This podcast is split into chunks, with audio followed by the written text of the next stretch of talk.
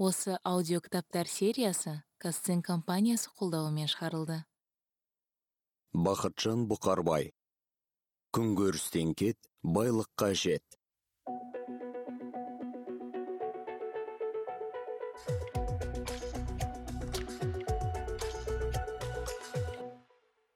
Сіздің қолыңызда қазақстанда алғаш дұрыс шығарылған кәсіпкерлік туралы кітап. Оның бірегейлігі 300-ден аса адаммен сауалнама жүргізу негізінде дайындалғандығында. Олар өзекті тақырыптарды айқындап тәжірибелері өздерін ерекше қызықтырған кәсіпкерлердің аттарын атай отырып жұмыстың жалпы құрылымын анықтады. Шын мәнінде бұл оқырмандар өтінімі бойынша жазылған алғашқы жұмыс. Бақытжан бұқарбайдың бұл жұмысында жаңадан бастаған және бұрыннан келе жатқан кәсіпкерлерді толғандыратын мотивацияны табу. Тайм менеджмент команда құру менеджмент қалыптастыру жоқтан басталған бизнес тиімді маркетинг және тағы да сол сияқты тақырыптардағы қазақстанның танымал кәсіпкерлерінің тәжірибелері мен ойлары көрініс тапқан. Кітап қалай дүниеге келді? Бақытжан бұқарбай. Сіз қолыңызға 2018 жылдың басында жарық көрген настольная книга казахского бизнесмена кітабының қазақша нұсқасын ұстап отырсыз. Оның құрылымы зерттеуге және біздің отандастарымыздың қалауына сай еліміздің танымал кәсіпкерлерінің сарапшылық ой пікірлеріне сүйеніп жасалды. Бизнес туралы мұндай кітап қазақстанда ең алғаш рет жарық көріп отыр. Еңбегім аудиторияның өтінімі негізінде жарыққа шықты деуге де болады. Бұл кітапты дайындауға менде екі мәселе себеп болды. 2016 жылы әлеуметтік жобалармен айналысып жүріп команда құру мәселесіне тап болдым. Менде ол кезде дұрыс команда болмады да ал жобаларды жүзеге асыруды кейінге шегеру мүмкін емес еді. Маған шын мәнінде команда емес ұтқыр дұрыс бағытталған жұмыс тобы қажет екенін әлі білмеген едім. Себебі сол кездегі жобалар қысқа мерзімді болатын. Осы мәселені шешуді ойластырып жүрген тап сол уақытта фейсбуктен кездейсоқ команда құру тақырыбына арналған іс шараның құлақтандыруын көріп соған қатыстым. Кештің хедлайнері және негізгі спикері қазақстанның танымал кәсіпкері марғұлан сейсенбай болды. Ол қалай ұзақ мерзімді команда құруға болатыны туралы айтып берді. Мен оны барынша мұқият тыңдадым. Кәсіпкердің сөйлеген сөзіне өзінің жеке тәжірибесі арқау болғандықтан тартымды көрінді. Ол туралы ешқандай кітаптан оқып білу мүмкін емес еді. Спикер 40 минут бойы ешқандай жасандылыққа бірде бір бос сөзге жол бермеді. Мұндай баға жетпес маңызды ақпаратты кез келген жерден ести бермейсің. Бұл сөйлеген сөзден әсерленгенім соншалық. Кешке үйге келген соң марғұлан сейсенбайға фейсбукте батасын беруді өтініп жеке хат жаздым. Оның неге қажет екенін көз алдыма еміс еміс елестетсем де іштей артық болмайтынын түсіндім. Себебі енді міндетті түрде жаңа өнімнің дүниеге келетініне нық сенімдедім мен синергияның туындағанын сезіп бойыма шабыт бітті. Марғұлан қалиұлы маған жауап жазып батасын берді. Шамасы бұл батаның тарихта виртуалды түрде алғаш берілуі болатын. Біз осылайша салт дәстүрді жаңа технологияға икемдедік. Басы жаман басталмаған сияқты. Мен кәсіпкердің сөйлеген сөзін тыңдай отырып бір жағынан оның білімі мен тәжірибесі қаншалықты қажет болса да бұған қолдары жетпей қала беретін ондаған жүздеген мың адамдарды ал екінші жағынан тәжірибесі мол практикалық білімі зор жүздеген кәсіпкерлерді іштей елестеттім. Біріншілердің екіншілерді сүйсіне тыңдайтынына сенімді болдым. Бірақ тәжірибелі кәсіпкерлер уақыт пен кеңістік жағынан шектеулі болуы себепті барлық сұранысты қанағаттандыратын мүмкіндіктері жоқтығы айдан анық еді. Мен кітап дайындап екі аудиторияны ұштастыруға бел будым марғұлан сейсенбайдың сөйлеген сөзін смартфонымның диктофонына жазып алдым. Қырсыққандай жазба сапалы шықпады. Бірақ менің шешіміме енді ештеңе де тосқауыл бола алмайтын еді. Мен аудиофайлды транскрипциялап қазіргі сіз оқып отырған кітаптың жазылуына түрткі болған кәсіпкердің сөйлеген сөзінің құнды мәтінін ала білдім. Сөзіне сілтеме көп жасалатын америкалық жазушы уильям артур уорд егер сіз көз алдыңызға бір нәрсені елестете алсаңыз сіз оған қол жеткізе аласыз деген екен. Тағы бір америкалық танымал мультипликатор уолт дисней былай деген егер сіз мұны елестете алсаңыз онда оны жүзеге асыра аласыз. Барлығы кішкентай тышқаннан басталғанын ұмытпаңыз. Айтуға оңай бірақ басынан жеңілге түспейтіні белгілі болды. Мен әрқашан жұмысқа барынша зейін қоюға тырысамын. Әрине кітап құрылымын менің қалауымның негізінде ғана яғни тек өзіме ғана қызық тақырыптарды енгізумен және қадір тұтатын кәсіпкерлерімді қатыстырумен ғана шектелуге болар еді. Бұл мені үлкен машақатқа түсірмейтін деді. Бірақ бұл нұсқа менің көңілімнен шықпады және басынан ақ бұл тәсілден бас тарттым. Мен жұмысты маркетинг жағында қамтитын әлеуметтік зерттеу жүргізуден бастадым. Ол алматы тұрғындарын атамекен ұлттық кәсіпкерлер палатасы бизнес мектебінің қатысушыларын және интернеттегі аудиторияны қамтыды. Зерттеу кітаптың болашақ оқырмандарының қалауын анықтауға жол ашты. Соның негізінде осы кітаптың құрылымы жасалды. Зерттеу объектісі ретінде мегаполистің жасы 18-ден асқан тұрғындар алынды. 120 респондент алматының 8 ауданына пропорционалды бөлініп олармен аудандардың халыққа қызмет көрсету орталықтарында сауалнама жүргізілді. Халыққа қызмет көрсету орталықтарындағы респонденттерді таңдау шарты бойынша қолында сағаты бар адамдар іріктеліп алынды. Осылайша зерттеу көрнекілігі қамтамасыз етілді. Нәтижесінде алматы тұрғындарының нарықтық қалауларын анықтауда 9 пайыз ғана кемшілікке жол берілді. Маркетингтік зерттеу нәтижесінде бизнеске қатысты өзекті тақырыптар анықталды. Олар мотивация тайм менеджмент бизнесті қалай бастау керек табысқа жету тарихы менеджмент командалық жұмыс HR қазақстанда бизнес жүргізудің шынайы көрінісі. Маркетинг бизнес жоспар бизнесті қалай сақтау керек бизнесті жоқтан бастау. Зерттеу алматы тұрғындары атамекен бизнес мектебінің қатысушылары және интернет аудиториясы арасында жүргізілді. Сонымен қатар болашақ оқырмандарды тәжірибесі мен ойлары қызықтырған кәсіпкерлердің есімдері анықталды. Олар бауыржан оспанов қайрат құдайберген кеңес рақышев тимур құлыбаев марғұлан сейсенбай болат өтемұратов қуаныш шоңбай райымбек баталов серікбай бейсекеев нұрлан смағұлов тұрсынғали алагөзов. Осы кітаптағы тақырыптарды респонденттердің таңдауына сәйкес айқындап алдым. Кітапқа әртүрлі саладағы кәсіпті жаңа бастаған кәсіпкерлерге барынша ортақ болар деген тақырыптар ғана енді. Бұл басылымға тар бағдардағы тақырыптар кіргізілмеген. Респонденттер жауаптарына сүйене отырып құрылған алғашқы тізім кәсіпкердің сұхбаттан бас тартуы онымен кездесудің мүмкін болмауы кері байланыстың болмауы сонымен бірге автордың тізім жасауға араласуы сияқты әртүрлі объективті себептердің негізінде кішігірім өзгерістерге ұшырады. Маған кәсіпкерлер тізімін олардың тарапынан жауаптың болмауы немесе кездесуден бас тартуы себепті сонымен қатар өткінші және дәрменсіз құбылыс хайптан алшақ жүру мақсатында қайта қарауға тура келді. Мен тұрсын алагөзовтен басқа тізімдегі барлық кәсіпкерлермен байланысқа шықтым. Әлеуметтік зерттеу жүргізген кезде бұл кәсіпкер жаңалықтар тасқанның кейіпкеріне айналды. Менің ойымша кәсіпкердің тізімге енуіне сол негіз болды. Бұқаралық ақпарат құралдары сол кезде кәсіпкерді бизнеске қатысты емес оның телепродюсермен қарым қатынасы үшін көп атаған болатын. Кітапқа басқа енбеген кәсіпкерлер сұхбат беруге уақыты жетпеуі себепті немесе олардан жауап алынбағандықтан тыс қалды. Бірақ тұтастай алғанда біздің кәсіпкерлер адамдармен қарым қатынас жасауда айтарлықтай ашық жарқындылық көрсетті. Менің есімдер тізіміне араласуымның тағы бір себебі респонденттер көбіне танымал кәсіпкерлерді атаған болатын. Ал жаңалықтарда сирек көрінетін кәсіпкерлер көп ауызға алынбады. Әлде стив джобс әлде басқа біреу айтып кеткендей егер біз тек клиенттеріміздің қалауын орындасақ онда барар жеріміз nokia болар еді.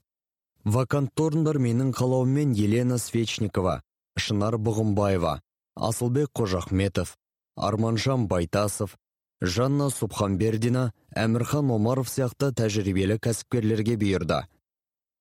Жекелеген жағдайларда кездесуге келісу оңай болған жоқ. Кейбір кәсіпкерлер жедел жауап беріп жүздесуге қуана келісті.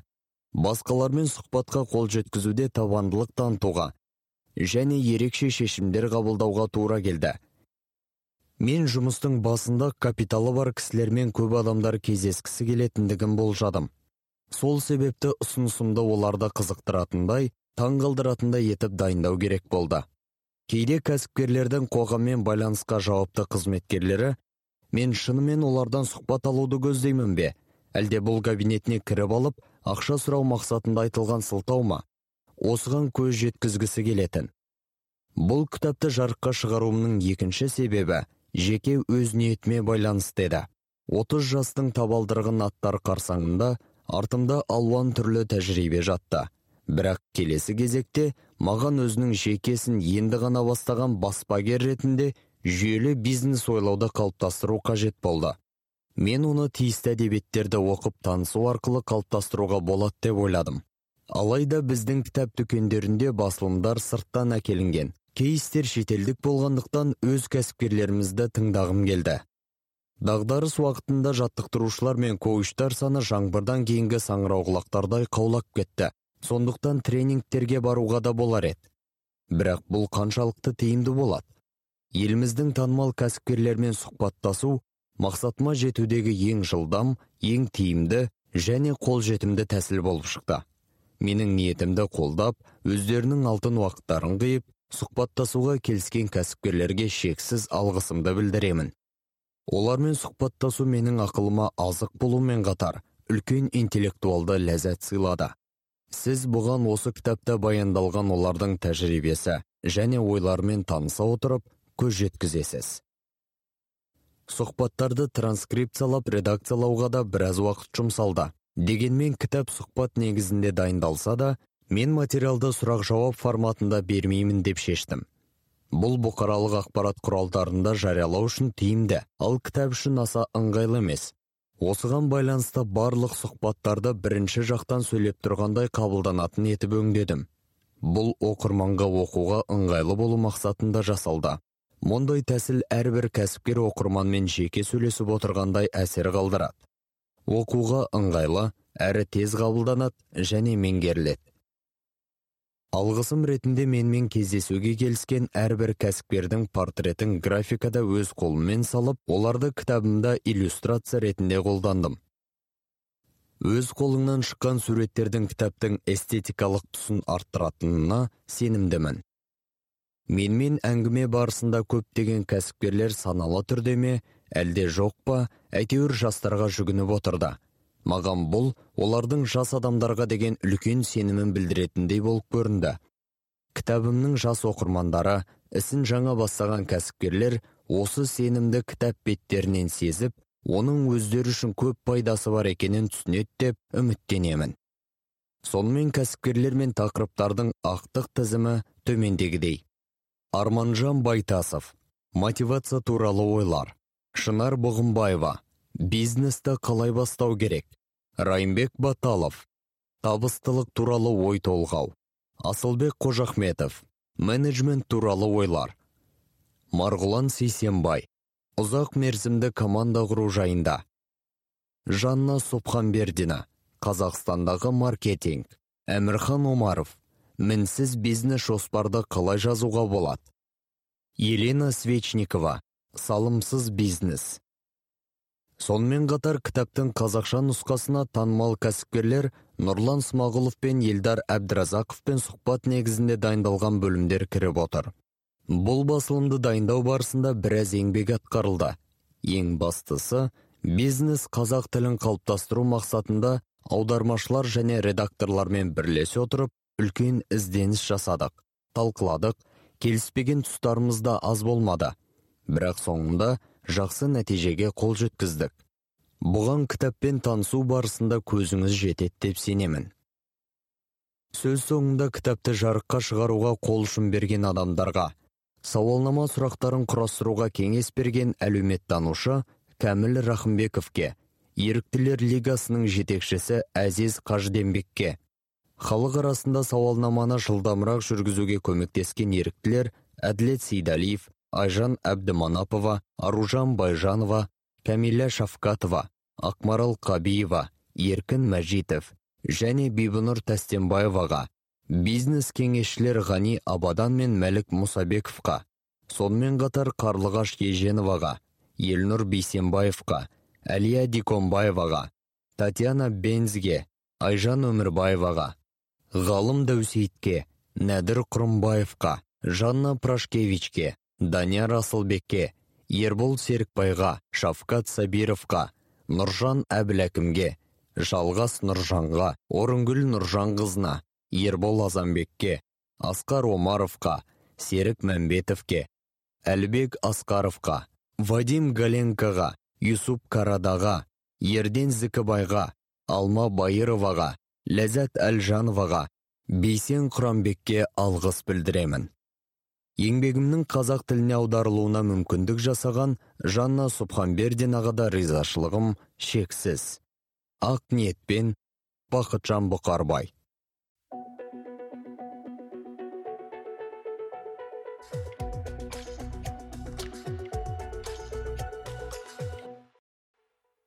Бизнесті қалай бастау керек?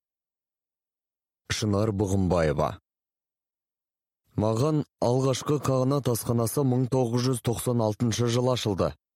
Ал сізбен бірінші сұхбат интернетте тек 2015 жылы ғана жарияланды. Неге үнсіздік 20 жылға созылды деген сұрақ жиі қойылады.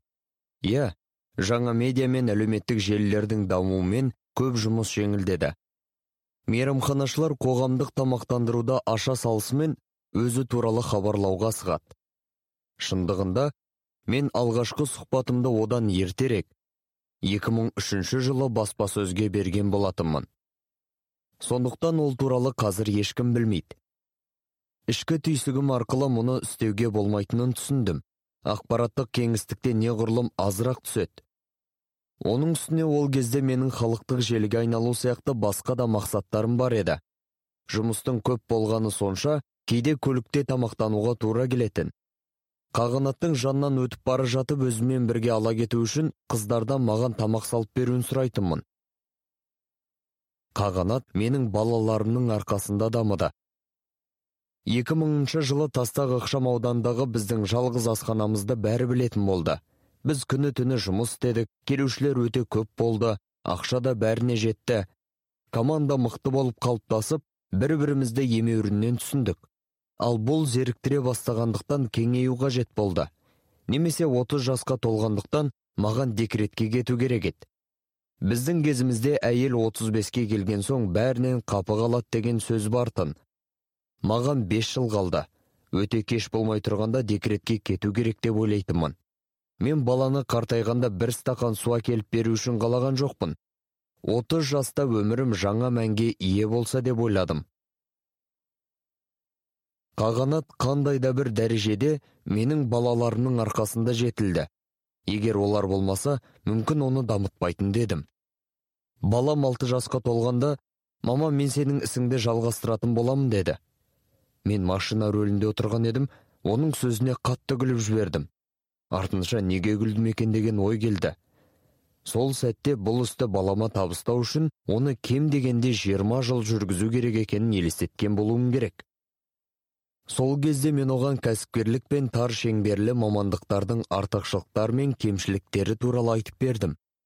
Егер ол кәсіпкерлік жолды таңдаса онда ешқашан ұйықтамайтынын ал мысалы дәрігер немесе заңгер секілді тар шеңберлі мамандықты қалап алса онда сағат алтыда жұмысын аяқтап үйіне барып демалатынын түсіндірдім. Мен тіптен әсірелеп жіберген болуым керек.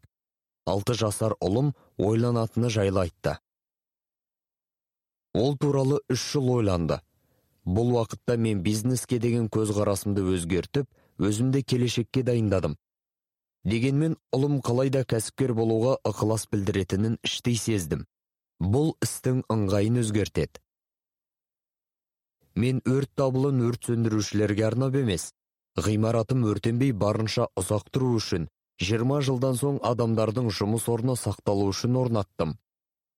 Ұлым туған соң мен асхананың бірінен соң бірін аша бастадым. Басында оңай болған жоқ. Ұлымды тек емізгенде ғана көріп жүрдім. Күндіз клиенттерге қызмет көрсетіп түнде нысанда жөнде жұмыстарын жүргіздік.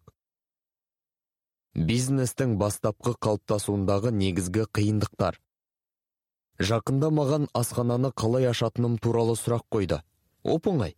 Келесі асхананы ашу туралы шешім кезектер өте үлкен болып келушілердің көптігі сонша ине шаншар жер қалмаған кезде қабылданды. Осылайша біз кеңейіп ақырындап көбейе бастадық. Табысты масштабтау қажет. Қазір асханалар өте көп. Кейбір желілердің қалада бірнеше нүктелері бар. Мен олардың жанынан өткенде іштері бос екенін байқаймын. Егер солай болса неге көп аша беру керек? Неге барлық адамдар кәсіпкер бола алмайды? Менің кәсіпкер болған себебім менде екінші нұсқа болған емес. Менің басымда ол тек біреу. Өзім қалай шешсем солай болады. Егер күдікке ерік берсең онда ештеңе шықпайды. Жаңа жобаға кірісе отырып шегіну туралы ойламаймын. Көптеген кәсіпкерлер бұл болмаса басқасын байқайын деп пайымдайды. Менде мұндай тәсіл қарастырылмаған. Интуиция деңгейінде дұрыс жасап жатқанымды сеземін де шешім қабылдаймын. Бұл бір.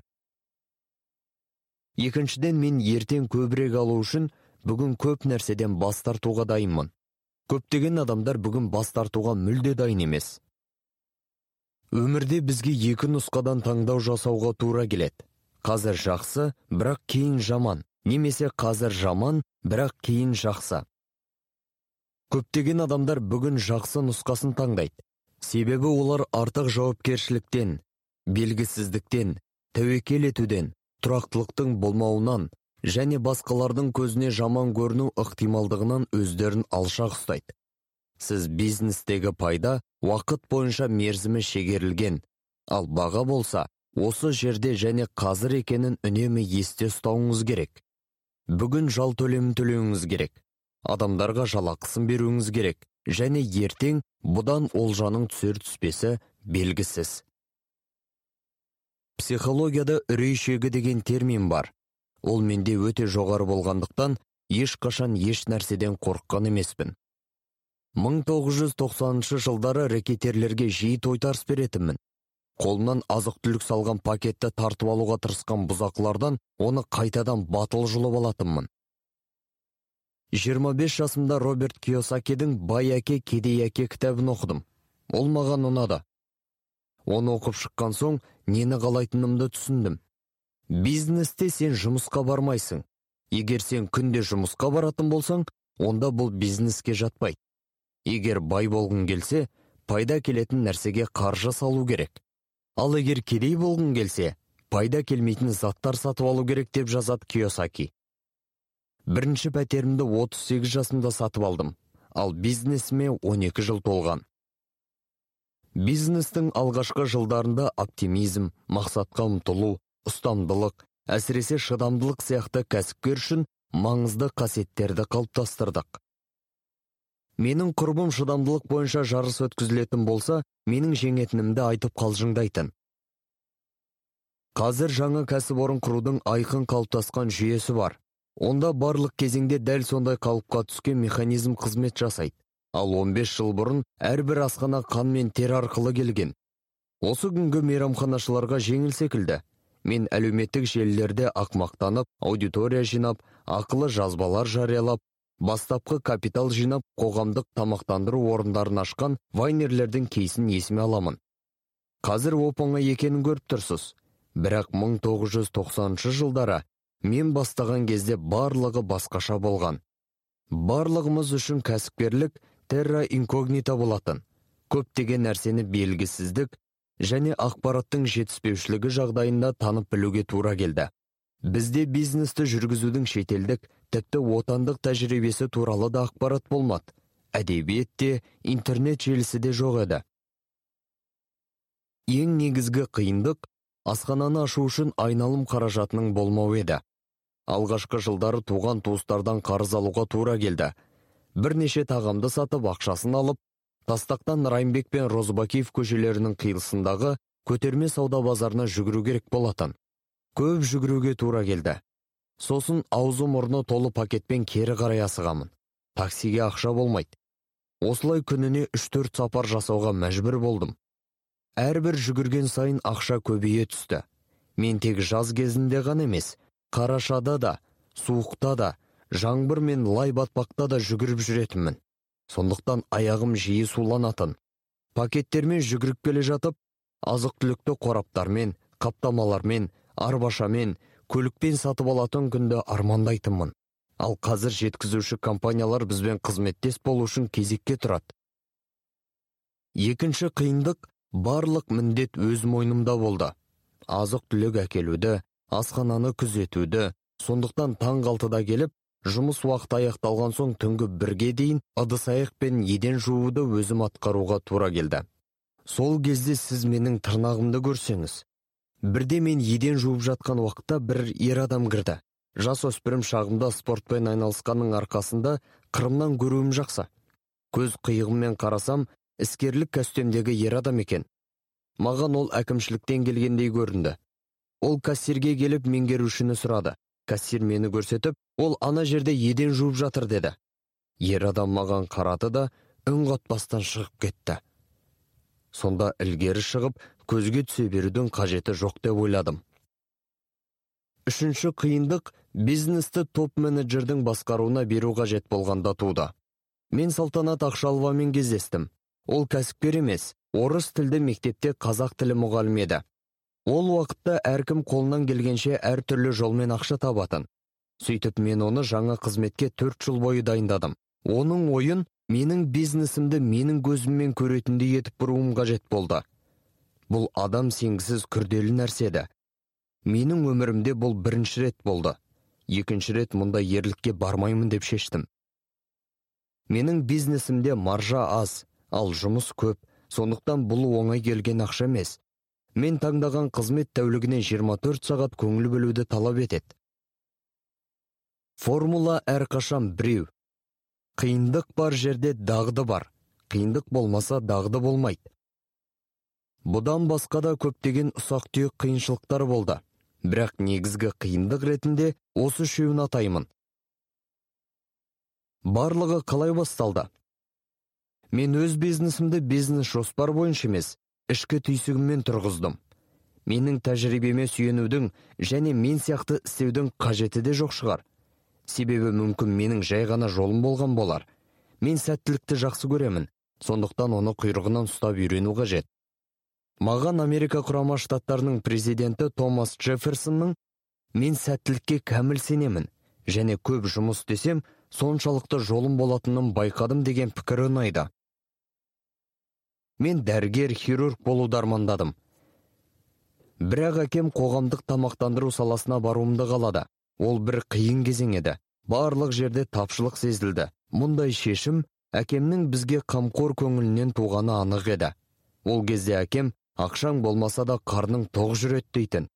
Қазір мен әкеме ризамын және ол дұрыс істегенін түсіндім. Осылайша 1987 жылы технологиялық университеттің қоғамдық тамақтандыру факультетіне түстім. Шынын айтсам оқудан қатты ләззат алған жоқпын. Теориялық білім мен нақты өмір арасындағы алшақтық әр кезде болған. Бірақ ол көз алдымызда барлығы өзгеріп жатқан шақта керемет зорайып кетті. Бір күні мен арнайы пән бойынша өтіп жатқан дәрісте мүшеленген сиырдың тұтас етіне қарап отырдым. Кафедра меңгерушісі дәріс оқып жатқан. Оның сөзі шенеуніктің сөзі секілді іш пыстыратын. Түсініксіз әрі зеріктіретін еді. Үзіліске шығып өз өзіме осы маған керек пе? деген сұрақ қойдым. Үзіліске бөлінген 5 минут ішінде университеттен кету туралы шешім қабылдадым. Ол жерден кетіп қайтып оралмадым. Басымда дәмді таза жылдам қымбат емес және қызметкерлердің жалақысы жақсы деген бес негізгі талапты қанағаттандыратын болашақ асхананың үлгісі құралды. Менің жасым 18 деді. Кафеге жұмысқа тұрдым. Оны әкеме айтпадым. Таңертең ол мені сабаққа оятады. Ал мен кафеге бара жатамын. Кафенің жұмысы тек 12-де басталатындықтан төрт сағат бойы бір нәрсемен айналысуым керек болды. Өйткені уақытты босқа өткізгенді қаламаймын. Мен жиыстырушы әйелдің еденді нашар жуатынын байқап оны бастыққа айттым. Ол әйелді жұмыстан шығарып енді еденді мен жуатын болдым. 12-ден кейін негізгі жұмысым басталатын. Жалақым жақсы еді. Кафе қожайыны әрі менің алғашқы тәлімгерімнің аты жөні саша сизов болатын. Ол жерде бір жылдай жұмыс істедім. Сол кезеңде өзіме өте маңызды сабақ алдым. Бұл кейін өзімнің бизнесімді жүргізуде кәдеге асты. Ақырында барлығын өзім жасауға дайын екенімді түсіндім. Бастығым ол уақытта қаланың бірнеше кафесі мен дүкендерін біріктірген компанияда жұмыс істейтін. Мен бір жеке орынды өз басқаруыма кейіннен жалға беруін сұрадым. Осылай бизнесте өзімнің дербес жолым басталды. 1990 жылдары посткеңестік алматыда қоғамдық тамақтандыру кәсіпорындары көз тартарлықтай емес еді. Ал қазір барлық жерден көңілден шығатын жылдам тамақтану желілерін кездестіруге болады. Ал ол кезде бұл кеңестік қоғамдық тамақтандырудың жұрнағы еді. Немесе самса чебурек мәнті сататын көшедегі бір күндік саудагерлер болатын. Сіздің бұзылған азық түліктен немесе тазалықты сақтамағандықтан ұшынып қалуыңызға немесе ішек инфекциясын жұқтырып алмауыңызға ешқандай кепілдік болған жоқ. Тек қана мейрамханаларда дұрыс тамақтануға болатын еді бірақ оны көпшілік халықтың қалтасы көтермейтін. 1996 жылы ағам маған адамдар таза әрі жайлы жерде дәмді және арзан тамақ іше алатындай орын ашуыма ұсыныс жасады. Ол 1990 жылдардың бірінші жартысында барған шетелдерден кішігірім мейрамханалар мен кафетерийлерді кездестірген көрінеді. Біз де сондай орындарды өзімізде ашуға барлық күш жігерімізді жұмсадық. Бірінші қағанат тастақта дүкен түрінде ашылған. Менде жабдық, жиһаз, ыдыс-аяқ, ас үй құралдарын сатып алатын қаражат болмағандықтан, таныстарынан қарызға алуға тура келді заттар жаңа болмағандықтан олар тез ақ істен шыға бастады. Алғашқы ақша пайда бола салысымен мен ескі заттарды жаңаға ауыстыра бастадым. Жаңа ашылған кезде біздің құрам үш ақ адамнан тұратын. Мен хабарландыру арқылы тапқан аспаз және маған көмектесіп жүрген бұрынғы сыныптасымның анасы. Аспазымыз бізбен қазірге дейін жұмыс істеп жүр. Менің қызметкерлерге лайықты жалақысы ештеңеге қарамай төлену қажет деген бизнесте ұстанатын негізгі қағидам мықты команда құруға көмектесті. Басшы команда үшін жауапты. Барлығына жалақысын таратып өзіме жетпей қалған кездерде болған. Бірақ маған адамдардың разы болуы маңызды еді саған бизнесті құруға көмектесіп жүрген адамдарға қамқор болсаң ғана табысқа жетесің. Қазіргі кездегі көптеген кәсіпкерлер өзі және өзінің жеке қызығушылығын ғана ойлап адамдар туралы естен шығарып алады. Бұл нашар стратегия. Адамдарды тек өзің үлгі көрсету арқылы ғана тәрбиелей аласың.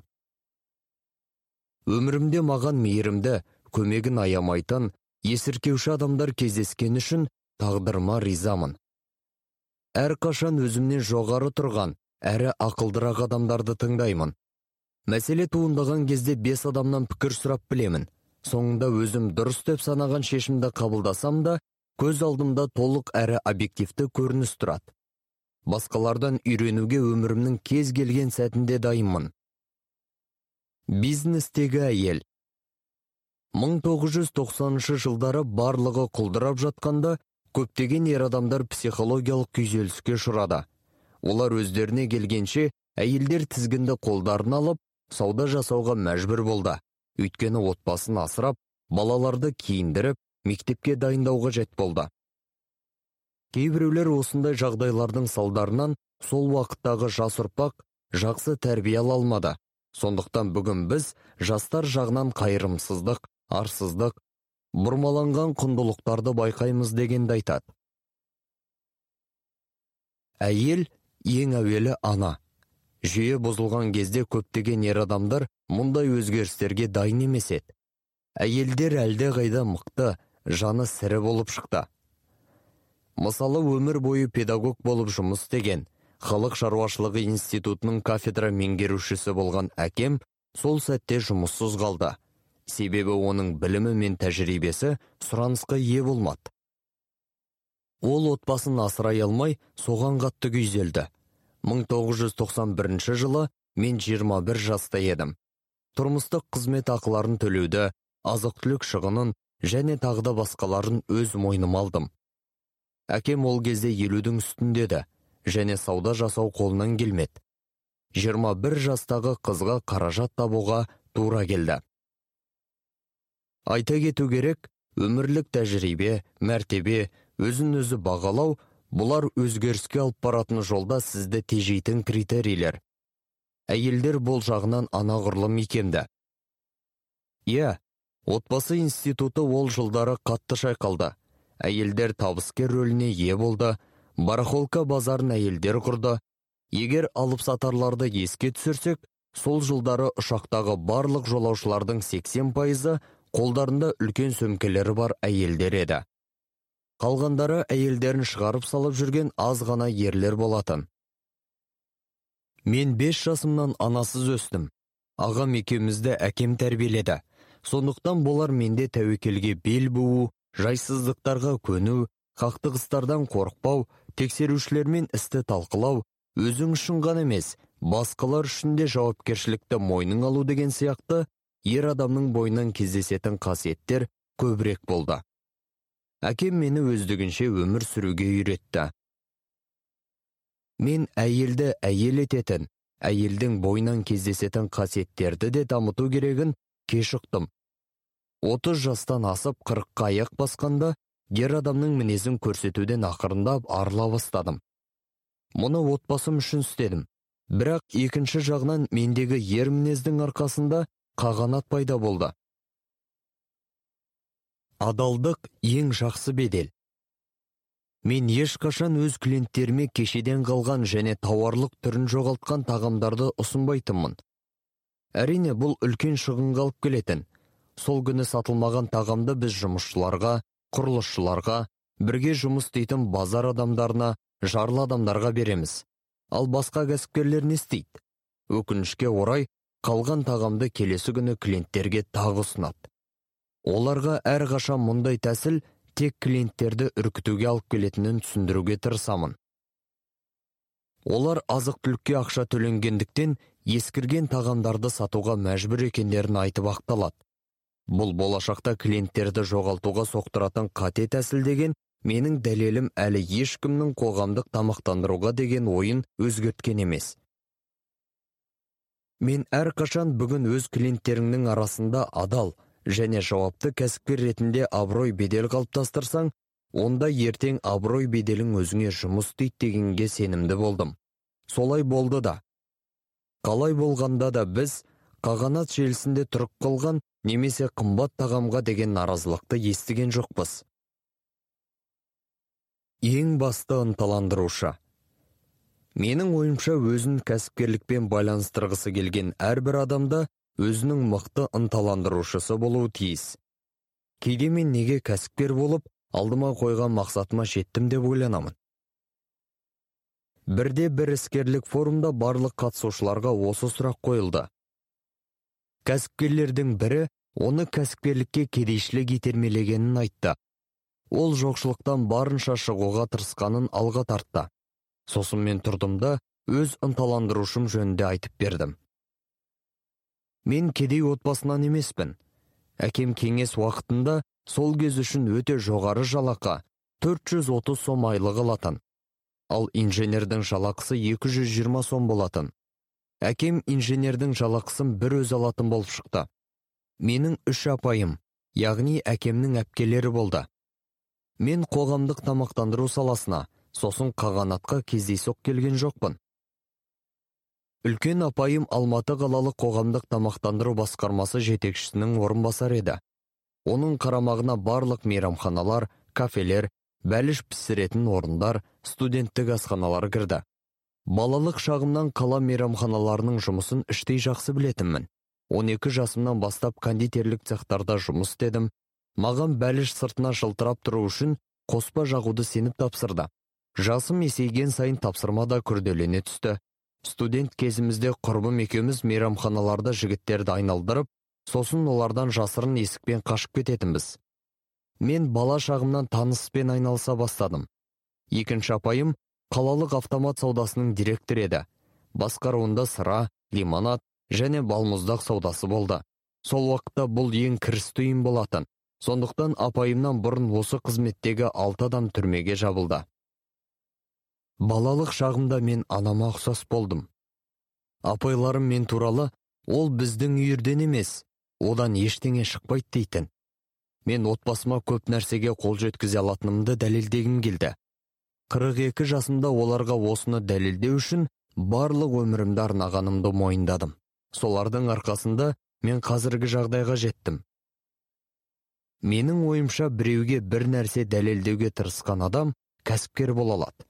Бұл өте мықты ынталандырушы менің өмірлік хикаям осылай басталды.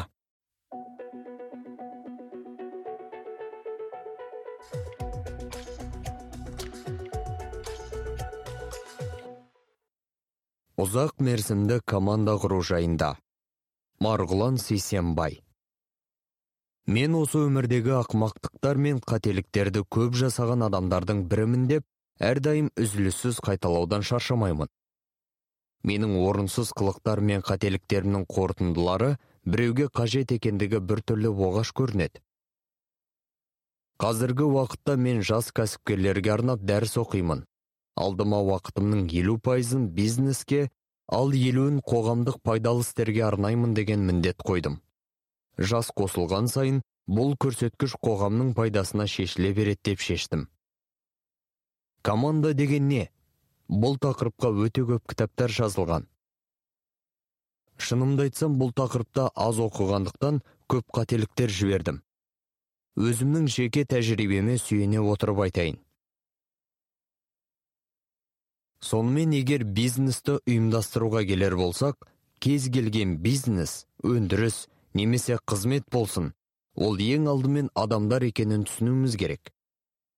Өз уақытында сталин айтқандай кадрлар барлығын шешеді. Айтыла айтыла тізесі шыққан сөз болса да бірақ бұл шынымен солай. Тек адамдар туралы емес. Адамдар топтары туралы сөз қозғалып жатқанын түсінген жөн. Себебі компания деген адамдар топтары.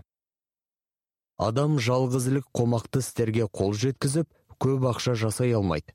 Қазір көптеген адамдардың көздеген мақсаты жақсы ақша жасау яғни көп ақша табу екенін түсінемін. Жақсы ақша табудың жалғыз жолы команданың болуы немесе команда мүшесі болу. Қазақтар жалғыздың үні шықпас жаяудың шаңы шықпас дейді. Орыс тіліндегі баламасы жалғыз адам сайыс алаңында жауынгер бола алмайды. Бұл бұл жұмайтын ақиқат. Командалар қысқа мерзімді ұзақ мерзімді үлкен және кіші болады. Мен топ менеджментке көбірек жататын командалар туралы сөз етпекпін. Төменгі буындарда адамға командаға өзара қарым қатынасқа қойылатын талаптар өте жоғары емес. Шынға жақындаған сайын сіздің әр қадамыңыздың маңызы арта түседі. Мен кәсіпкер ретінде компания басшыларымен департамент жетекшілерімен көбірек жұмыс жасағандықтан бұл менеджменттің өте маңызды деңгейі дегенді айтуым керек. Сонымен командалардың бір бірінен айырмашылығы неде?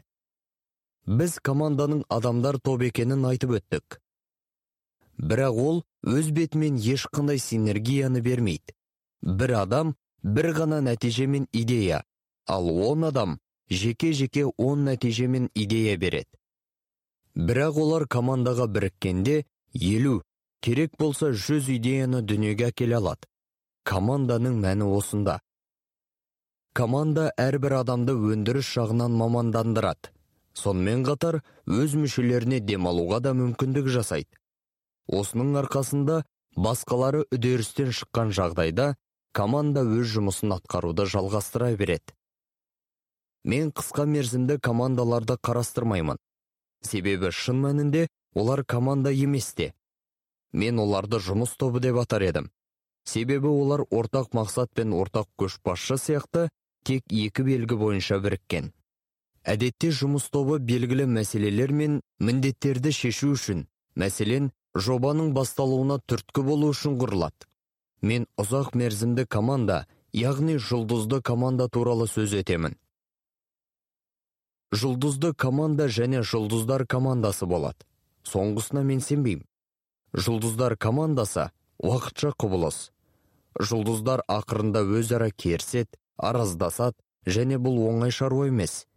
Мен жұлдызды командаға сенемін. Егер біз ұзақ мерзімді команда туралы айтар болсақ ол жұмыс тобының құрамында үшінші компонент ортақ құндылықтардың болуымен ерекшеленеді. Осылайша ұзақ мерзімді команда үш белгіні ортақ мақсаттарда ортақ көшбасшыны ортақ құндылықтарды біріктіреді. Мен жұмыс бабымен әлем елдеріне көп барамын және оларда командаға қабылдау қалай жүзеге асатынына көңіл қоямын. Мен үшін олардың адамдарды қалай қабылдайтынын білу өте маңызды. Жапонияда болып тағылымдамадан өттім. Кайдзен жүйесін оқыдым. Тойота компаниясының кеңсесіне кіріп шықтым. Жапондарда қызметкерлерді қабылдау келесідей жүреді екен. Сіз жапондық ғұмырлық жалдану жүйесін естіген боларсыз. Бұдан басқа қызметкерлерді қызмет бабымен жоғарылату оларда компания ішінде жүзеге асады. Егер бұл үдерісті пирамида түрінде елестетсе әдетте қызметкер студент болып немесе мектептен соң бірден ең төменгі буынға келіп компания ішінде көтеріледі. Әрбір деңгейде сүзгі тұрады. Егер адам қандай да бір критерий бойынша сәйкес келмесе ол ары қарай өспей бұрынғы деңгейінде қалады. Егер ол келесі деңгейге лайық болса онда жоғары көтеріледі. Біздің жүйеде қалай болады? Бізде төменнен жоғары өспейді. Біз әрбір деңгейге қызметкерлерді мейлі ол топ менеджер оның орынбасары немесе департамент басшысы болса да нарықтан аламыз. Осылайша компания құрылымына долбарлап айтқанда өте көп микроб кіріп кетеді. Сондықтан біздің жағдайда өте мықты сүзгі қажет. Жапониямен салыстырғанда бізде уақыт лагы жоқ және процедуралар қарастырылмаған. Жапондық компаниялар топ менеджерлерді көшеден қабылдамайды. Батыста қызметкерді скорингтен өткізу жүйесі қарастырылған. Оларда деректер базасы көп. Ол қылмыскер ме жоқ па біреуде қарызы бар ма біреуді лақтырып кетті ме жұмысты дұрыс істемей ме ол туралы бақта не жазылды? Осының бәрін анықтау оларға көп қиындық келтірмейді. Бізде мұның бірі де жоқ. Бірақ бізге де қалайда топ менеджментке көптеген қызметкерлер ішінен таңдап алуды жолға қою керек. Бұл ең маңызды меже. Команда қалыптастыру үшін алдымен команда мүшелерін таңдап алу керек. Осы ең күрделі әрі ең маңызды мәселе. Қызметтер іріктеп алуға 90 пайыз уақытын қаржысын және күш жүгерін жұмсауы қажет. 90 пайыз бас айтамын мен осылай істеймін. Шындығында мүмкін 80 пайыз жұмсайтын шығармын бірақ 10 пайызды екпін қою үшін қостым. Қызметкерлерді немесе команда мүшелерін мен қалай таңдап аламын? Өз тәжірибеме оның эволюциялық жолына сүйене отырып үш негізгі критерий бар деген шешімге келдім. Үміткерді таңдауда менің көңіл бөлетін бірінші критериім бұл оның адалдығы. Үш а маңызды қағидасы бар. Адалдық адалдық және тағы адалдық. Егер адам бұл критерий бойынша өтпесе басқа критерийлер мені қызықтырмайды. Екінші критерий бұл ақыл ой немесе сауаттылық. Үшінші критерий бұл қайраттылық. Бір қилы үшбұрыш келді. Менде бұл фигураны қолдану арқылы көптеген сызба бар. Енді талдап көрейік. Егер адам ақылды әрі қайратты болса бірақ адал болмаса онда басың үлкен қиындыққа ұрынады. Сізді алдайды тонайды лақтырып кетеді және сіз ол адамды ешқашан ұстай алмайсыз. Себебі ол ақылды. Оның зияны бұдан да көп тиеді себебі ол мұнымен қоса жұмысқа қабілетті. Егер адам адал ақылды бірақ жалқау болса ол сізге көп табыс әкелмейді егер адам адал еңбекқор бірақ ақылсыз болса тура сондай жағдай ол сізге көп пайда әкелмейді бірақ одан жамандық та болмайды. Адалдық деген не? Ол мен үшін өте бағалы үш қасиеттен тұрады. Бірінші бұл шыншылдық. Екінші қарапайымдылық. Үшінші ар ұят мен осылардың әрқайсысының белгілерін анықтадым. Мысалы үміткердің қарапайымдылығын қалай тексеруге болады? Мен оның креслоның ортасында немесе шетінде отырғанын бақылай отырып өмір туралы сұраймын.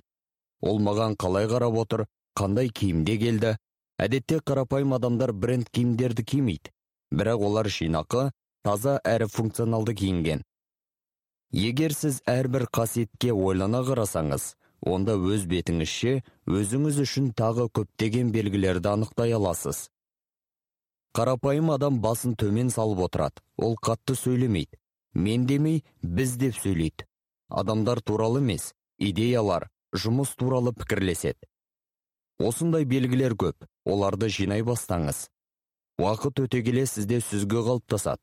Өзіңізге чек-лист жасап оған үміткердің киімін отыру сөйлеу және тағы да басқа мәнерін белгілеп жүріңіз. Менде мынадай пункт бар. Қызара ма әлде жоқ па? Екінші ол қолын қалай ұстап отыр? Үшінші тік қарай алмай ма? Ұяла ма әлде жоқ па? Ізденуші түйіндеме тастайды. Егер одан өтсе мен оған бірінші жазбаша тест беремін. Егер өтсе екіншісін алады. Одан өтсе онда өзім ол үміткермен кездесемін. Бұл кезеңде адалдығына қараймын. Егер ол бұл тесттен де өтсе онда оның ақыл ойын тексеруге көшемін. Ақыл ойды қалай анықтайды? Маған өте маңызды үш құрама бөлік бар. Бірінші парасатты мағына. Адам парасатты пайымдай білуі керек. Қазіргі кезде бұл қасиет сирек кездеседі. Екінші бұл аңғарымпаздық. Ол қарапайым тапсырмаларды қалай орындайтынын қарайсың. Дайын үлгіге қарап орындай ма әлде басқаша ма? Үшінші білуге құмарлық өз бетімен білім алуға ұмтылу мұндай ізденушіде тек мамандығы бойынша ғана емес басқа да сертификаттары көп болады сертификаттар көшірмесіне қарап мынау саған не үшін қажет деген сұрақ қойыңыз оның ойын тыңдаңыз сонда оны өмір қызықтыра ма жоқ па соны түсінесіз егер қызықтырса онда ол өзін өзі кемелдендіруге дайын деген сөз үшінші компонент бұл қайраттылық. Бізге тек тиянақты ақылды ғана емес сонымен қатар қайратты қызметкер қажет. Бұл да үш пункт бойынша тексеріледі. Бірінші ынталылық. Оны мәселен келесі сұрақтарды қоя отырып анықтауға болады. Бұл қызмет орны сізге не үшін қажет? Сіз өмірден не қалайсыз? Сіздің түпкі мақсатыңыз қандай? Екінші пункт бұл ерік. Адам еркін анықтау оңай. Ол спортпен шұғылдана ма оның сыртқы келбеті қандай? Мен әрине кешірім өтінем бірақ толық адамдардың еркі жеткіліксіз деп санаймын. Ерік арқылы табандылықты байқауға болады. Үшінші пункт төзім. Адам өзінің уақытын күтуге немесе сәтсіздікті басынан өткізуге айтарлықтай төзімді ме? Бұл өте маңызды қасиет. Егер адам осы үш тесттен өтсе онда мен оны жұмысқа аламын. Онымен сынақ мерзімі бір жыл деп уағдаласамын. Мен заңнаманы бұзғаныма сенімдімін бірақ екі ай ішінде адамды танып білу мүмкін емес. Мен оның қалай жұмыс істейтінін ұжыммен қандай қарым қатынаста болатынын ұжым оған қалай қарайтынын тапсырманы қалай орындайтынын атқарғыштығы қандай екенін көргім келеді. Ол адамды күнделікті тәжірибеде әртүрлі тапсырма бере отырып сынаған өте маңызды. Сондықтан сынақ мерзімі ұзақ болады. Есесіне мен оған мынадай сый жасаймын. Команданың барлық мүшелерімен ғұмырлық қарым қатынас туралы шартқа отырамын. Жапондық компаниялар секілді мен оларды ғұмыр бойы жалдай алмаймын. Бірақ бұдан қазір олар да ұзақ мерзімді команда құру жайында бас тартуда. Біздің ел серпінді даму үстінде компаниялар ашылып жабылып жатыр. Оларды тартып алу мүмкін әртүрлі шытырман оқиғалар болуы мүмкін. Іріктеуден өткен қызметкерлермен былай келсем сен сынақ мерзімнен өткендіктен енді осы сәттен бастап біз бір командамыз. Қандай жағдай болса да мен сені менің командамда деп есептеп саған өмір бойы уақытымды бөлемін. Қиын кезеңдерде мен өз командамның барлық мүшелерін қиналмасын жұмыссыз қалмасын деп достарым немесе таныстарымның қол астына орналастырдым. Кейін мен қайтып келгенде олар қайтадан менің командама жиналды. Осылайша уағдаластықтың мағынасы біздің қарым қатынасымызды өмір бойы сақтағанымызда. Мен компанияны өз командамен бірге сатпаймын. Менің командам өмір бойы өзімен бірге өсіп дамиды. Және мен сол үшін өзіме міндеттеме аламын. Егер адам саған сенімді болса егер ол сенімен бірге өмір бойы жүретінін білсе тек осы жағдайда ғана ұзақ мерзімді команда құруға болады.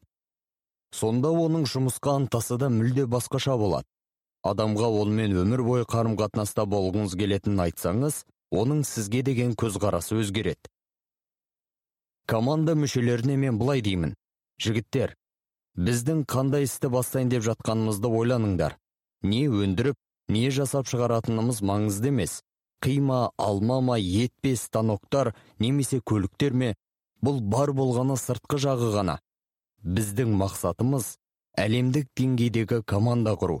Өнім емес әлемдік деңгейдегі команда. Команда деген не?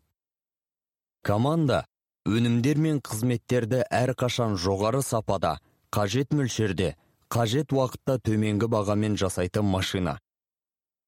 Сапалы командаға қазір не өндіру қажеттігі маңызды емес. Бұл өмірде бостандықтың үш түрі бар. Физикалық бостандық. Сіз камерада отырған жоқсыз ары бері жылжи аласыз. Заңды бостандық. Карталар мен құжаттар дұрыс. Және шекарада сізде интерполдың қызыл карточкасы жанбайды қаржылық бостандық. Көптеген адамдар алғашқы екі бостандыққа ие. Бірақ қаржылық бостандықтары болмайды яғни олар шын мәнінде бостандықта емес. Қазақтар ақшаң болсаң қалтаңда талтаңдасаң талтаңда дейді. Мен өз командама біздің мақсатымыз бостандық. Оған экономикалық бостандық арқылы жетеміз. Экономикалық бостандыққа тиімді жұмыс атқару арқылы жетеміз. Тиімді жұмысқа тек команда арқылы жетеміз. Команда құру өз қолымызда. Бұл сіз бен біздің қарым қатынасымыз деп айтамын. Командаға адамдарды алу бұл тек бірінші қадам. Жоғарыдағы көрсетілген критерийлер бойынша адамдарды іріктеп алған соң екінші бөлімге кезек келеді. Бір командаға адал ақылды қайратты адамдарды жинау жеткіліксіз. Сізде мақсат бар. Сіз оны көріп тұрсыз. Бірақ бұнымен де іс бітпейді. Міне осы жерде процедуралар күшіне енеді.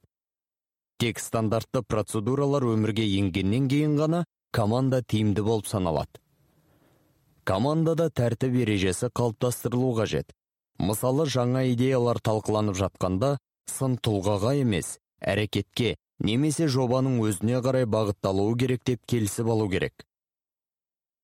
Процедуралар бірде бір команда мүшесі артық қимыл мен шығын жасамау үшін өте маңызды.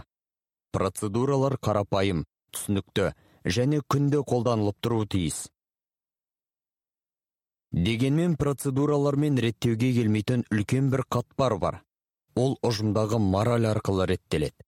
Осы жерде сіз таңдап алған адамдардың адалдық қасиеттері қажет болады ұжымда ұрлық бұл өте жаман. Алдау өте жаман. Жағымпаздану өте жаман.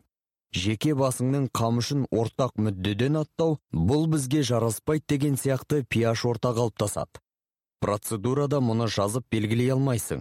Бұл ұжымдағы жасырын мораль арқылы және іріктеп алған адамдарыңыз қолдайтын жалпы құндылықтарыңыз болса ғана реттеледі. Компанияда мәселелер мен дағдарыстар туындаса ал бұл жиі болып тұрады. Жаныңда басшы болмаса адам өзінің моралі мен этикасына сүйеніп өз бетімен шешім қабылдай алады. Және сізге де кесірі тимейді. Мәселен асханада адамдар тағамнан ұшынды делік.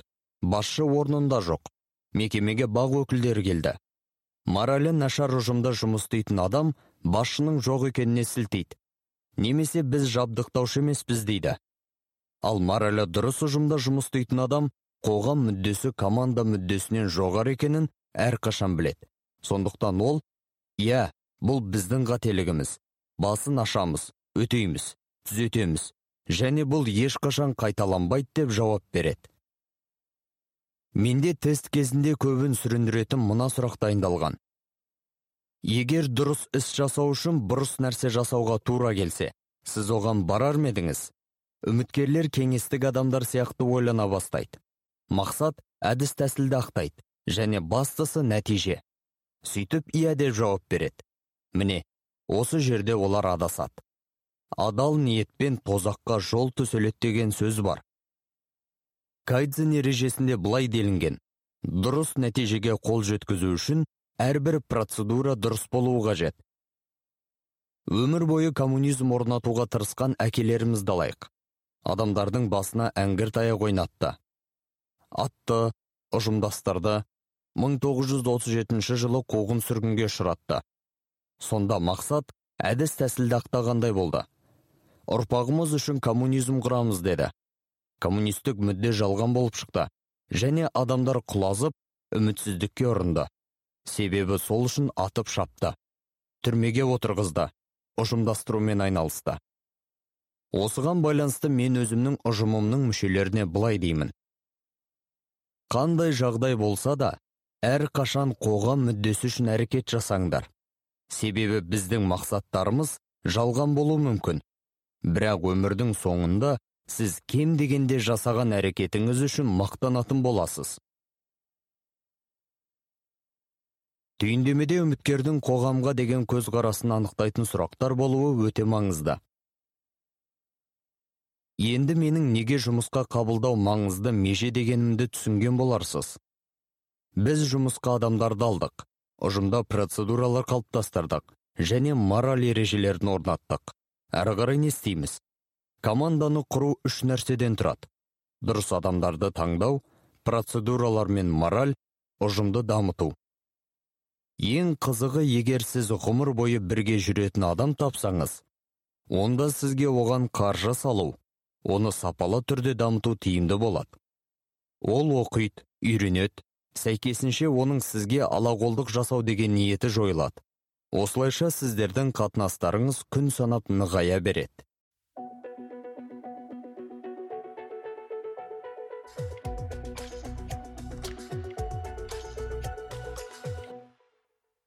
Менеджмент туралы ойлар. Асылбек қожахметов. 1985 жылы кооперация туралы заң қабылданғанда ол мені қатты қызықтырды. Оны қабылдамас бұрын кеңес одағында жеке кәсіпкерлік қызметке тыйым салынған болатын. Менің қызығуыма негіз болған. Бір жағынан менің ғылыммен айналысқаным еді және ол маған ұнайтын. Екінші жағынан келісімшарттарға отыратынмын. Челябідегі трактор зауытына бардым. Ол кезде біз іштен жанатын қозғалтқыштың жұмысын жақсартуды зерттеумен айналысатынбыз. Мен қазақ мемлекеттік университетінің тұтас орта механикасы кафедрасында жұмыс істейтінмін. Бағасы 25 сом тұратын сапар туралы келісу үшін университеттің жетінші қабатына шығу қажет болғаны есімде. Сонда отырған қыз маған сізге ол жаққа барудың қажеті жоқ деді ол мұның мағынасын қайдан түсінсін? Бірақ ол виза қойып беретін. Егер бас тартса кете алмайтын едім. Мен 25 мың сом тауып қайтамын. Ал 25 сом үшін арпалысып дәлелдеуім қажет. Мені бұл қанағаттандырмады. Сосын менеджерлер мектебі ашылғанын естідім. Мен оны барып көрдім ұнағанын түсіндім. Қайтып келіп кафедра меңгерушісіне менің кеткім келеді дедім. Менеджмент деген не? Өзің соны білесің бе деп сұрады ол менен. Білмеймін дедім. Бірақ мен оқуға түсер кезде осы университеттің салтанатты ғимаратының жанында кішкене лашық үй тұрып оған менеджерлер мектебі деп жазылған болса соған баратынымды қазір анық білемін. Бірақ ол кезде ондай мектеп те менеджменттің өзі де болған жоқ. Маған ұйымдардағы тәртіп ұнайды. Нәтижелер бөгде адамдарға қағидаларға заңдарға емес саған тәуелді болған ұнайды. Сондықтан мен менеджментті таңдадым. Бәлкім кейбір негіздері балалық шақта қаланған болу керек. Анам мені сұраққа анық жауап бер. Жауап беруден қашпа. Тақылдап сөйле. Ойыңды тиянақты жеткіз. Қысқа және нұсқа сөйле деп үйреткен. Мен осылай жасауға тырыстым. Сондықтан болар мені жасақ кеңесінің төрағасы мектеп комсомолы комитетінің хатшысы етіп таңдады мен көзге түсіп жүргендіктен ұйымдастыру жұмысы қажет барлық жерге шақыратын. Және оны орындайтынмын. Қайта құру кезеңінде осындай мамандық иесі болуға мүмкіндік туғанда бұл маған арналғанын түсіндім. Мен табысты болу болмауымды білмесем де бұл маған ұнайтынын білдім. Және өмірде нені істеп нені істемеуді өзім шешуді қаладым. Осы уақытқа дейін қызметкерлеріме тапсырма бергенде олардан бұл қалай істеледі? деген сұрақты жиі естимін мен оларға үйрен білетін адамдарды тауып жаса. Орныңда отырма. Бастысы түнде ұйықтамасаң да қалай істеу керектігін ойлан. Сонда сенің қолыңнан келеді деймін. Ал егер адам сағат алтыда үйіне кетіп жұмыс туралы бірден ұмытып көңіл көтеріп ойнап нашар ұйықтап ертеңде жұмысқа келсе бах! Оған тапсырма береді ал ол қалай орындау керектігін әлі білмейді. Әрине ол өзі үшін де отбасы үшін де ұйым үшін де нашар қызметкер болғаны. Егер адамның жұмыс істеу мәдениеті болса ол бәрін дұрыс құрайды. Егер мәдениеті болмаса жасаған ісінің берекесі болмайды. Жаңа істі бастамас бұрын қандай қадамдар жасау қажет? Алдымен осы саладағы барлық кітаптарды оқып шығу керек. Сосын осы салада кімнің маман екенін анықтап онымен байланысып кездесіп сөйлесу қажет. Себебі маманнан сіз кітапта жазылмаған ақпаратты біле аласыз. Осыдан кейін жұмысыңыздың тұжырымдамасы мен стратегиясын құру керек. Ары қарай бір бөлігін біртіндеп іске асырып байқаған жөн. Егер дұрыс болып жатса кеңейтесің. Болмаса екінші бөлігіне көшу қажет. Осылайша нәтижеге қол жеткізгенше жалғастырасың. Жылдам нәтижеге үміттенбеген жөн. Жігерлі жүйелі тиянақты қайсар қайтпас мінезді болу керек. Сонда сенің қолыңнан бәрі келе бастайды. Білімің болғаны өте жақсы. Мен өмір бойы үйреніп келемін. Мақсатым үздіксіз даму. Егер бір ай ештеңе үйренбесем кітап оқымасам бәрі алдыма шығып кетіп мен қалып бара жатқандай сезінемін. Қол қусырып отырсам мені қуып жетуі мүмкін. Сондықтан қозғалып әрекет жасай бастаймын. Егер менің қолымнан бір нәрсе келмей жатса мемлекетті де серіктестерімді де мұғалімдерімді де кінәламаймын. Мен әрқашан өзімнен кінә іздеймін. Егер қажет ақпаратты таппаған болсам бұл оны менің таппағаным. Себебі ол әлемде бар. Қазіргі кезде интернет желісі әлеуметтік желілер дамуға көп септігін тигізеді. Бізге жүру қозғалу еркіндігі берілген. Сондықтан қайда барсақ та өз еркіміз. Қайта құру орнамағанда мансапқа қол жеткізудің кеңес уақытында қарастырылған үлгісімен кетер едім. Мен мектепте комсомол комитетінің хатшысы болдым. Университетке келіп оқып үздік бітірдім. Университеттің комсомол комитетінің мүшесі болдым. Партияға ешқашан қол созған емеспін. Бірақ әрқашан жанашарлар ұйымдастырушылар бәріне өзі қол жеткізгісі келетін адамдар арасында жүрдім. Қорғауға да болар еді. Мен оңай олжаға тырыспаймын. Керек болып қалады ау деп жасамаймын. Менің қағидам көріну емес болу. Диссертацияда жақсы болып шығар еді деп ойлаймын. Доктор содан кафедра меңгерушісі одан кейін декан болар едім. Ақырында өмірімнің соңында ректор болу мүмкін еді. Бірақ қайта құрудың арқасында ғана мен үш жылдан соң ректор болдым. Кішкентай ғана ректор.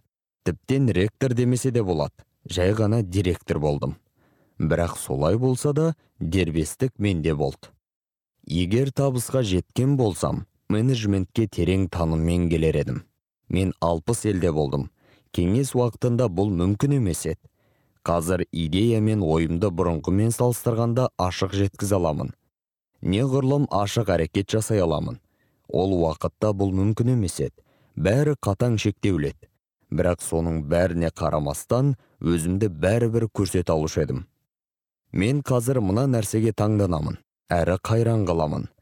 Тіпті біздің маңдай алды университеттің өзінде барлығы ағым барысымен бостандық бермей шын мәнінде көбіне шектейтін бұйрықтар заңдар ережелер қаулылар бойынша жүріп үйреніп қалған. Мен бұдан әрқашан қысылатынмын. Мен қандай да бір тапсырма бергенде маған бұл болмайды дейді. Сен неге бұлай шештің? Сен алдымен оқыдың ба? Мен әлі оқымадым бірақ болмайды деп ойлаймын дейді. Сонда мен былай деймін. Менің тапсырмамнан кейін сенде бірінші бұлай болуы керек деген ой тууы қажет сонда сенің өміріңде басқаша болар еді. Бірақ саған бірінші бұл болмайды деген ой келгендіктен сен әрқашан адамдарды шектейтін жолмен жүресің. Ал мен сені алдыңда жарқын келешегі бар жолға бағыттағым келеді. Біздің контекст. Тәуелсіздігіміздің алғашқы жылдарында енді қалыптасып келе жатқанымызда шартты түрде 1991 жылдан 1998 жылға дейін Қазақстан кеңес одағы менеджментінің инерциясымен қозғалып отырды. Ресей саясаткері, бұрынғы үкімет басшысы Виктор Черномырдин былай деген. Қандай қоғамдық ұйым құрсақ та, ол кеңес одағы коммунистік партиясы болып шығады қандай да бір істі бастасақ ол кәсіби деңгейде жасалса да бәрібір кеңес заманындағыдай болып шығып отырды түптеп келгенде тоталитарлық кейіннен авторитарлық мемлекеттің экономикасы үшін менеджмент заңдары дұрыс жүйелі құрылған және өте тиімді жұмыс істеді. Бірақ олар еркін нарықтық экономикаға қолдануға аса жарамды емес. Бізде өкінішке орай 1990 жылдары менеджментте коммунистік партиядан шыққан адамдар болды. Олар кеңестік менеджмент мектебінен өткендіктен дүние танымдары тар еді. Олар және көп болды. Алайда 1990 жылдардың соңына қарай жастар көптеп келе бастады. Қазақстан егемендігінің ашықтық пен нарықтық экономиканың арқасында олар нағыз менеджерлік білім алуға шетелдерге баруға мүмкіндік алған еді. Басқару құрылымы жас мамандар барған сайын көбірек толыға бастады. Қазір ол қайта құрылды деп айта алмаймын. Осы уақытқа дейін ескі мектептің өкілдері көптеп кездеседі. Олар ел басқарудан әлі кеткен жоқ. Әлі де ауқымды бөлікті құрайды бірақ өзгерістер жүріп жатыр. Жыл өткен сайын бұл топ жасына қарай шегініп жас мамандар басым бола түсуде. Мықты басқарушының этикасы. Бұл сірә өте маңызды мәселе болуы керек. 20 ғасырдың менеджмент гуруы питер друкер былай деген. Егер сіз бизнестің мақсаты пайда табу деп ойласаңыз онда адамның мақсаты тыныс алу деп ойлауыңыз қажет. Иә бизнесті құру үшін табыс қандай қажет болса оттегі де адам өміріне сондай қажет. Бірақ бұлар мақсат емес. Біз тыныс алу үшін ғана өмір сүрмейміз. Бізде белгілі бір мақсаттар мүдделер рухани және жеке бастың дамуы бар. Бірақ сонымен бірге тәніміз сау болуы. Дұрыс ойлау саналы ойлау үшін бізге оттегі қажет. Сонда біз ұзақ жүре аламыз. Бизнесте де солай. Біріншіден сенде бұл істі не үшін жасайтының және ол саған не беретіні туралы түсінік болуы керек. Егер сен бірінші орынға ақшаны қойсаң мүмкін ақшаны да табарсың. Бірақ өмірің барған сайын мәнін жоғалтады. Стив джобстың көз жұмар алдында берген танымал сұхбаты бар. Оны интернеттен табуға болады. Миллиардер өмір бойы дүниенің соңынан кеткенін мойындады. Ол былай деді. Мен жер бетіндегі ең бай адам бола тұра керекті нәрсені істемедім. Оның отбасы болмады. Тіптен ол өз баласын да көпке дейін мойындамаған. Мүмкін ол жылдар өткеннен кейін істің беті қайда ауғанын түсінгеннен немесе достарының қысымымен мойындаған болар. Достары оған бұл сенің қызың ғой мұның не? деп кінәлайтын ол жоқ бұл менің қызым емес алдымен дәлелдесін деп ұзақ қарсы болды. Осындай байлықтың иесі бола тұра оны қалдыратын ешкім болмады. Джобстың оны ұрпағына қалдыру деген мақсаты болған жоқ. Руханият бірінші орында тұруы қажет. Жоғары мақсаттар адамдарға өте қажетті жаңа сала жаңа өнімді қалыптастыру мүмкін. Елді дамытып университет құру жаңа ғылымның негізін қалау яғни материалдық жағынан қарағанда көбірек пайда алып келуге болады. Сен өз міндетіңді жете түсінуге тиіссің. Біз университетте коммунити сервис learning курсын енгіздік. Бұл қазақстандағы қоғамға қызмет етуге үйрететін жалғыз курс. Егер сен қоғамға қызмет етудің маңыздылығын түсінбесең және оны жасағың келмесе сенде ұзақ мерзімді берекелі бизнес болуы екі талай. Саған оның бақыт әкелуі де екі талай. Бақыт бірінші орында тұруы қажет. Біз өмір дизайны деген жаңа пән енгіздік. Университетке келген адам алдымен өмірдегі мақсатының міндетінің қандай екенін білуі қажет. Ол үшін нені қиюға дайын немесе дайын емес. Ол үшін бірінші орында не тұрады? Мемлекет дін отбасы балалар ата анасы осы құндылықтарды орнына қойған соң сен енді бизнеспен айналыса аласың. Бизнес саған құнды мазмұнды дүниеге қол жеткізуге көмектесетін құрал тәсіл. Сонда өмірде жолың болғаны әрі бақытқа жеткенің. Сенде стив джобстың дәулеті мүмкін тіптен оның мыңнан бір бөлігі де болмайды. Бірақ сен бақытты боласың. Миллионерлер ал қазір миллиардерлер арасындағы бақытсыз адамдар саны кедейлер арасындағы бақытсыз адамдармен бірдей деп бекер айтпаған. Өмірде бақыт пен бақытсыздық табыс пен табыссыздық сендегі ақшаға тәуелді емес жаңадан қосылғандар туралы. Егер жастардың артықшылықтары әуелде аз деп ойласаңыз онда сіз қатты қателесесіз менің пікірім бұған мүлде қарама қайшы жастарда маған қарағанда артықшылықтар көбірек. Себебі менің жолым әлде қашан салынып қойған. Мен басқа жаққа бұрыла алмаймын. Мүмкін бұрыла алатын да шығармын бірақ түбегейлі емес. Жас адамға барлық жол ашық. Оның келешегі менен зор.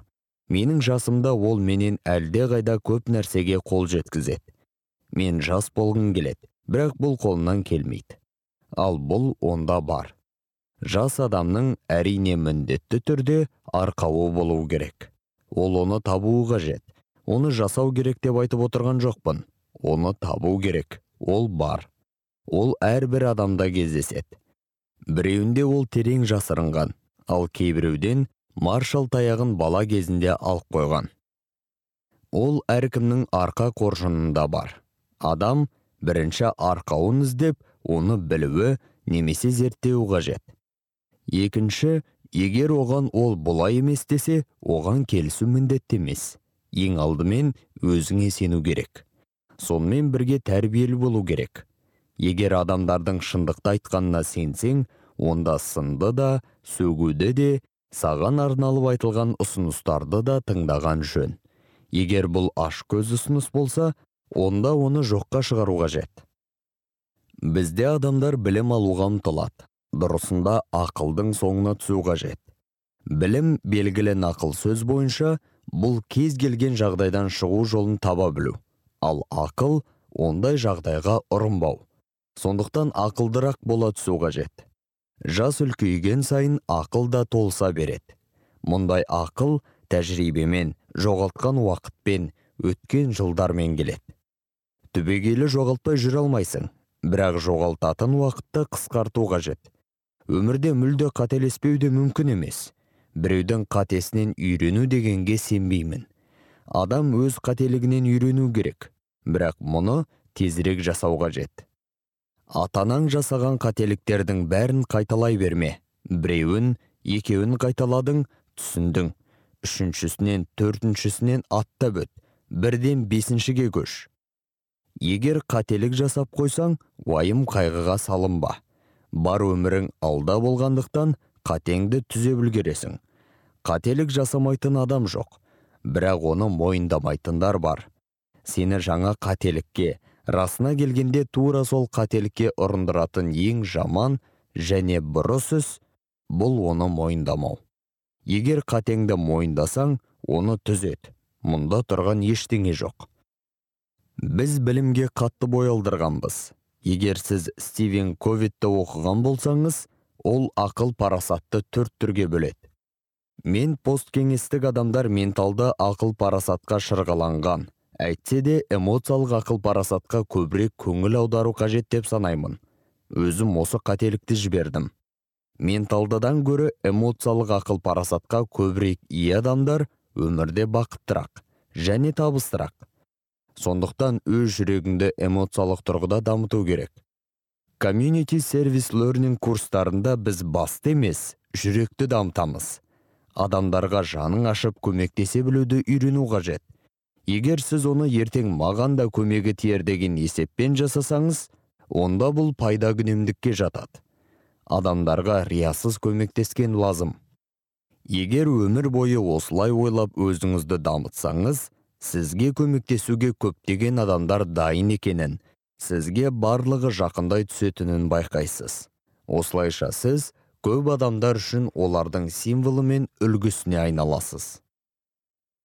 Идея мен әрекет. Кәсіпкер идеядан бастауы керек. Ол не дайындағысы келеді? Өнім бе қызмет пе тауар ма идея ма? Осы сұраққа жауап беруі тиіс.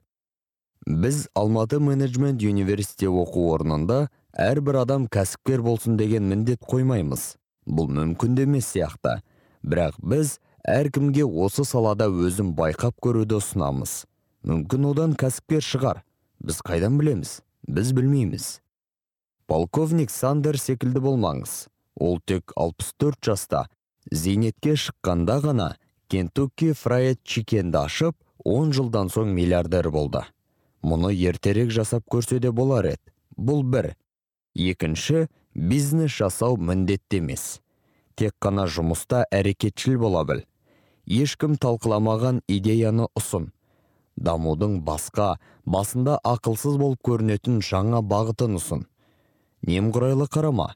Басқалары тынышталып жол тауып бәрі жақсы болса да өзіңді тағы бір рет байқап көрейік деп айтуға көндір.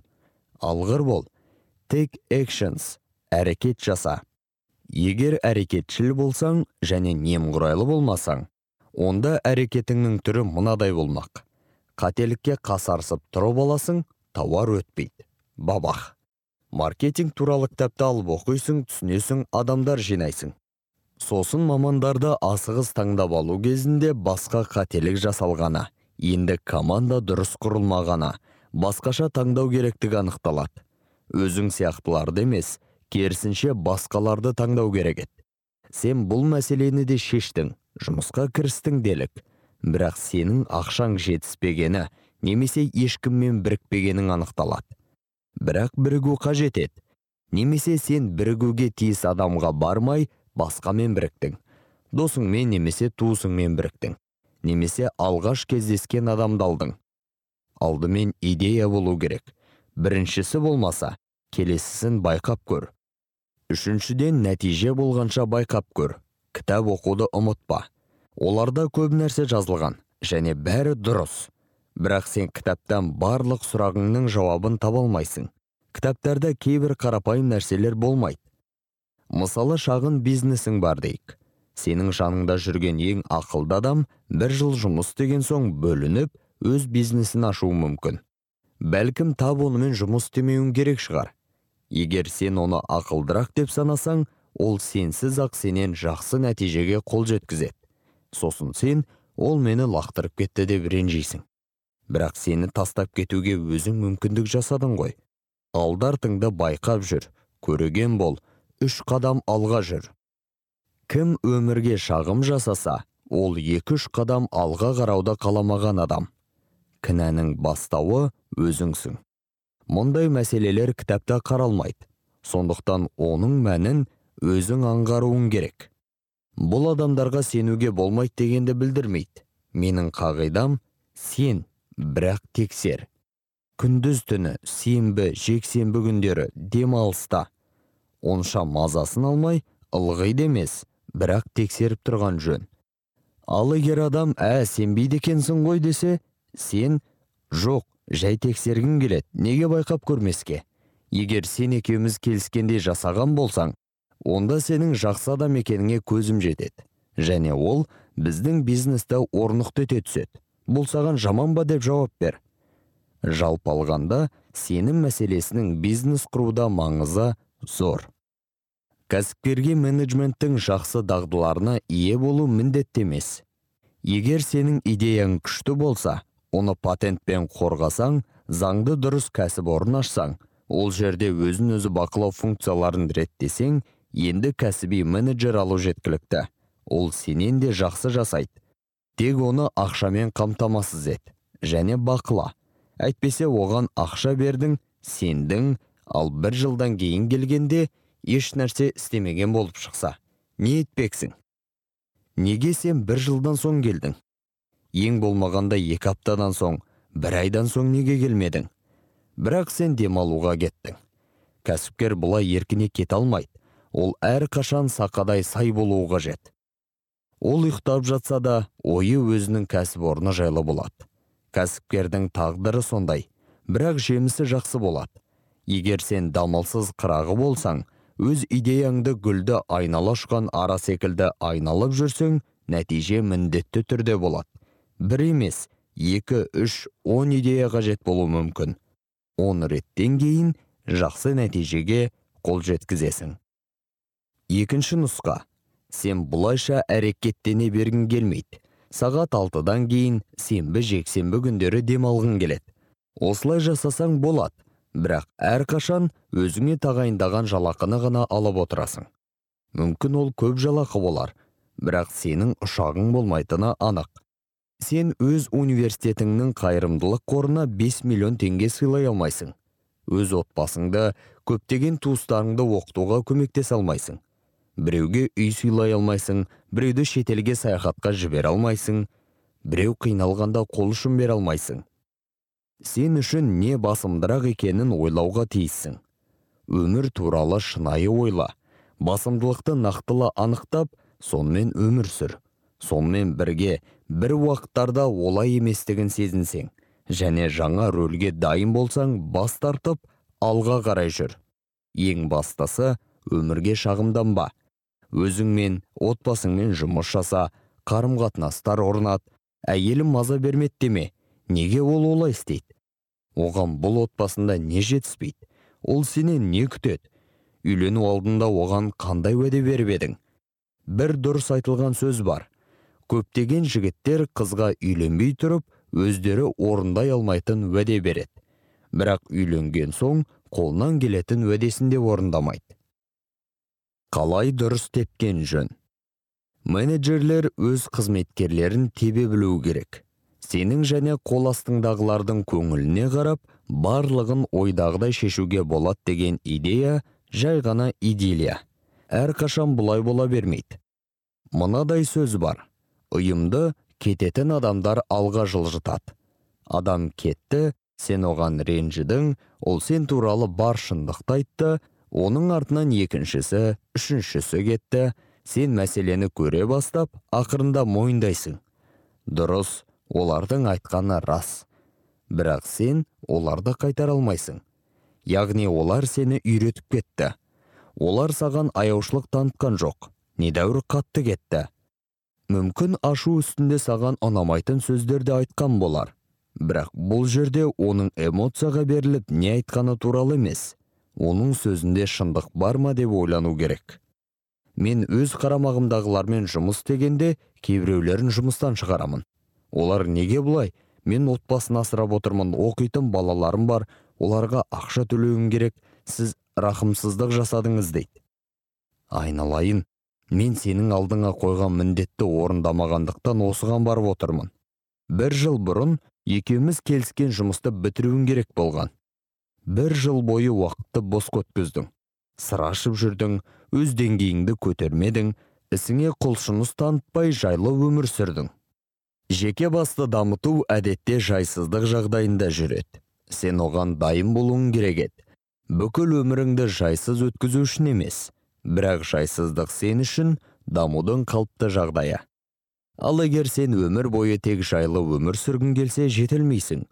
Міне сен жетілгің келмеді.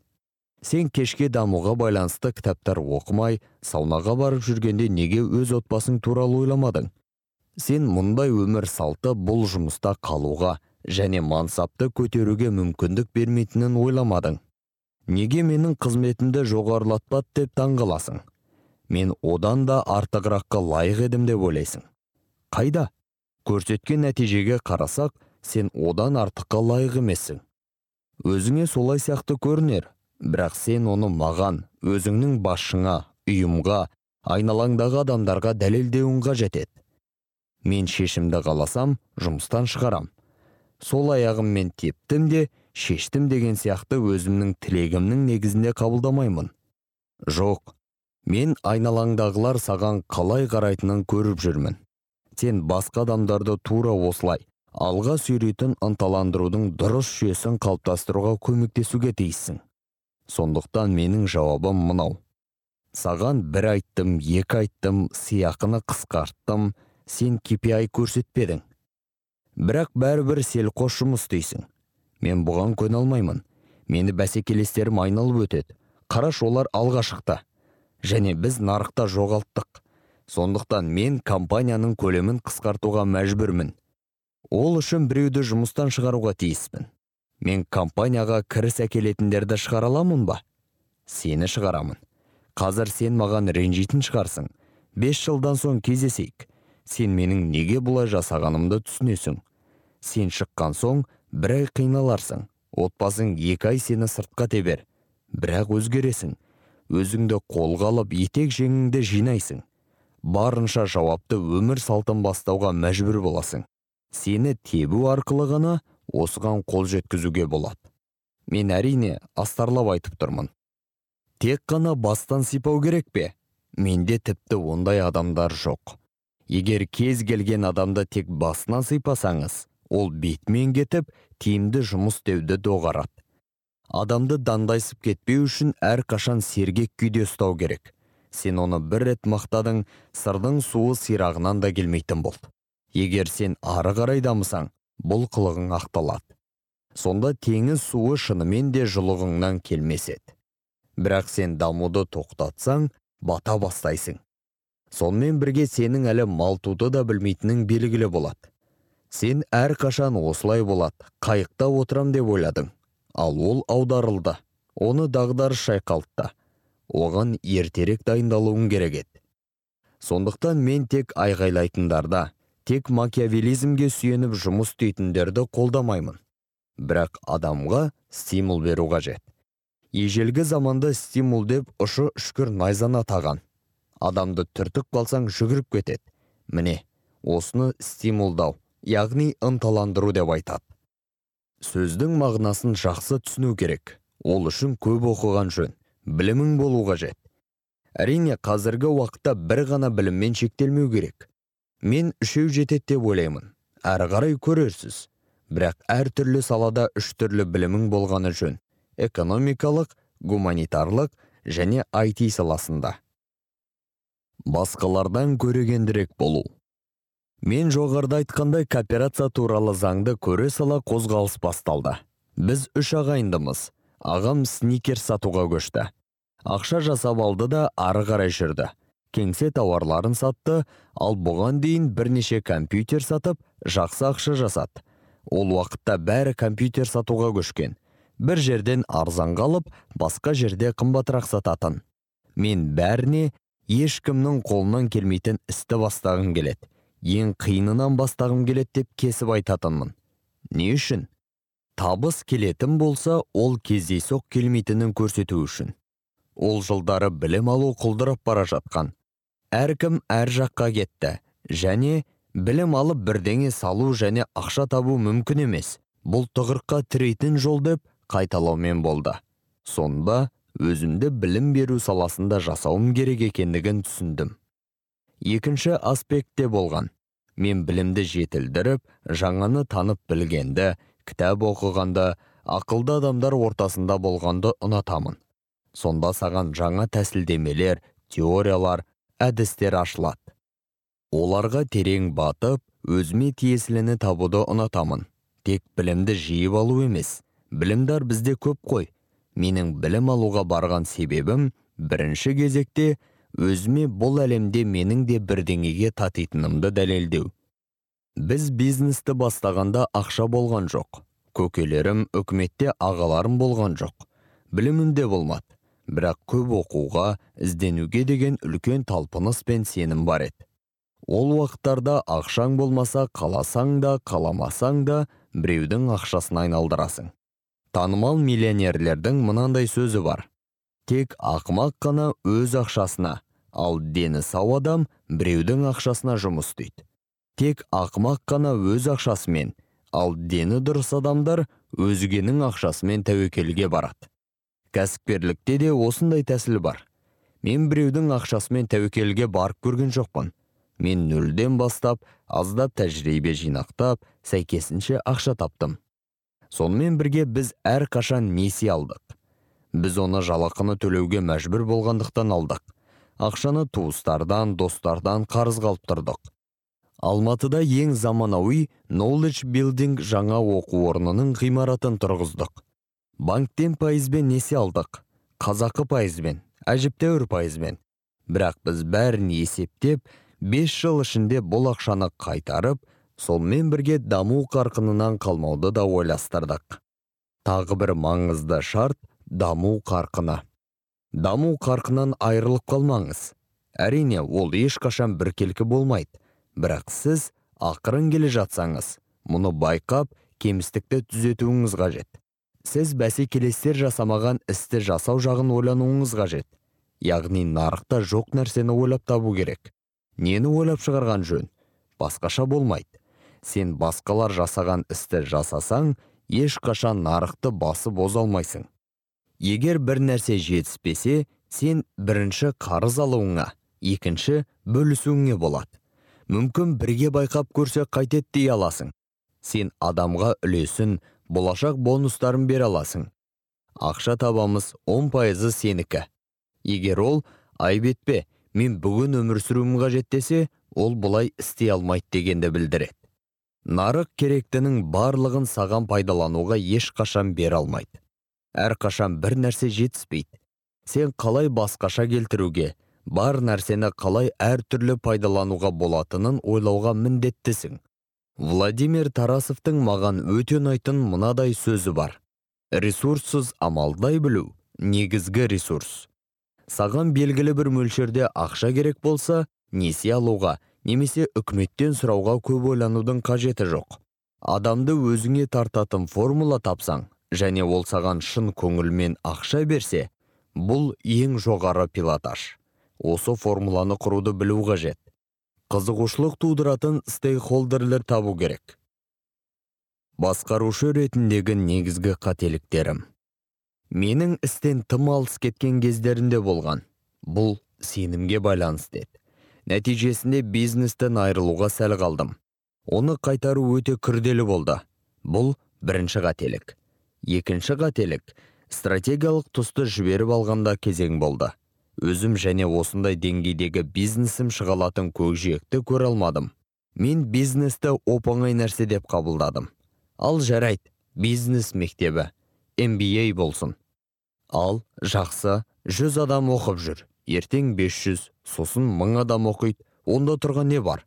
Басқа елдерде одан көп адамдар оқиды ғой деп ойлайтынмын. Сол уақытта университет қоғамның елдің әлемнің өзгеру себепшісі мен нүктесі екеніне жеткілікті мән бермеппін. Біз қазір білімді басқару жүйесін жасаймыз. Енді әлемдік нарыққа жұмыс істейміз. Қазақстанда бұл туралы ешкім ойланбайды. Ал біз әлемдік нарықта үздік орынға ие болғымыз келеді. Қазір тмд елдерінің арасында екінші үшінші орындамыз.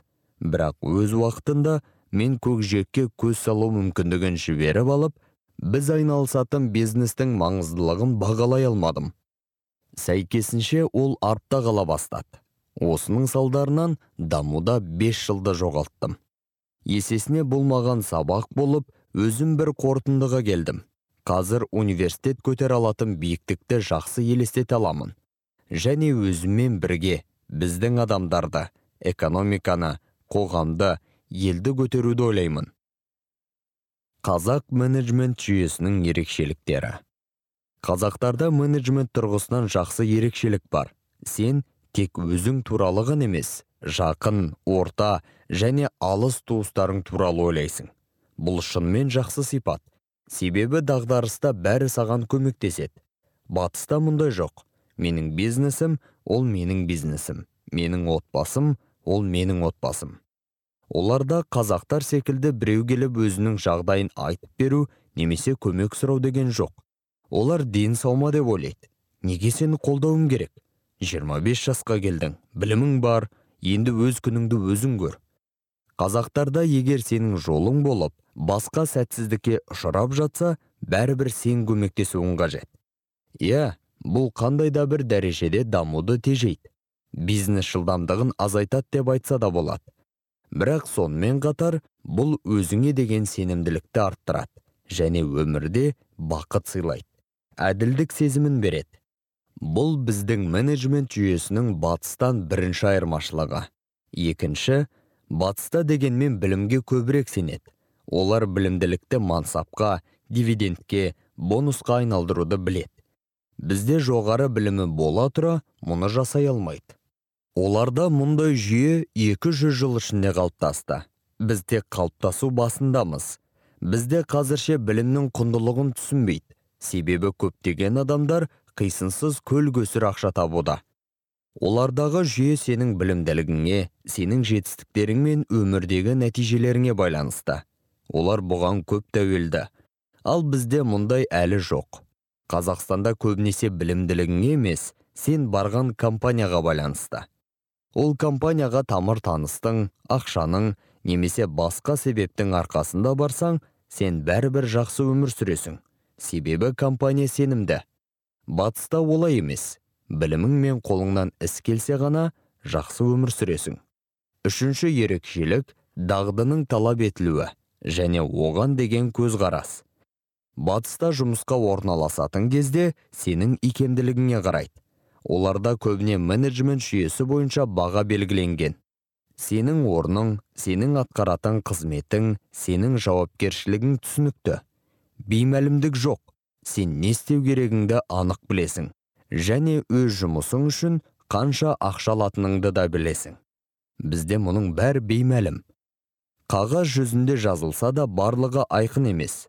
Жұмысқа келесің ол жерде сенен одан да үлкен нәрсе күтілетіні анықталады. Және сен оған сәйкес болуың керек. Сәйкес болмасаң қуыласың. Оларды кінәлайтын боласың. Алайда сен бұны алдын ала байқауың керек еді. Бізде көбінесе формалды емес білім қажет. Өмірдегі білімділік қарым қатынас білімділігі мамандық білімділігі. Мен мінез білімділігі дер едім. Міне батыс менеджменті мен біздің менеджмент арасындағы айырмашылық осындай.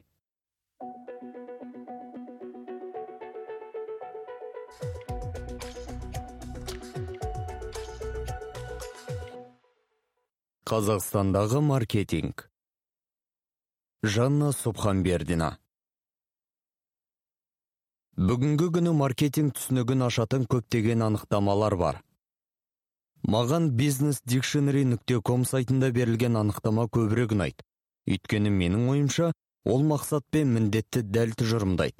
Сонымен қатар үйлесімді және ұғынықты жүйені ұсына отырып, бүкіл үдерісті шын мәнінде бірден суреттейді маркетинг бұл тауар немесе қызметтің тұжырымдамасын әзірлеуден бастап оның толыққанды түрде ақырғы тұтынушысына дейінгі жылжытылуын анықтап реттеп отыратын басқарушылық үдеріс. Оның құрамына төрт элементті әзірлеу басқару және үйлестіру кіреді. Бірінші тұтынушының мұқтаждығы мен қажеттілігін сәйкестендіру және өнімді әзірлеу. Екінші өнімнің бағасын анықтау және белгілеу. Үшінші өнімді ақырғы тұтынушыға барынша тиімді жеткізу үшін оның дистрибуция немесе тарату каналын анықтау таңдау және дамыту. Төртінші нарықта тауар қозғалысы стратегиясын дамыту және орындау. Маркетинг түсінігіне қандай анықтама берілсе де кез келген бизнес үшін тұтынушының немесе клиенттің мұқтаждығын түсіну мен ұғыну және осы мұқтаждықтарды қанағаттандыру тәсілдерін іздеу табу және осы мұқтаждықтарды қанағаттандыру тәсілдерін іздеу және табу қажеттілігі қағидаларына негізделген. Сонымен қатар маркетинг ұғымына неғұрлым түсінікті түрде тұжырымдалған анықтама да бар. Маркетинг бұл неге бәсекелестің емес сіздің өнімді немесе қызметті таңдау керектігі туралы сатып алушыларды клиенттерді үздіксіз үйрету тиімді ақпараттандыру үдерісі. Егер сіз мұнымен айналыспасаңыз онда сіз маркетингпен айналыспағаныңыз немесе онымен дұрыс шұғылданбағаныңыз. Маркетингтің әлемге танымал майталманы питер друкердің маркетингтің мақсаты сіз ұсынатын тауар клиенттің көңілін дөп басып өзінен өзі сатылатындай дәрежеде оны жақсы түсіну оның мұқтаждығын біліп алу деген пайымдауы менің ойымша ақиқат және маркетинг үдерісіне жұмсалған қарекеттердің барлық мағынасын толық қамтиды. Бұл анықтама қарекеттің тек мәні мен мақсаттылығын ғана қамтып қоймай біреудің маркетингке жұмсаған қандай да бір күш әрекетінің табыстылық критерийін де қамтиды. Маркетинг үдерісінің жоғарыда айтылған барлық төрт блогын жүзеге асыру үшін егжей тегжейлі ақпарат жинап және нарықты зерттей тұра түптің түбінде ұсынылатын өнім сатылымның төменділігіне тап болатын жағдайда кездеседі. Бұл ақпаратты жинау немесе талдау кезінде қателік кеткенін білдіреді. Осының салдарынан мәселен оның қымбат болу себебінен бәсекеге қабілетсіздігінен нарықта сіз ұсынған тауарды немесе қызметті ауыстыратын қолжетімді басқа тауардың бар екендігінен сатып алушылардың тауарға деген қызығушылығы азайды немесе мүлдем болмай қалды. Сәйкесінше маркетинг үдерісінің қатесіз орындалған барлық төрт тармағы сізге друкер атағандай өзін өзі сататын тауарды береді. Яғни ақырғы тұтынушы нарықтағы сіздің ұсынысыңыздың артықшылығын бірден бағалап сіздің тауар қозғалысына жұмсаған шығыныңыз көп болмайды. Өзін өзі сататын тауар бұл бәсекелеске қарағанда жақсы бағамен сатылатын үздік немесе жақсырақ сападағы тауар. Қазақстан жағдайындағы маркетинг. Егер қазақстан экономикасының қандай да бір монополиясы жоқ немесе субъектілер арасында табиғи бәсекелестік бар салалар туралы айтар болсақ онда бұл жағдайда барлық бизнес үдерістер компанияның маркетингтік қарекетін қоса алғанда бизнесті жүргізу мен әкімшіліктендіру бойынша көптеген әртүрлі кітаптарда суреттелген қалыпты нарық заңдарына бейімделген. Егер сала бәсекелестікке ашық болса онда маркетинг теориясының барлық заңдары толық жарамды және қазақстанда да жұмыс істей алады. Өзімнің нарықтағы жұмысымның барысында мен қазақстандағы бизнес ортаның келесі ерекшеліктермен бетпе бет келдім. А. Пәрменді демографияның болмауы. Қарапайым тілмен айтқанда халық санының аздығы нарық көлемінің шағын болуы осы фактор біздің елдегі барлық саланың дамуына кедергі жасайды. Әрбір кәсіпкер менімен келісер деп ойлаймын. Халық саны көбірек ортада яғни нарықтың мөлшері неғұрлым үлкен жағдайда кәсіпкердің көп жылдар бойы күнделікті өз бизнесінің өсуі мен дамуы үшін салған күші оған жақсырақ нәтиже берер еді. Нарық мөлшері ол өзіндік тірек сияқты. Сенің кірісің мен компанияның өсу мүмкіндігін әлденеше есе көбейте отырып сенің басқарушылыққа салған күшіңнің тиімділігін арттырады. Ә. Қазақстанда компанияның бұрыннан бар және потенциалды клиенттері аудиториясында айқын шекара бар. Бұл тіл бойынша бөліну. Мұны өзіңнің маркетинг саясатыңда міндетті түрде ескерген жөн. Қазақстанда нарықтың үлкен әрі пәрменді сегменті қалыптасқан. Олардың мемлекеттік тілді білмейтін тұтынушылар сегментінен айырмашылығы тек мемлекеттік тілде сөйлейді. Өзінің ерекше контенті журналдар газеттер интернеттегі сайттарды оқиды өзінің музыкасын тыңдайды және өздерімен өздері бөлекше өмір сүреді. Бұл қазақ тілді аудиторияның мұқтаждықтарына назар аудармайтын барлық маркетингтік қарекеттер оның қасынан өтіп кетеді дегенді білдіреді. Көптеген бизнес бірліктер өзінің тұтынушыларының осындай үлкен сегментін елемей және өзінің маркетингтік саясатын оның мұқтаждықтарына сәйкес қайта құрмай жатқаны мені таңғалдырады. Б. Тіпті бос бәсекелестік үшін ашық салаларда сізбен бірге нарықта белгілі бір себептерге байланысты елеулі бірегей ресурсы бар ойыншылар қатар жүреді. Негізделмеген жеңілдіктер субсидиялар тексеруші органдардың қостауы капитал қоры түрінде байқалатын оларды әкімшілік ресурс деп атауға болады. Сондықтан сізге бұған келісуге және тиімді бәсекелестік үшін жаңа тәсілдер іздеуге тура келеді. Шағын бюджетті компанияның маркетингтік стратегиялары. Жалпы менің кеңесім шағын бюджеттен бастаңыз. Маркетингке сіздің бәсекелесіңіз жұмсаған ақшадай жұмсай алмадым деп қайғырудың қажеті жоқ.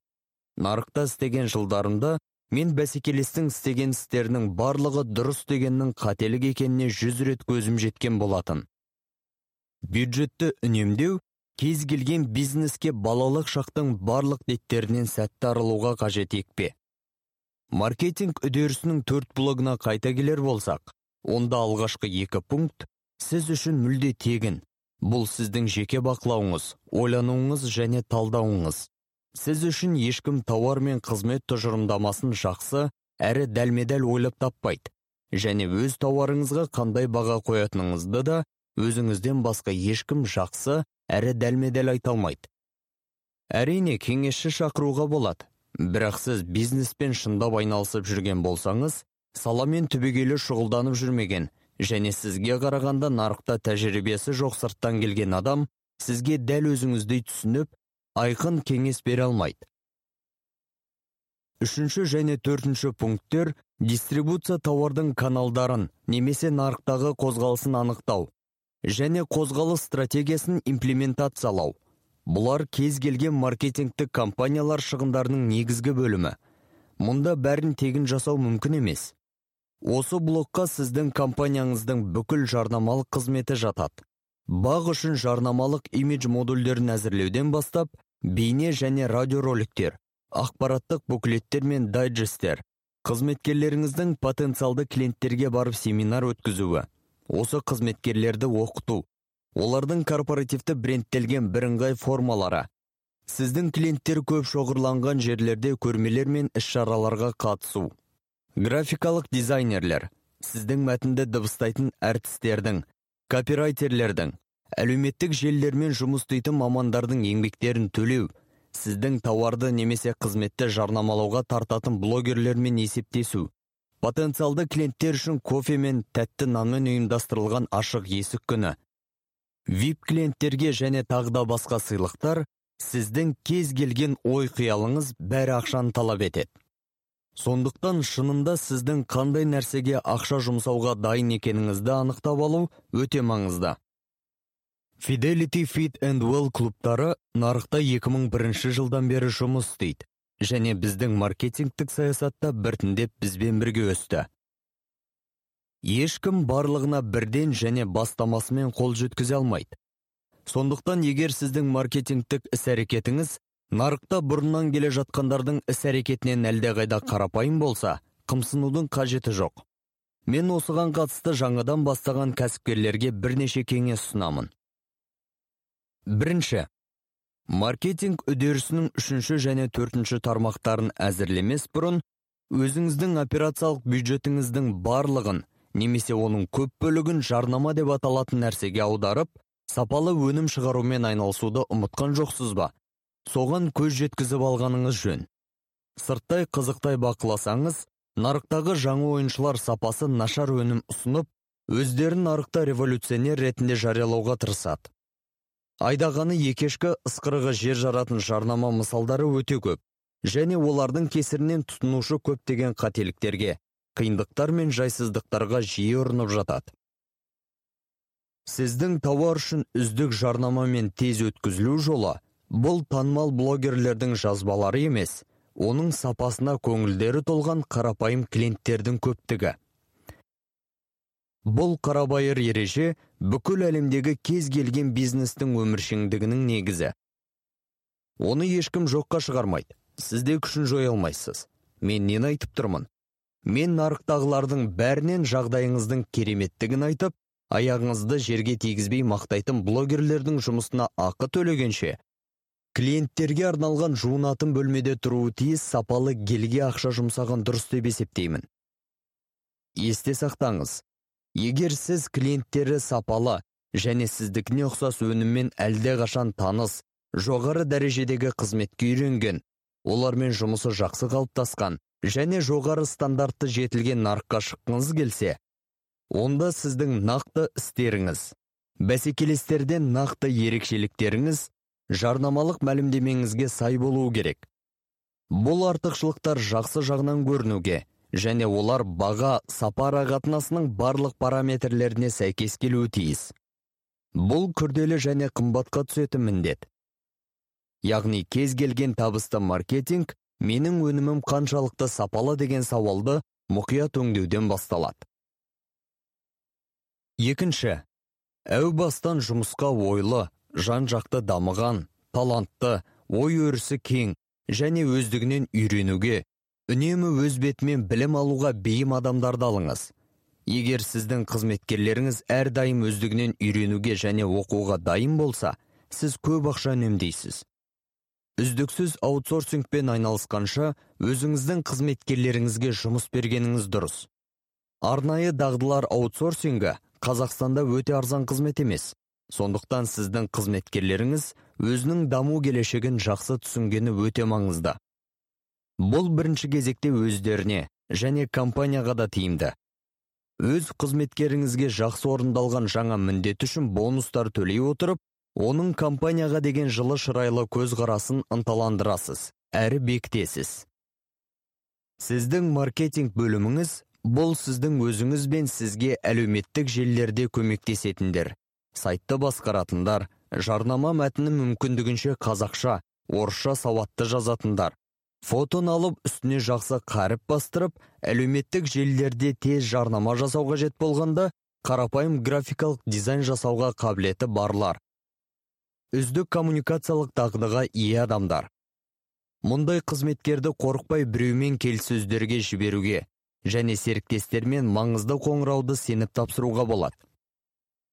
Міндетін қашанда уақытылы орындамайтын және сіздің қоңырауыңызға да сирек жауап беретін әртүрлі кездейсоқ алты фрилансер үздіксіз қаламақы төлегенше осындай екі қызметкерге жақсы жалақы төлеген тиімді.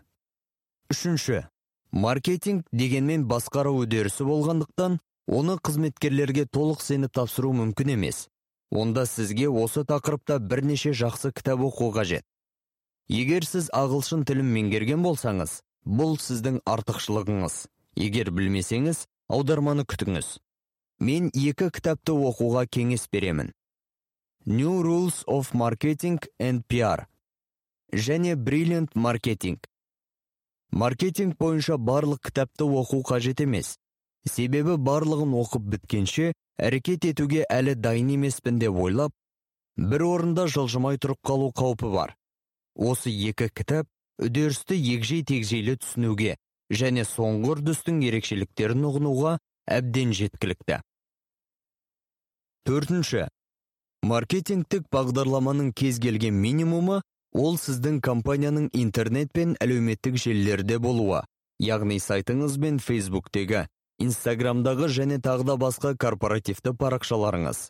Сізге өз бетіңізбен жеке парақшаңызды және көмекшілермен корпоративті парақшаны жүргізу маңызды. Жеке және корпоративті парақшаның болуы абсолютті have бұл өз бизнесіңіздің тамырын қолыңызда ұстау дегенді білдіреді. Сіздің ашық парақшаңызда кез келген клиентіңіз немесе потенциалды клиент сіздің жұмысыңыз туралы өзінің түсіндірмесі мен пікірін жазып қалдыра алады. Бұл басқарудың үздік құралы. Яғни қызметкерлеріңіздің сізден өз қателіктерін бүркемелеуі мен жасыруы қиынға түседі. Әлеуметтік желілердегі ашық парақшалардың бір жағынан жанға бататыны және жағымсыз жақтары болса да олар сізге барлығынан хабардар болып тұруға кепілдік береді. Яғни барлық болып жатқан жаңылыс пен қателіктерге жылдам әрекет жасауға мүмкіндік туғызады. Бесінші. Өз сайтыңызды өзіңіз жасаңыз. Қазіргі кезде платформаның түр түрі бар. Олар сайтыңызды орташа сомаға жасауға көмектеседі. Бір екі күніңізді қиып сайт конструкторын меңгеріңіз. Мен weebly.com wiz.com wordpress.com жүйесін пайдаланамын. Бұл сайттың конструктор платформалары ақпараттық технологияларда арнайы дайындығы жоқ қарапайым адамдарға арналған. Сіз платформада ұсынылған дайын шаблондарды пайдалану өзіңіздің жеке суреттеріңіз бен бейне материалдарыңызды қажетті мәтінді қою арқылы өз сайтыңызды бір екі күнде жасай аласыз. Сайтыңызды өздігіңізше басқара отырып маркетингке кеткен шығынды елеулі азайтасыз. Ең бастысы өз ақпаратыңызды жылдам басқаруға және біреуден тәуелсіз болуға қол жеткізесіз. Бұл бүгінгі күн үшін аса қажет. Алтыншы. Жарнама жасатуға танымал тұлғалар мен блогерлерге жүгінуге асықпаңыз. Мен мұндай құралға тек нақты адамның қай мәселені де саймасай бағамдай алатындығына бірнеше рет көзім жетсе ғана жүгінемін. Желде танымал болу бұл адам сізге жөні түзу қызмет көрсетеді.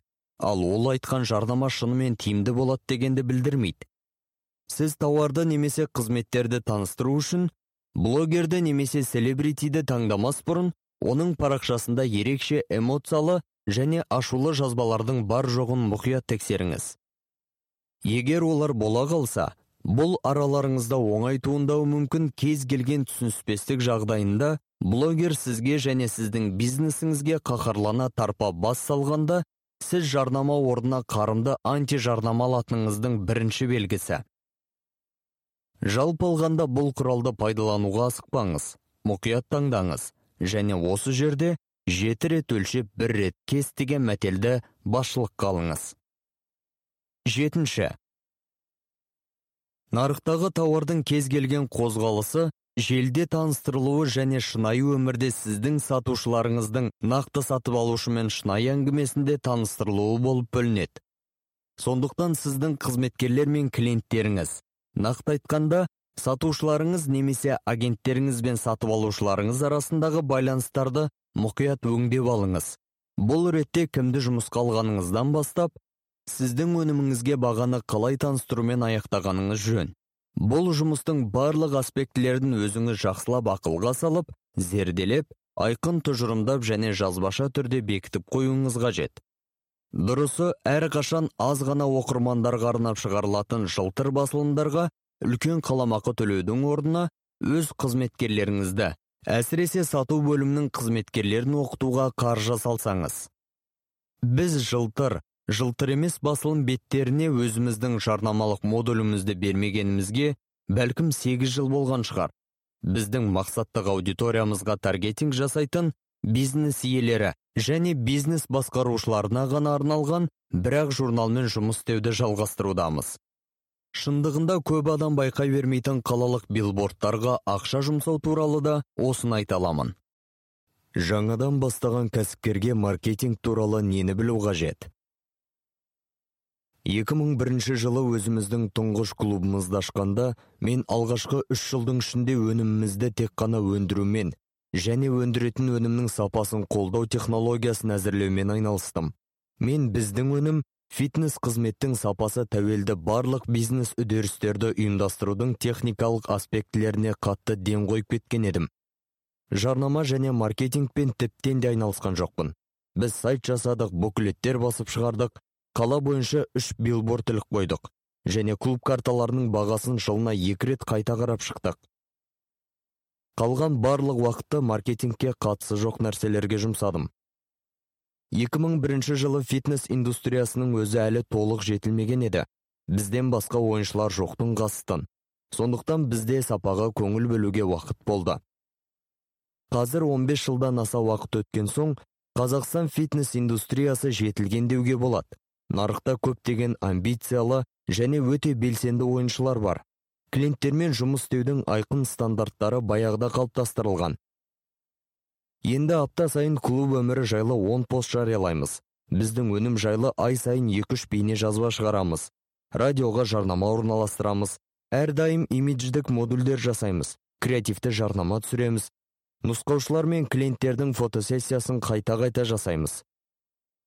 Компанияларға таныстырылыммен барамыз және әрбір демалыс күндері ашық есік күнін өткіземіз.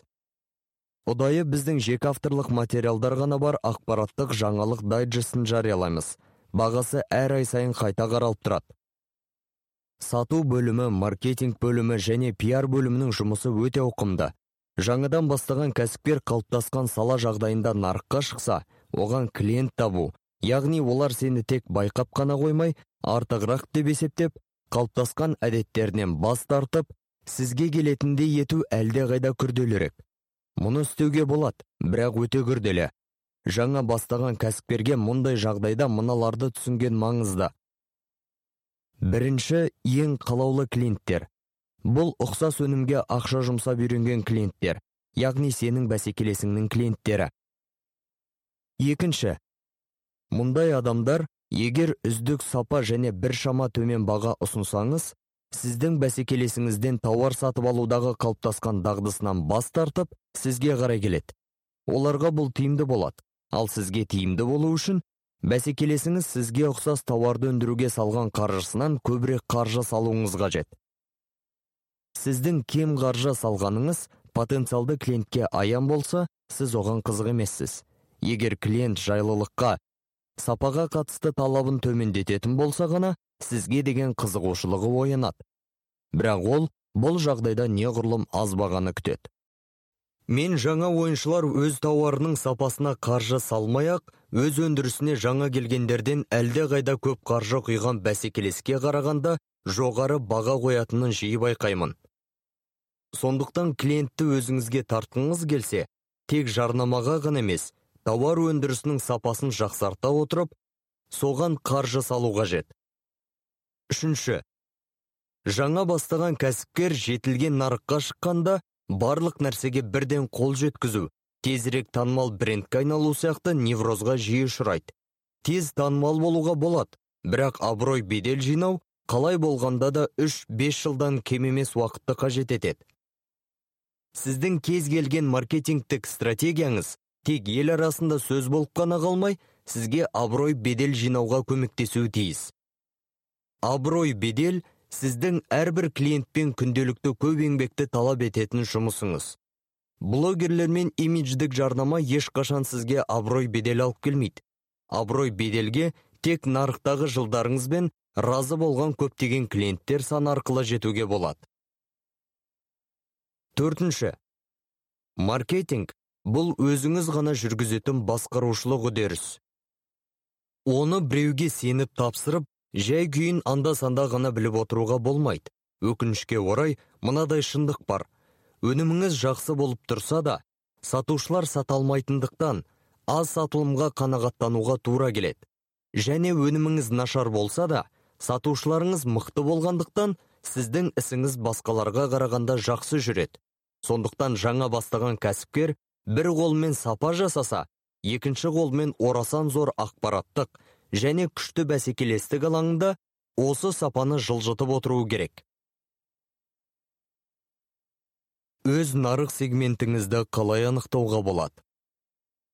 Өз нарық сегментіңізді анықтау бұл кез келген маркетингтің түпкі бастауы. Бұл сұраққа жауап беру үшін өзіңізге сіздің өніміңіз кімге арналған ол кімге керек? Кім оны жиі сатып алады деген сұрақтар қою қажет. Осы сұрақтарға жауап бере отырып қаптама дизайны мен баға белгілеуден бастап дистрибуцияның нақты каналдарын анықтауға және потенциалды клиенттермен кездесуге дейінгі маркетингтік стратегияңыздың қалған барлық аспектілерін неғұрлым дәл анықтай аласыз. Нарықтағы өз сегментіңізді нарықтың өзін оның ойыншыларын сатып алушылар түрлерін шашырандылықты баға айырмашылығын бәсекелестер ұсынған өнімдердің жеткіліктілігі мен сапасын мұқият зерттей отырып қана анықтауға болады. Әртүрлі белгілер бойынша сатып алушылар нарығын қалай сегменттеу қажеттігіне бизнес оқулықтардың көптеген беттері арналған. Компаниялар топтар құралады. Яғни тұтынушыларды бір немесе жиынтық белгі сипаттамалар бойынша сегменттейді. Бірақ ең басында бизнес енді ғана аяғынан тұрғанда тұтынушыларды сегменттеу сіздің ресурстарыңызға тікелей тәуелді болатыны айқын.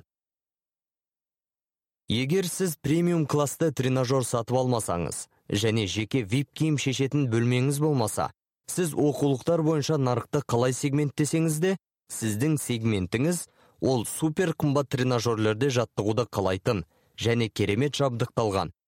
Жеке киім шешетін бөлмеге сыйақы төлеуге дайын клиенттер емес. Сондықтан мен нарық сегменті сіздің бизнеске салған қаржыңыздың және сіздің бұрыннан бар материалдық мүмкіндіктеріңіз бен ресурстарыңыздың деңгейіне бағдарламаланғаны анық деп есептеймін. Демек қандай клиентке келгеніңізді анықтау үшін бәсекелестер мен олардың клиенттерін жақсы зерттеген маңызды. Барлық клиенттерді сіз ала алмайсыз бірақ өз ұсынысыңызды жақсылап ақылға салсаңыз ал бұл нарықтағы жаңа баға сапа арақатынасы. Сіз бүгін артық төлеуге мәжбүр клиенттерді өзіңізге тарту мүмкіндігіне ие боласыз. Жаңадан бастаған кәсіпкердің бәсекелестік артықшылықтары. Өзіңнің бәсекелестік артықшылықтарыңның мәнін түсіну бұл компанияның даму стратегиясын әзірлеудің негізі. Бұл кез келген компания үшін ең маңыздысы және ең қиыны. Жаңадан бастаған кәсіпкер үшін қандай да бір бәсекелестік артықшылықтардың жиынтығы бар деп айта алмаймын. Әрбір кәсіпкердің немесе компанияның бастапқы шарттары әртүрлі. Біреуде бұл капитал құны біреуде кәсіпқой маман командасы біреуде жаңа бірегей технология біреуде осының бәрі бірден немесе әртүрлі комбинацияда кездеседі. Біреуде ешқандай артықшылықтар жоқ және осының арқасында ол ең ақылды ең креативті ретінде нарықта табысты бола алады. Жеке тәжірибем көрсеткендей бастапқы кезеңде артықшылықтардың молдығы елдің экономикалық индустриалды дамуына табиғи қазбалардың молдығы мүмкіндік жасамайтындығы секілді кез келген құрылымды азғындатуға алып келеді. Егер компанияда қарызға қызмет ету қажеттігі болмаса ол өзінің қызмет ету технологиясын жетілдірмейді. Және өз өнімінің сапасын жақсартпайды. Бәлкім бәсекелестік артықшылықтардың ішінде кез келген бизнесте болуы тиіс нәрсе барлық қолда бар ресурстарды дұрыс бағытта жұмыс істеуге мәжбүр ететін және қажет болғанда жаңаларын табатын серіктестердің немесе сыбайластардың күшті командасы шығар. Істі бастар алдындағы маркетингтік зерттеулер. Маркетингтік зерттеулерді жүргізу жобаны бастаудың алдында ғана маңызды емес. Жүйелі маркетингтік зерттеулер бұл сіздің бизнесте табысқа жетуіңіздің кепілі. Нарықтағы жағдай әрқашан өзгеріп отырады. Сондықтан бір кезде жүргізілген зерттеулер бұл бар болғаны фотосурет. Қозғалыстың тоқтамайтын үдерісінен жұлып алынған қатып қалған бір сәт қана. Нарықты толыққанды және сапалы зерттемей өз өніміңіздің сапасы мен міндетін де бағасын да нарықта соңғы тұтынушыға ұсынылу стратегиясында анықтау мүмкін емес. Нарықты зерттемеу тисе терекке тимесе бұтаққа дегенмен бірдей.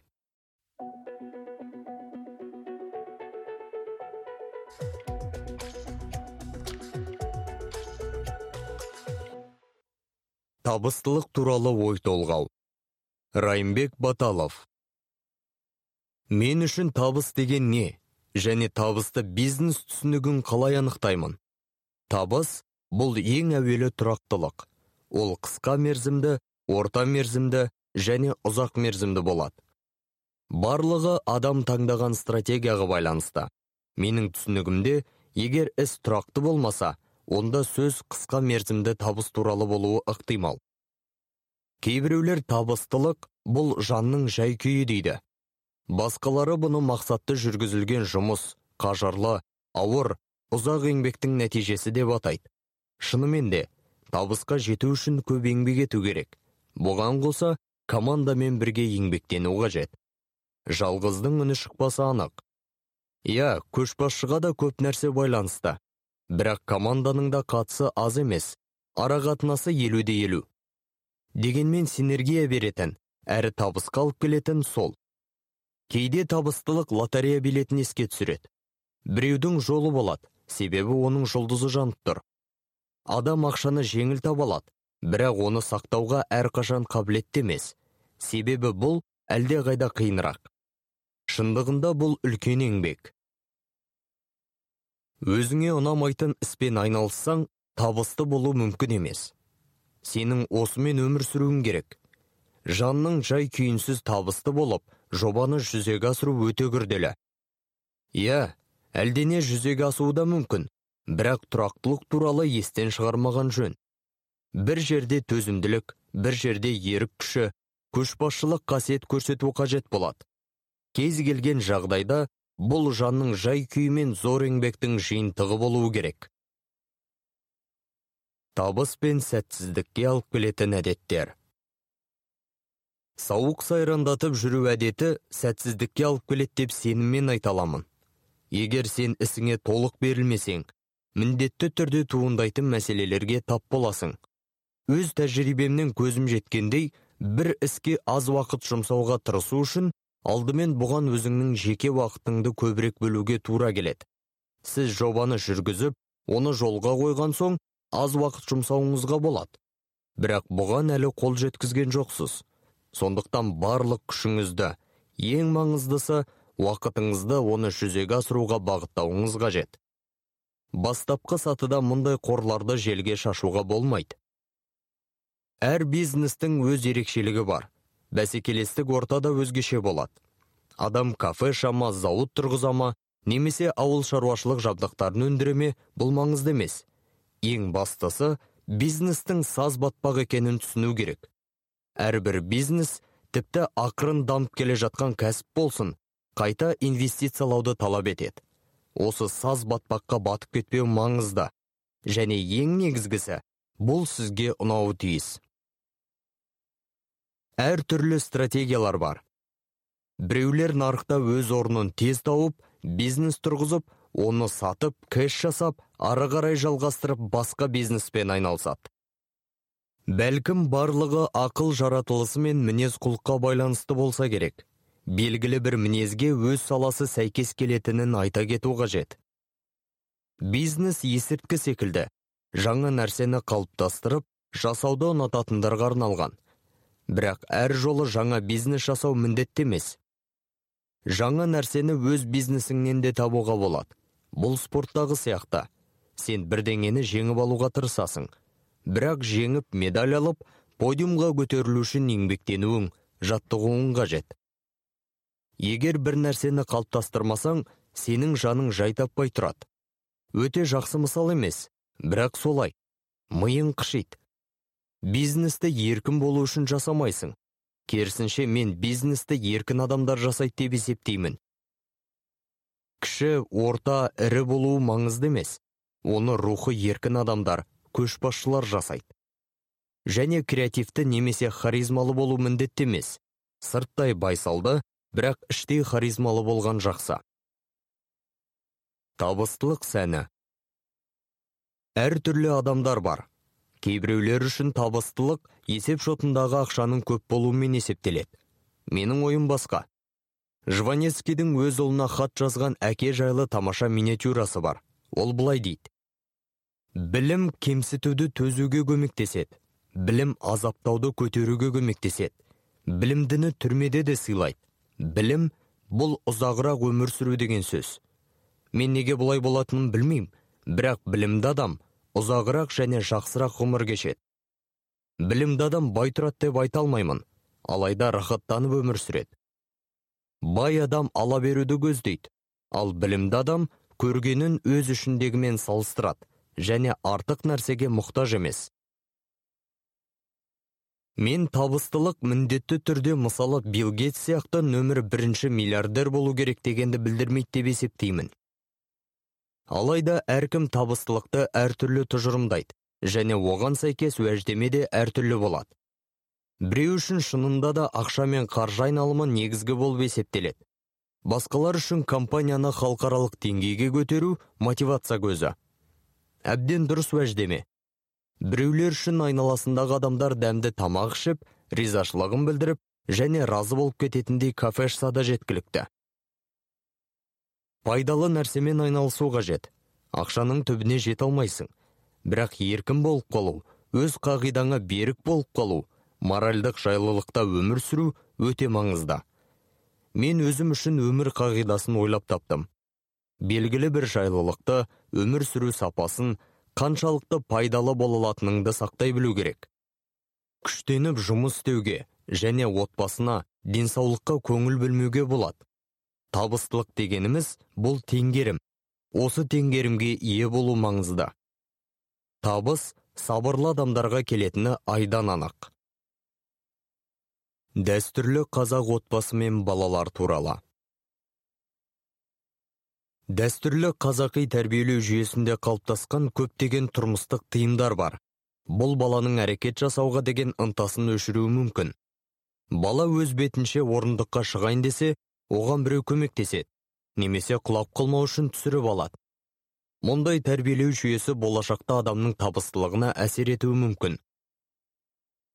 Бірақ өмір барлығын өз орнына қоятынын ескеру қажет. Өмір өзгереді ұрпақ та өзгереді. Бүгінгі ата аналар өз балаларына азырақ тыйым жасайды. Нарық ашық психология тәрбие туралы әдебиеттер өте көп. Қызығы сол сөздер болашаққа деген бағдарламаның негізін қалайды менің кіші балаларымның күтушісі бар. Ол үнемі балаларды ауырып қалады деп қымтай береді. Алдын ала ауруға бағдарламалап соны күтетін секілді. Бұл дұрыс емес. Зейінді тек позитивті ойлар мен сөздерге бұрған жөн.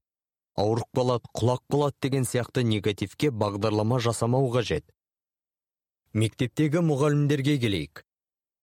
Мен жақында хельсинкиде болып финдік білім беру жүйесімен таныстым.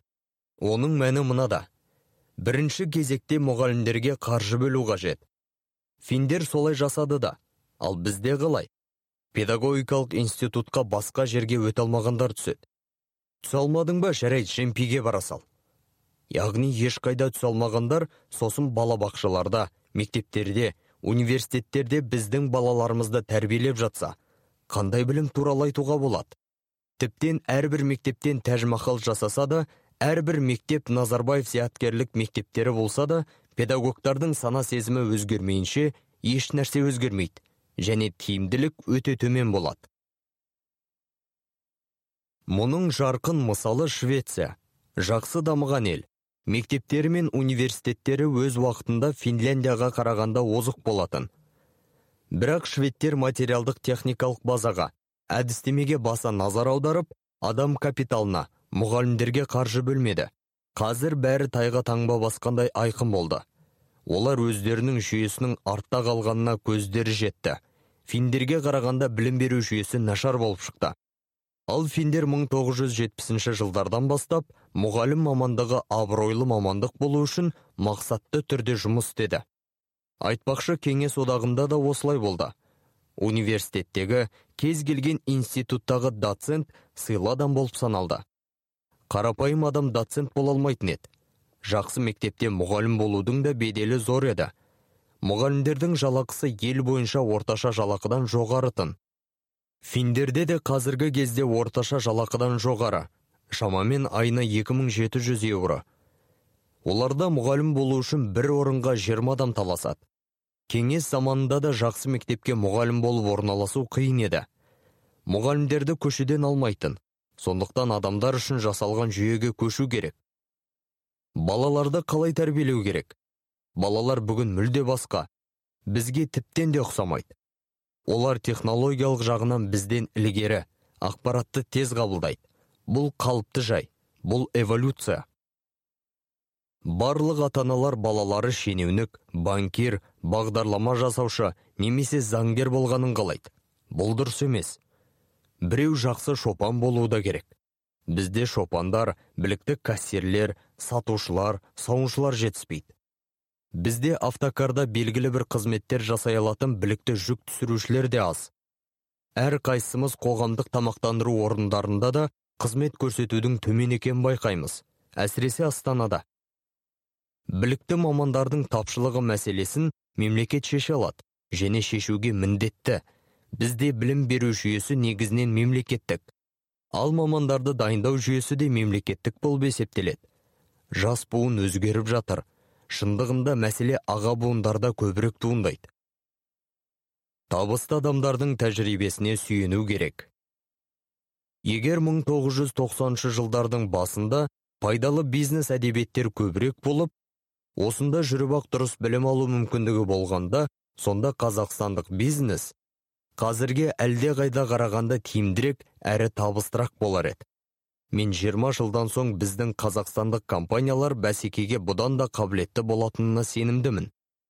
Сонымен білім мәселесі өте маңызды. Табысты кейстерге сүйеніп үйренген маңызды ма әлде сәтсіз кейстерге ме? Бұл әркімнің жекелей мәселесі. Бәріне бірдей апельсин шырыны ұнауы мүмкін емес. Кейбіреуге қызанақ шырыны біреуге жүзім шырыны көбірек ұнайды. Кәсіпкерлер өз тәжірибесі және сәтсіздіктерімен неғұрлым көбірек бөліссе соғұрлым жақсы. Бүгінде мен табысты кәсіпорынның қандай да бір бизнес кейсін оқығанмен одан өзіме қажет еш нәрсе таппауым мүмкін. Ал ертең кейсте менің жағдайым да суреттелуі мүмкін. Маған дұрыс шешімге келіп тығырықтан аз шығынмен шығуға көмектесетін ақылды ойды кездестіруім ғажап емес. Табысты адамдар тәжірибесіне сүйену қажет екені сөзсіз. Бірақ кітаптан бас көтермей оны көшірмелеудің қажеті жоқ. Он бизнес кейс оқысаң біреуінен өзіңе керектіні табасың. Бұл да жақсы. Себебі біздің әрқайсымыздың жанымыздың жай күйі ағымдағы бизнесіміз немесе өмірлік жағдайымыз әртүрлі. Сәтсіздік туралы. Менде басты сәтсіздік жоқ. Әрбір сәтсіздіктен қорытынды жасап үйренген маңызды. Басты сәтсіздік егер оны осылай айтуға болса менің бизнесті өте жас кезінде бастағаным. Егер 1990 жылдардың басында жасым 30 немесе 40-тың үстінде болса нәтиже азда басқаша болар еді. Мен әрбір жастың өзінің өмірлік артықшылықтары бар деп есептеймін. Көптеген жағдайларда жас буын тік мінез көрсетеді. Бұл жақсы. Оның шектеуіштері мен қорқынышы жоқ. Бірақ жаман жақтары да бар. Кейбір мәселе туындағанда кесімді болмай кідіре тұруға яғни кейбір нәрселерді кейінге қалдыра тұруға болар еді. Өмірлік қағиданы ауыстырмаймын. Мен үшін тек қана ақша табу ешқашан негізгі мақсат болған емес. Әрқашан ақшаға байыппен қарайтынмын. Одан басқа адамда өмірлік қағида болу қажет деп есептегенмін. Әрі есептеймін де. Ата анам кедей емес қарапайым кеңес жанұясы болдық. Бюджет те қалағаныңды бірден сатып алатындай емес шектеулі болды. Кез келген кеңес отбасы жалақыдан жалақыға дейін өмір сүрді. Ол біреуде сәл көбірек болса біреуде азырақ еді. Бірақ менің балалық шағым партиялық номенклатуралық жағдайда өткеніне қарамастан тапшылық бәрінде болды. 1990 жылдардың басында сөзсіз мен айналысқан ісімнің көшбасшысы болғым келді. Осыған толықтай берілдім. Бірақ қандай жолмен болса да біреуді басып жаншып өтсем де ақша табамын деген ой болған емес. Менің қағидам әрқашан болған және ол өзгерген жоқ. Мен сол кездегі 1990 жылдардағы өмір сүрген райымбек пен бүгінгі райымбектің арасынан үлкен айырмашылық көріп тұрған жоқпын. Мен әрине өзгеремін бірақ түбегейлі емес. Жақсы жақтарға қарай өзгеретін адамдар да бар бұрын қағидасыз өмір сүрген адам уақыт ағымымен аттың басын солай қарай бұрып ақылдырақ бола бастайды. Бұған қоғамның өзгеруі мен сәнге айналған трендтер де әсер етеді. Бизнесте төзімділік маңызды. Маған бизнесте төзімділік пен құмартушылық аса маңызды сияқты. Құмартушылық жастарға тән қасиет. Олар аласұрып тоқтап қалмай тәуекелдерге барады. Айналаңда криптовалюталар биткоиндар мен түкке тұрғысыз нәрселер аңдыздап тұрса тәуекел менеджмент мәселесі ойыңа кіріп шыға ма? Жас буын сонда барады. Бұл мүмкін кезектегі пирамида болар оны кім білет? мүмкін олай емес те шығар. Кейбір экономика саласында тағайындалатын нобель сыйлығының иегерлері мен бизнес гурулар мұны пирамида деп жазады. Алайда басқа да көптеген нәрселер туралы дәл осылай айтылды емес пе? Кейіннен олар айды аспанға бірақ шығарды. Силикон алқабы убер airbnb сияқты табысты мысалдар жетіп артылады. Сондықтан талмай ізденіп төзімді болған дұрыс. Мен спортта стайер болдым және болып қала беремін. Сабырлылық дегеніміз қысқа санат. Біраз шыдап сосын көңіл көтеремін деп жиған тергеніңді желге шашуға да болады. Ал төзімділік неғұрлым терең ұғым. Оған үйрену қажет. Ағашкаға айналмай күте біліп ұзақ ойнауды үйрену қажет. Іштей өзіңді қалай сезінсең солай болады да. Мен физикалық және интеллектуалдық тұрғыдан өзіңді жас ал күте білу және жауапкершілік жағынан ересек сезіну керек деп санаймын.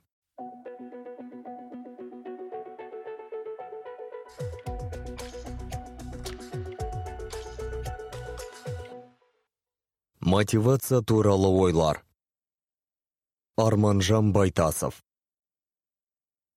қарапайым ақиқаттан бастайын мотивация әрбір адамға қажет бұл тек бизнестегі ғана емес кез келген істегі маңызды мәселе мотивациясыз спортта чемпион болуда музыкалық аспаптарда жақсы ойнап үйренуде мәтіндерді есте сақтауда өлең оқуда кітап жазуда қиынға соғады мотивация барлық жерде керек онсыз тіпті де мүмкін емес. Сені не ынталандыратынын не алға итеретінін табу басқа нәрсе. Әрбір адамның бұл мәселеде өз жеке тәсілі бар. Біреулерді ақша ал біреулерді атағын таландырады. Кейбіреулерді жаңа әсем нәрсе жасау үдерісі ынталандырады басқалардың өнегесі ынталандыратын адамдар бар. Олар өмірбаянды оқи отырып жігерленіп жобаларды іске асырады. Кеңес одағында тапшылық барлық жерде болды. Бірақ өнегелі мысалдар да жетіп артылатын. Себебі ол кезде идеологиялық машина жұмыс істеп тұрды. Мәселен николай островскийдің құрыш қалай шынықты романын алсақ павел корчагин туралы бұл кітап өте жақсы ынталандырушы болған. Бірақ бұл біздің уақытта ынталандырушыны табу мүлде қиын дегенді білдірмейді. Шын мәнінде бізде бәрі де әжептәуір жақсы. Біздің ел мүмкіндіктер шашылып жатқан кең алқап және әрбір адам өзіне әлеуетін ашатындай қолданыс таба алады. Ынталандырушы сәттер де әжептәуір көп. Мен ең кең тараған ақша мен атақ секілді уәждеуіштер туралы айтып жатқан жоқпын. Түптің түбінде басқа да көптеген уәждеуіштер жетіп жатар. Біздің жас ұлт әлі де әртүрлі салада өзінің элитасын қалыптастыру жолының басында ғана тұр. Қазіргі уақытта әрбір адамға қазақстанның дамуына үлесін қосуға және осылайша ел тарихында қалуға жақсы мүмкіндік бар. Бұның өзі үлкен мотивация бола алады. Қазіргі кезде жас буын қандай іспен айналысса да медицинаны дамытама бизнес құрама кітап жазама өз еліне адал қызмет ету жолымен тарихта қалу ықтималдығы жоғары. Және бұл өте қатты ынталандырады әрі жаңа талпыныстарға жетелейді. Иә қазір ақша табыстың басты өлшеуішіне айналуға аз қалды. Ақша әмбебап зат. Өркениеттің туу сәтінен бастап барлық жерде және барлық уақытта осылай болған. Адамдар алтынды құндылық деп мойындап айырбастау пайда болғаннан бастап ақша өте күшті ынталандырушыға айналды. Бұдан қорқатын түк те жоқ. Көп жағдайда өркениет осы ынталандырушының арқасында дамуда. Бұл әбден дұрыс. Бірақ мен ақшаны негізгі құндылық деп ешқашан санаған емеспін. Мен өз алдыма әрқашан ақшадан да маңызды мақсаттар қоятынмын. Көбінесе оған құрал ретінде қарау керек. Егер адам өз сана сезімін қайта құралса және ақша тек құрал ғана деген қарапайым ақиқатты қабылдай алса онда жақсы нәтижеден үміттенуге болады. Нарықтың көрінбейтін қолы деген түсінік бар. Адам бизнеспен айналысып өзін байтады сонымен бірге тұтас елдің экономикасының өсуіне әсерін тигізеді. Кәсіпкер өзі үшін ғана ақша табатын сияқты көрінеді. Бірақ ол жаңа жұмыс орындарын ашады салықтар төлейді ресурстарды жылу электр энергиясы бензин азық түлік және тағы да басқаларын пайдаланады. Ол экономиканы тез жұмыс істеуге мәжбүрлейді. Осы көзқарас тұрғысынан алғанда біздің елде кәсіпкерлер санын көбейтуге тырысу керек. Біз әлі де өз жолын іздеу үстіндегі транзиттік қоғамбыз. Мен біз дұрыс іздемейміз деп айта алмаймын. Жоғарыда айтқандай біз айтарлықтай жас ұлтпыз. Біз әлі өзімізді табамыз. Бізде бәрі алда. Барлық мәселе мемлекет қай жаққа қарай бет алатынында. Шамадан тыс орталықтандыру жағына қарай ма? Немесе либералды реформалар жағына қарай ма? Мен либералды реформаны жеке адамға бағытталған әдісті жақтаймын. Әрбір жеке тұлғаға өзін көрсетуге көп мүмкіндік берілген қалаймын. Мен бастама жағындамын. Әр адам өз бизнесін ашып дамытатын мүмкіндік алса деймін. Әрине басқа да партия бар. Шартты түрде айтқанда ол қазақстанда шамадан тыс шоғырлану суперхолдинг үлкен корпорациялардың элементтері арқылы мемлекеттік капитализмнің әйтеуір бір түрін құрып жатыр. Бұл да жолдардың біреуі. Бірақ менің позициям бөлек. Бүгін біз мотивация тақырыбына қатысы бар өнімдерге қызығушылықтың артуын бақылап отырмыз. Ынталандырушылық дәрістер көп өткізіледі және кітаптар да көп шығарылады. Әр адам өзінің мүмкіндігін жүзеге асыруда табысқа апарар жолға түсуді қалайды. Адамдар интернет желісін пайдаланады google жүйесінде іздейді семинарларға қатысады кітаптар оқиды. Жаңа уақыт адамдарға жаңа мүмкіндіктер береді. Бұл өте жақсы. Адамның ынталылығы мен оның бизнесте табыстылығы арасында тура арақатынастылық бар.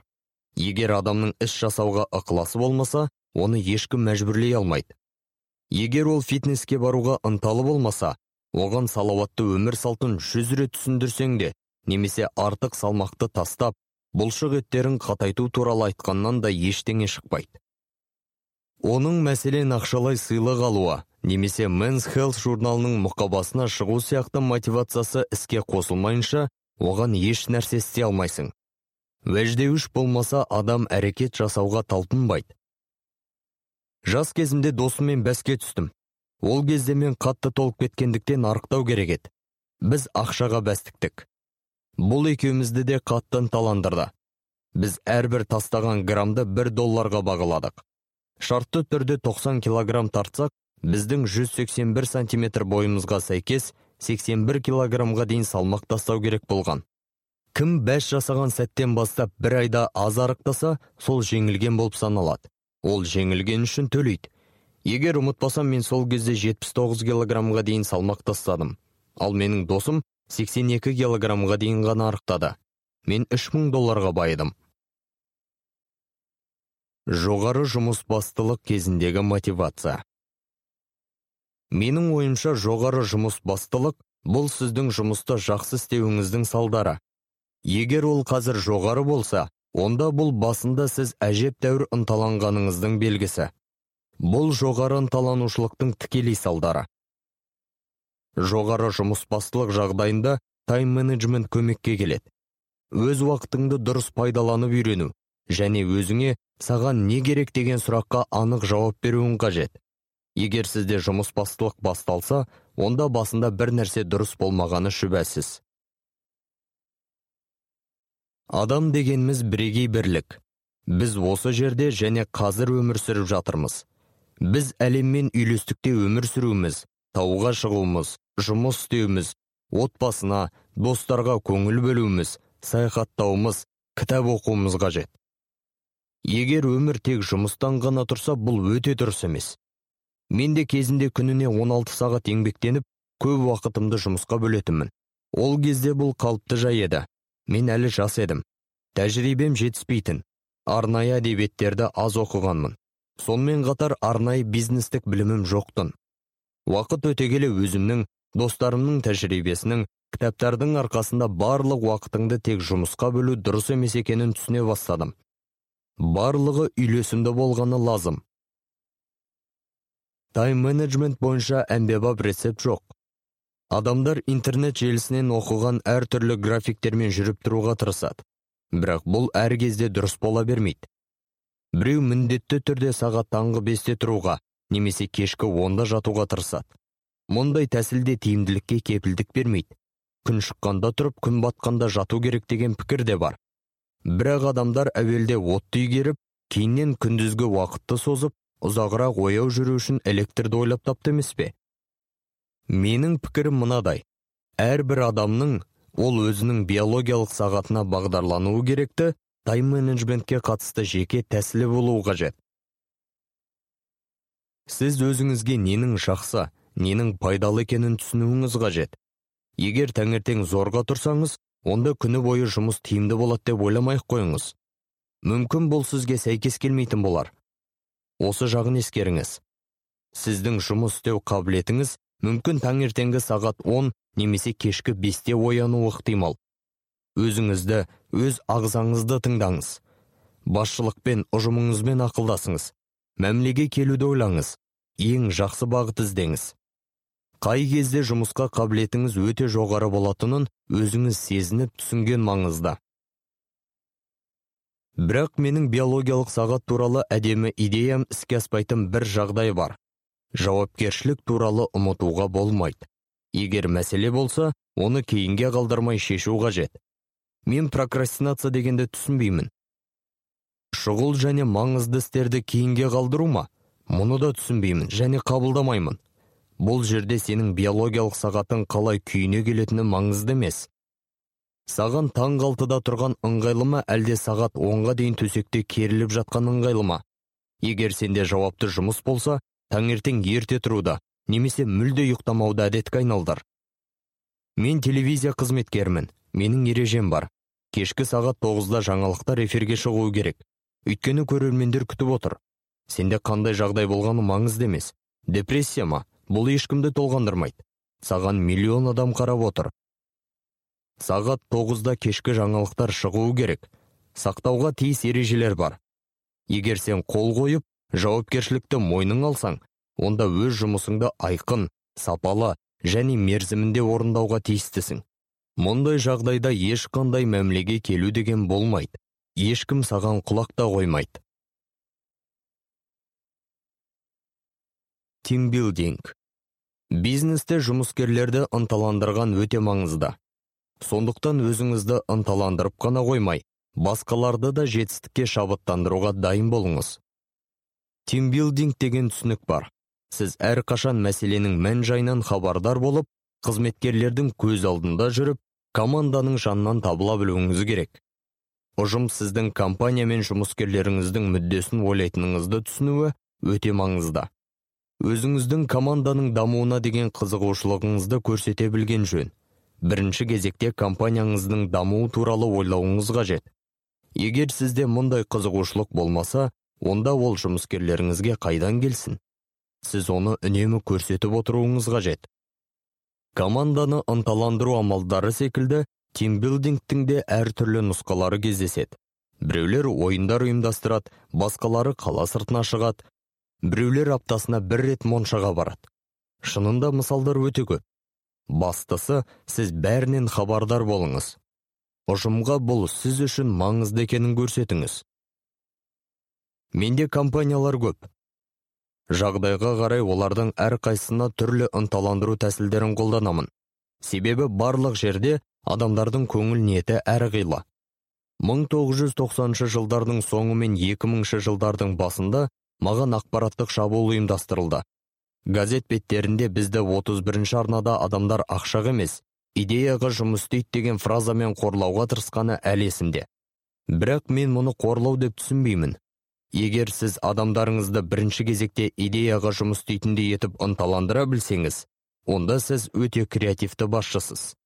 Және оған корпоративтермен бе күнделікті жоспарламамен бе тауға шығу арқылы ма қалай қол жеткізгеніңіз маңызды емес.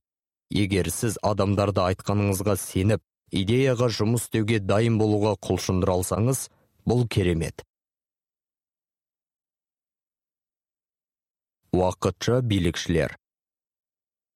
Уақытша билікші синдромы деген түсінік бар. Уақытша билікшілер ел үшін өте залалды. Себебі олардың ынталануы мен ұмтылысы мемлекет дамуының басымдықтарына тікелей қарама қайшы ашығын айтқанда уақытша билікші синдромы қоғам мүддесіне тікелей залал келтіру. Егер адам үлкен мемлекеттік лауазымда немесе қарапайым шенеунік болып жұмыс істесе және ол адамда осы синдром болса онда бұл елге үлкен зиянын тигізеді. Сондықтан мемлекеттік аппаратқа басқаша құрылып ынталандыру жүйесін қайта жасау қажет. Өкінішке қарай бұл құбылыс бізде кеңінен тараған. Неге бұлай екенін көрсететін факторлар көп. Мемлекет бұл мәселеден хабардар мемлекеттік аппаратты бұл жағдай ойландырады және егер Қазақстанда өмірді дамыту мен жақсартуға ынталанған адамдардан уақытша билікшілер көбейіп кетер болса, онда біз бәрінен, тіпті елден де айырылуымыз мүмкін екенін жақсы түсінеді.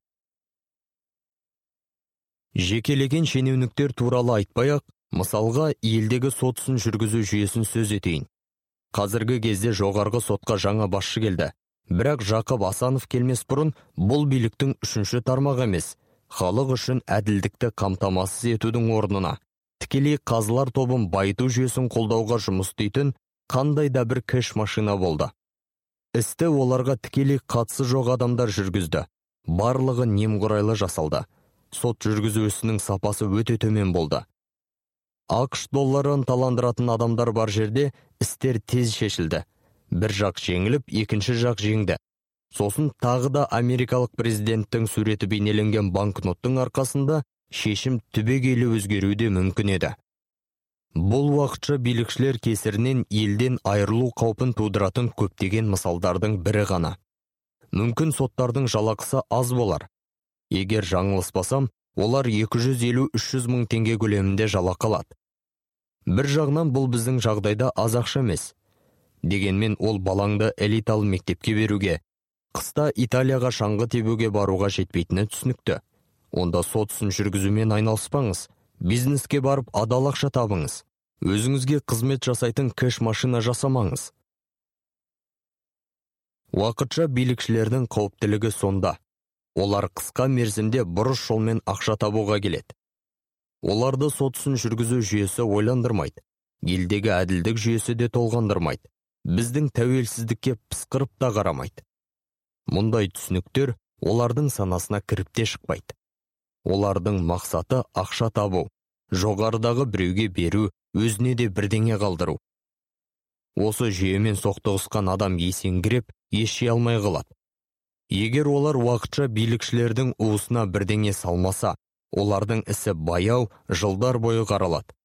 Ал егерде сыйлықтар сыйлап жіберсе онда жүйе тезірек олардың жағына шығады. Және бұл мәселе барлық жерге тамыр шайған. Ол метастаз секілді әрекет етеді. Біздің тегін медицинаны алыңыз. Бұлайша бәрі жақсы сияқты. Әрбір адам тегін медициналық көмектің кепілденген мөлшерін алуға құқы бар. Бірақ ақша төлесеңіз сізге жақсырақ палатаны ұсынады. Қымбатырақ дәрілер жазып береді. Егер перзентханада төлесеңіз онда жұбайыңыз үшін жақсы жағдайлар жасалады. Коррупция үлкен болсын кіші болсын ынталандыруды да елге деген сенімді де осы жерде бір нәрсеге адал әрі әділ қол жеткізем деген сенімді де жояды. Дегенмен салым суға кетіп еңсемді түсіруден аулақпын. Елімізде өзіңнің әлеуетіңді ашуға мүмкіндік беретін салалар өте көп. Біздің ел өте бай. Біз дамудың бастапқы сатысындамыз. Біз үшін барлығы енді ашылып жатыр. Бізде бәрі де алда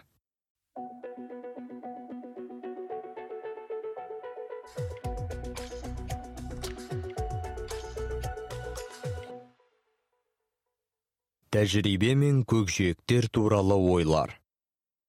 Нұрлан смағұлов.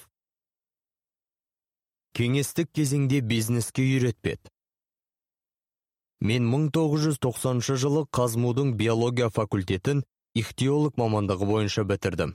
Ихтиология ғылымы бизнестен тым алыс болатын. Соған қарамастан жаратылыстану ғылыми білімінің арқасында кәсіпкерліктің ең басты негіздерін меңгердім. Менің диплом жұмысым қапшағай су қоймасындағы жас балықтар өсімінің әртектілік мәселесіне қатысты болды. Қазіргі бизнес жөніндегі кітаптардың атауы қысқа әрі тартымды естіледі. Әлбетте оқырманның менің диплом жұмысым сияқты астары мол аты да ерекше еңбекке қызыға қоюы екіталай болатын. Дегенмен ол менің бизнес туралы ең жақсы әдеби туындыма айналды. Ихтиолог бизнесте. Менің ғылыми жетекшім виктор карповты жұрт боцман деп атайтын. Өйткені оның алғашқы тегі боцмановский болатын. Дарынды адам еді. Менен небәрі үш ақ жас үлкендігі бар. Екеуміз бірнеше жыл бойы балқаш іле суларының тереңдігін өлшеумен шұғылдандық. Балқаш сағасында қапшағайда біз айлар бойы тереңдікті өлшеп қышқылдықтың тұздылықтың талдауын жасадық. Азық пен өсімдіктер жинадық судың қызуын шамаладық. Балық ұстап оның іш құрылысын тексердік. Сосын мен қыс бойы балықтың қабыршығына қарап оның жасын анықтадым. Кесте жасадым. Ондай кестелерім көп болатын. Менің бұл әрекетім басқаларға күлкілі де көрінетін. Шын мәнісінде өте ауыр жұмыс тұғын. Жаз бойы батпақ кешіп практикалық материал жинайтынмын. Ал сосын қыс бойы микроскоппен формалинге салынған балықтың ішек қарнын зерттейтінмін. Алайда нәтижесінде диплом жұмысыма қажетті бай материал жинап алдым. Сөйтіп бір заңдылықта балық генерациясының қай кезде сәтті болатынын анықтадым. Сол немесе басқа жылы популяцияның таралуына шаққанда балықтың өсіп өнуіне қолайлы әсер ететін доминантты және рецессивті факторларды анықтай алдым. Айталық әлдебір жылдары балық жылдам көбейетін. Жалпы тауарлы үйір былайша қалыптасатын. Биылғы жылдың балығы мол болса ал келесі жылы ондай өсім бермейтін. Одан кейінгі жылдарда мүлдем көбеймей қоятын. Виктор карпов екеуміз бір кезеңде өсіп өнуге көмектесетін немесе кері әсер ететін доминантты және рецессивті факторларды да анықтадық. Диплом жұмысымда бас аяғы жеті тұжырым жасалды. Мәселен бірінші тұжырым бойынша мынадай қорытынды шығарылды. Генерация доминантты факторларға сәйкес бір-бірінен қатты ерекшеленеді. Қапшағай су қоймасы үшін азық басты доминантты фактор. Ал екінші орында судың тұздылығы тұрады. Екінші тұжырымға сайсақ кейбір жылдары генерация сәтті болды. Өйткені онда нақты 10 фактордың сегізі бір-біріне сәйкес келді. Ауқымды жұмыс тындырылып қазір өзім бизнесте қолданып жүрген алгоритм алынды. Алда жалда нарықтың көрсеткіштерін білсем мен одан басқа сандар құрастырып болашақтағы ахуалдың даму барысын болжай аламын. Ол үшін маған өте көп мөлшерде деректік материал қажет. Компаниядағылардың бәрінің дегбірін қашырып графиктер мен диаграммалар құруға мәжбүрлейтін кезім көп. Бұл шаруа көбінің қолынан келеді бірақ түйін жасауға құлықсыз. Ал ол бизнестегі ең керемет нәрсе ғой. Аткөпір ақпараттардан 5-6 тұжырым жасауға тура келеді. Қосымша тұжырым мүлдем қажет болмайды. Диплом жұмысын жазып жүрген кезімде алдымен далалық зерттеулерге және барлық детальдарға байыппен қарауды үйрендім. Онда ұсақ түйектеген болмайды. Сосын өз бетімен жұмыс істеп міндет қоюды да үйрендім. Ал үшінші ең басты нәрсе дұрыс тұжырым жасауға дағдыландым. Соның бәрін мен бизнеске ала келдім. Міне осындай қызық жағдайда ихтиология кафедрасында жаратылыстану ғылымы саласында білім алу арқылы ең үздік бизнес білім алған шығармын. Меніңше бизнесмен үшін жаратылыстану ғылыми немесе техникалық білім өте маңызды. Өйткені ол себеп салдарлы байланыстарды ұғынуға көмектеседі. Аға ғылыми жетекшім профессор митрофанов менімен былай жұмыс істеді. Алдымен диплом жұмысы кестелердің атаулары парақтардың нөмірленуі дұрыс болуға тиісті тұғын. Тұжырымдамалардың сілтемесі мен сипаттамасы да талап етілді. Қазір осындай талаптарды мен өз қызметкерлеріме де қоямын. Көлемі ауқымды ақпаратты құрылымдау маған бизнесте көп жылдар бойы жүруге мүмкіндік туғызып келеді. Кездейсоқ ештеңе болмайды. Цифрлар мен графиктерге сүйене отырып даму динамикасын байқаймыз салыстырамыз қорытындылар жасап шешімдер қабылдаймыз. Тек қазір балық қабыршағының орнына брендтер бойынша жүргізілетін сауда жұмыстарын қадағалаймыз және зерттейміз. Әр жылға ықпал ететін ықтимал әсерлерді анықтаймыз. Нарықтық ортаға қандай факторлардың жағымды қандай факторлардың жағымсыз екенін нақтылаймыз. Дұрыс қорытынды жасаймыз. Біздің бірнеше сауда орталығымыз бар. Неге екенін олардың кейбіреуінде жұмыс жақсы жүрсе ал екіншісінде ақсап жатады. Бұл екі орталықтың орналасқан жері екі қапталда. Оларға бір біріне ұқсас бизнес шешім үлгісін қолдануға болмайды. Сондықтан биология тілімен айтқанда біз әр популяцияға сәйкес өз шешімін жасаймыз. Осы білімнің бәрін мен ихтиология кафедрасынан өзімнің диплом жұмысымнан алдым. Бизнес туралы көп кітап оқыған жоқпын. Талай мәрте маған әртүрлі кітаптар ұсынғандар да болды. Есесіне мен әлемдік классикалық әдебиетті толығымен оқып шықтым. Және біраз нәрсе есімде сақталып қалды. Бәлкім осы әдебиет маған өмірде де бизнесте де зор күш қуат беріп жүрген болар. Бүгінде өз ұстаздарымды үлкен ризашылықпен және жылылықпен есіме аламын. Ол кезде жұрт жаздың қызығын көріп демалып жатқанда демалыс деген менің ойыма кіріп те шықпайтын. Алайда қазір соның нәтижесін көріп отырмын. Авторитарлы менеджмент.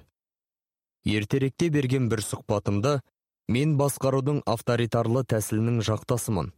Меніңше біздің аяғымыздан нық тұруымызға көмектескен де сол. Әр күн сайын басыңнан асатын шешім қабылдау керек жағдайда құрал жинауға уақыт табылмайды деппін. Қазір де тура солай.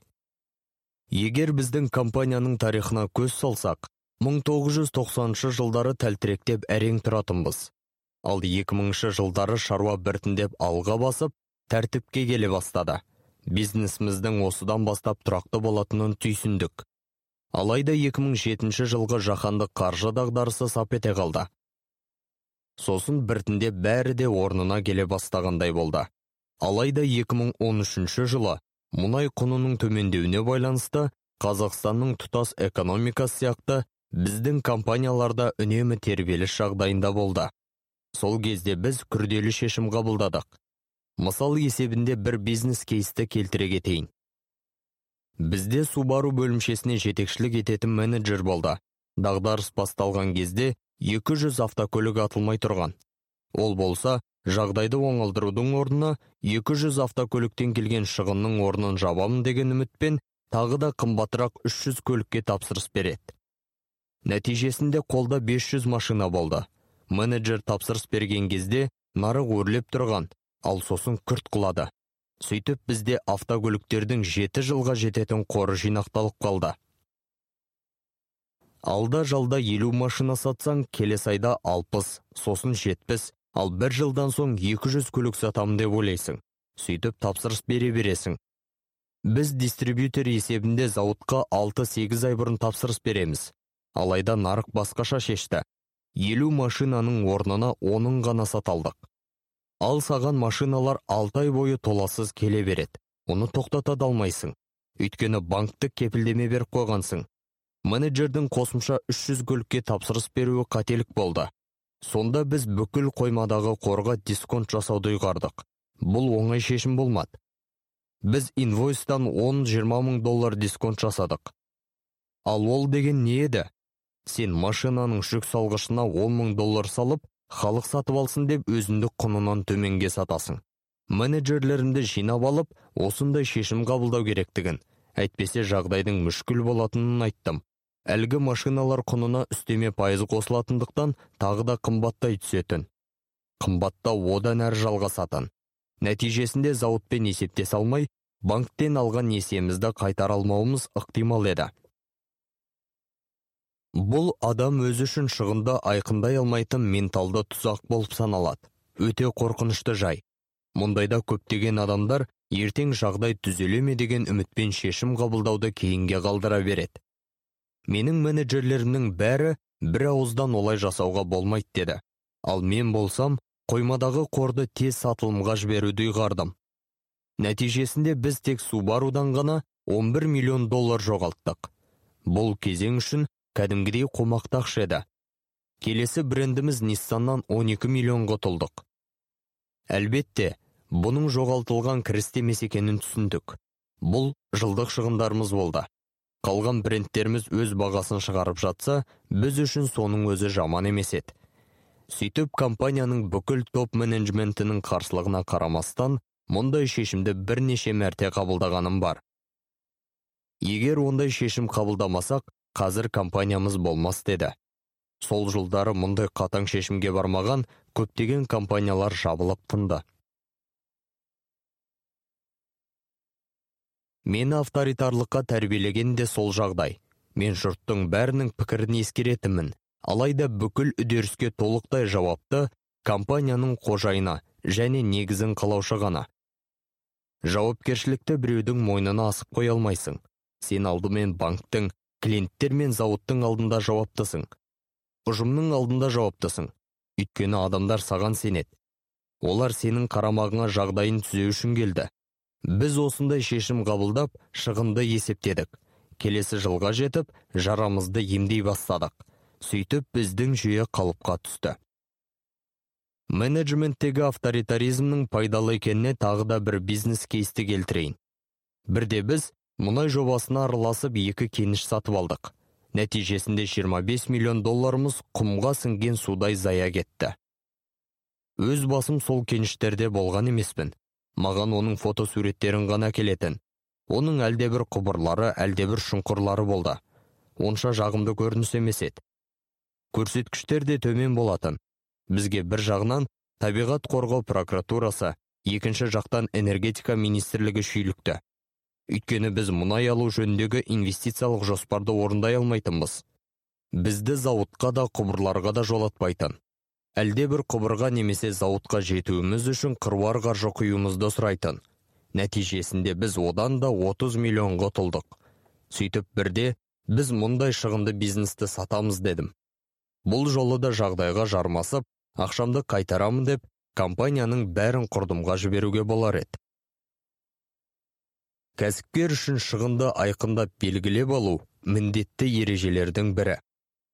Шығынды айқындап белгілеуде қатаң шешім қабылдау авторитаризм.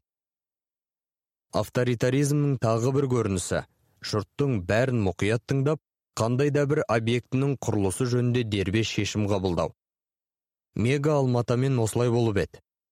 Сарапшылардың бәрі бір ауыздан розыбакиев көшесінің болашағы жоқ екенін айтқан. Өйткені ол жерде барактар иесіз зауыт тұрды қылмыстық ахуал да қолайсыз болатын. Маркетингтік тұрғыда орналасқан жері де ыңғайсыз еді. Біз банкке бардық. Олар бізге сенімсіздік танытты. Сарапшылар мен талдаушылар банктерде сәтсіздікке ұшырап күйрейсіңдер деп болжам жасады. Соңынан жұрттың бәрі таңғалып неткен көреген едіңдер жақсы көшені қолға түсірдіңдер оның әл фараби даңғылына жақын екенін қалай байқамай қалдық десті. Шынын айтқанда ол кезде қолдамағандар өз ұжымымызда да болды. Бірақ мен нақты шешім қабылдап құрылысты бастап жібердік. Авторитаризм көп қырлатау. Оның оң тұстары да бар. Қазір ойлап отырсам менің авторитарлы шешімдерімнің 80 пайыздайы дұрыс 20 пайызы қателік болыпты.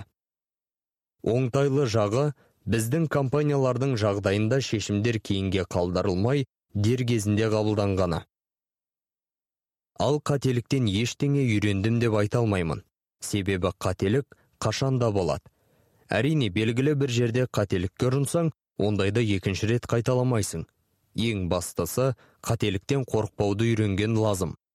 Егер бұған үйренбесең жұмыс жасауды бір жола доғардың деген сөз. Барлық қателікке қарамастан біз қашан да тың тәуекелдерге барып тұрамыз? Егер адам өз қателігінен сабақ алғанын енді ешқашанда алданып қалмайтынын айтса демек ол тәуекелден де шұғыл әрекеттен де бас тартты деген сөз. Ал ол дегеніңіз өте жаман нәрсе. Мен кеткен қателіктерге өкінбеймін. Олар тек табыс пен тәжірибенің өтеуі ғана. Тағы да бір кейс туралы айтып берейін. Біз шымкентке макарон фабрикасын салдық тәп тәуір жұмыс істеп тұрды.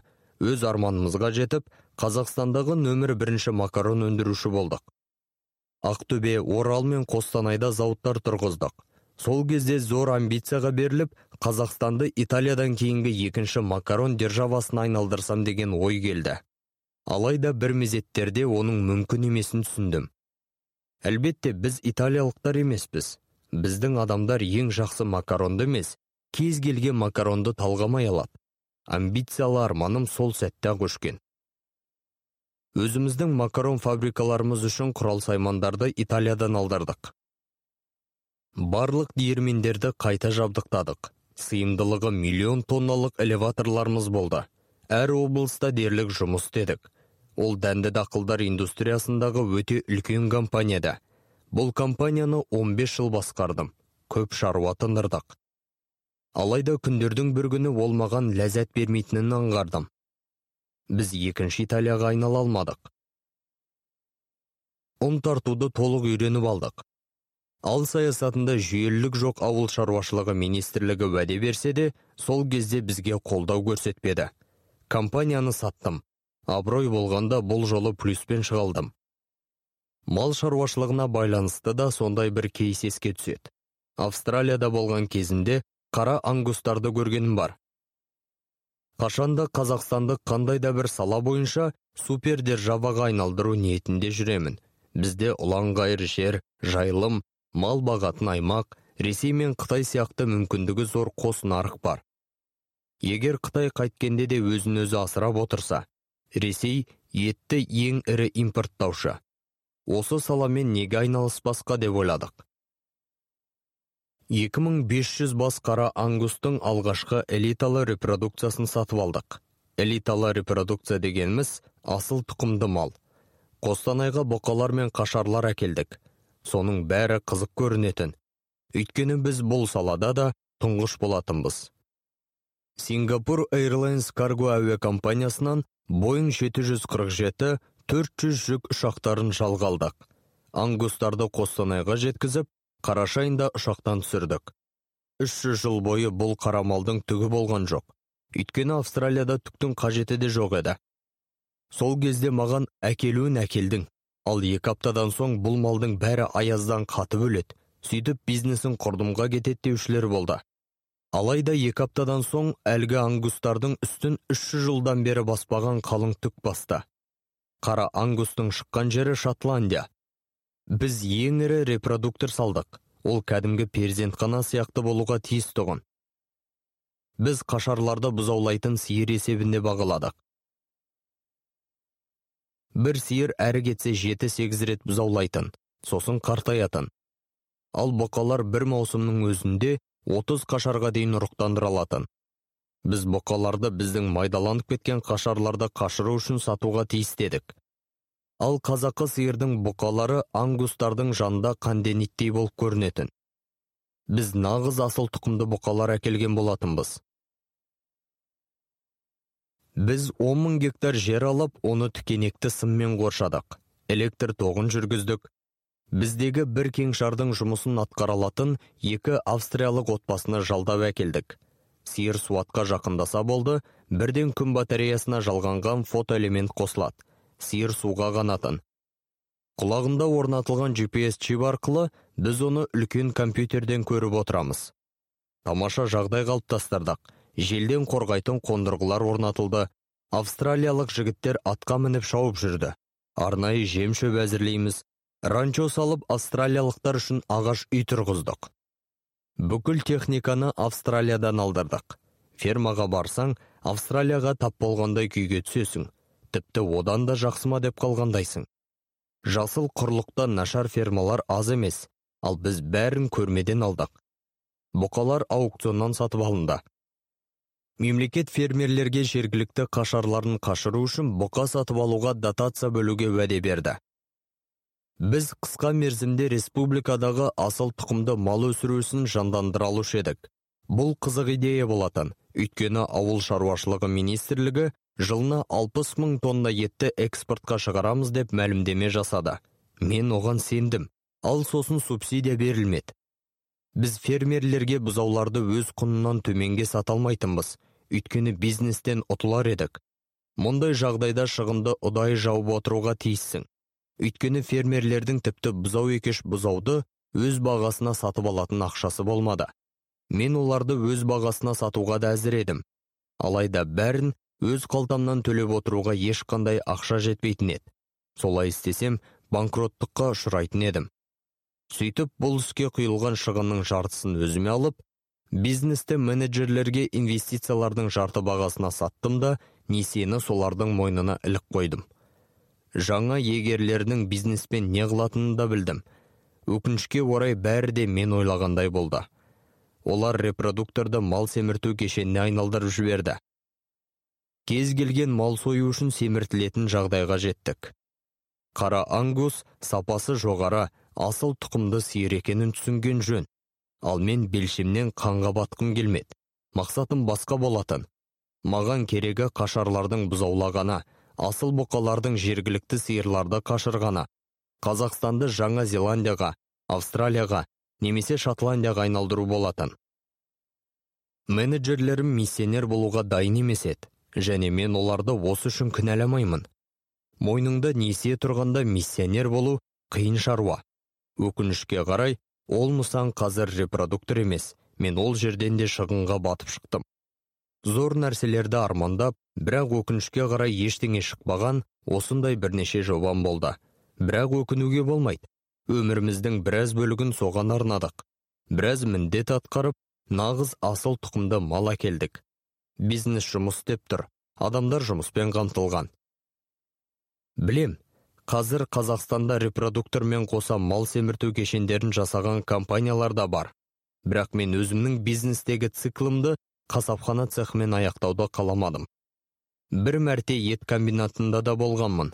Менің көз алдымда сиырды тоқпен ұрып сосын аяғынан асып электрлі пышақпен соя бастады. Мен бұл көріністен жиіркендім. Бұл жерден ешқандай көгілдір мұхитты да көре алмадым. Сондықтан да бұл бизнестен шығып кеттім. Жалпы біз компания есебінде соңғы өнімі шабыт беретін бизнес түрлерімен айналысамыз. автомобильдер сатамыз. Бәрі өте әдемі көрінеді. Сәнді шоурумдар мұнтаздай таза қызмет көрсету аймағы. Сауда орталықтарымыз бар. Сіз сонда өз отбасыңызбен келесіз. Жұбайыңыз зат сатып алады. Балаңыз батутта секіреді. Сосын сіздер бірге киноға кіресіз. Осы сәт бақыт сыйлап сіздерді біріктіре түседі. Міне біздің айналысатын бизнесіміз осындай. Біз адамдарды таңғалдырамыз. Біз олар аралассын деп ыңғайлы орта қалыптастырамыз жағымды эмоцияға бөлейміз. Біз өзімізде қашанда өзімізге қызықты бизнес түрлерін ғана қалдырамыз. Ақтөбеде шымкент пен астанадағы мегаларды саттық. Мен ол жақтағы бизнестен болашақ күткенім жоқ. Өйткені ақтөбеде тұрмаймын ондағы мегаға да бармаймын. Сондықтан ол маған қызық емес. Біздің бизнестің моделі екінің біріне жарай бермейді. Оның эмоциялық тұстары көп. Егер біз қолмен ұстап көзбен көргенде ләззатқа бөленбесек әдетте ондай бизнестен қол үземіз. Бизнес үшін ол да дұрыс емес. Бәрін білу бәрін жақсы көру мүмкін де емес. Бизнеске бизнес ретінде ғана қараған абзал. Біздің компаниялар осындай негізде жұмыс істейді. Сондықтан жұмысы алға басып отырады. Біз басқа қалалардағы сауда көңіл көтеру орталықтарын саттық. Өйткені ол жаққа барған емеспін. Орталықты көзіммен көріп рахаттанған да жоқпын. Әр апта сайын қазір қолда бар сауда орталықтар мен автоорталықтарға барып тұрамын. Маған бұл ұнайды. Қазақстанда мемлекеттің қатысуынсыз айналысуға болатын бизнес түрлері онша көп емес. Ешқашан мемлекеттік тендерлермен байланысып көргеніміз жоқ. Өйткені онда өзіме ұнамайтын көптеген субъективті факторлар бар. Біз ондайдан қашқақтаймыз. Бізде ешқандай жиілік те рұқсат та құбырлар мен кабельдерде сондай ақ мемлекет жұмысын жүйелеп отыратын бірде бір бизнес жоқ. Ондай бизнес түрлері көп емес. Өкінішке қарай көптеген бизнес түрлері қазір трансұлттық компаниялардың немесе самұрық қазына бөлімшелерінің төңірегіне ғана шоғырланған немесе бюджетке тәуелді. Ал бізге оның қажеті жоқ. Біз сауда орталықтарын саламыз. Мұндайда басқа бір нақты адамның жетекшінің немесе қандай да бір ведомствоның алдында кіріптар болмайсың. Бұл салада адамдар аяғымен және әмиянымен дауыс береді. Біздің ең басты тапсырыс берушіміз де тұтынушымыз да балалар. Біз соларға арқа сүйейміз. Біз мүмкіндіктер шекарасын кеңейтіп балалар үлкендерді ертіп келетін бақыт аймағын қалыптастырамыз. Ата-аналар қаласа да қаламаса да жақсы сабақ үлгерім үшін бонус есебінде балаларын мега қалып келеді. Бизнес моделіміз осылайша жұмыс істейді. Автомобильдерге келсек оларды сату және дұрыс қызмет көрсетіп қосалқы бөлшектерді дер кезінде әкелу тұтынушыны рухтандыру таңғалдыру керек. Астана моторс саудасының 97 пайызы бөлшек саудадан тұрады. Оның тек 3 пайызын ғана корпоративті сектор жабады. Біз жылына 10-15 мың автомобиль сатамыз. Сенің жақсы бренд портфолиоң болуы шарт. Өзіңді де адамдарды да шабыттандырып отыру үшін жұмыс істегенің лазым. Сондықтан біз жақсы автоорталықтар саламыз. Онда өнер туындыларынан ләззат алып балалар бұрышын көресіз. Әдеттен тысқары ойлайтын адамдармен кездесіп мүдделерге сәйкес қауымдастықтың бір бөлшегіне айналасыз. Кофеханадан кофе ішесіз. Біз осындай атмосфера қалыптастырамыз. Адамдар салонымызға келгенде брендіміздің бір бөлшегіне айналғысы келгенін қалаймыз. Бүгінде еліміздегі жаңа автомобиль саудасының 23 пайызы астана моторстың үлесінде. Адамдар ондағы атмосфераны абырой беделді адалдық пен сапаны жақсы көреді. Шаруамыздың алға басуының бір себебі де сонда. Бүкіл бизнесіміз адамдарға бағытталған әрі мемлекетке тәуелді емес. Әлбетте мемлекеттен қорқатын жайымыз да бар. Елдегі кәсіпкерлеріміздің арманы біздің ештеңемізді тартып алмас екен. Біз лакшери сегментте сауда орталықтарын салмаймыз. Өйткені ол тұрғындардың екі ақ пайызын қамтиды. Алайда бізге асқан байлар мен дәулеті орташалар да келеді. Өйткені ата анасының әл ауқатына қарамастан кез келген бала батутта секіруге кино көруге құлықты. Ал мен үшін табыс өлшемі бизнес қуаныш әкеліп жатқанын сезіну. Көкжиектер. Кейбір тоғышарлардың жастар істейтін шаруа қалмады. Бәрінің қожасы бар енді қайда мұрын сұғасыңдар? Және тағы басқа пікірлері күн сайын жоққа шығарылуда. Көріп отырсыздар силикон алқабы пайда болды.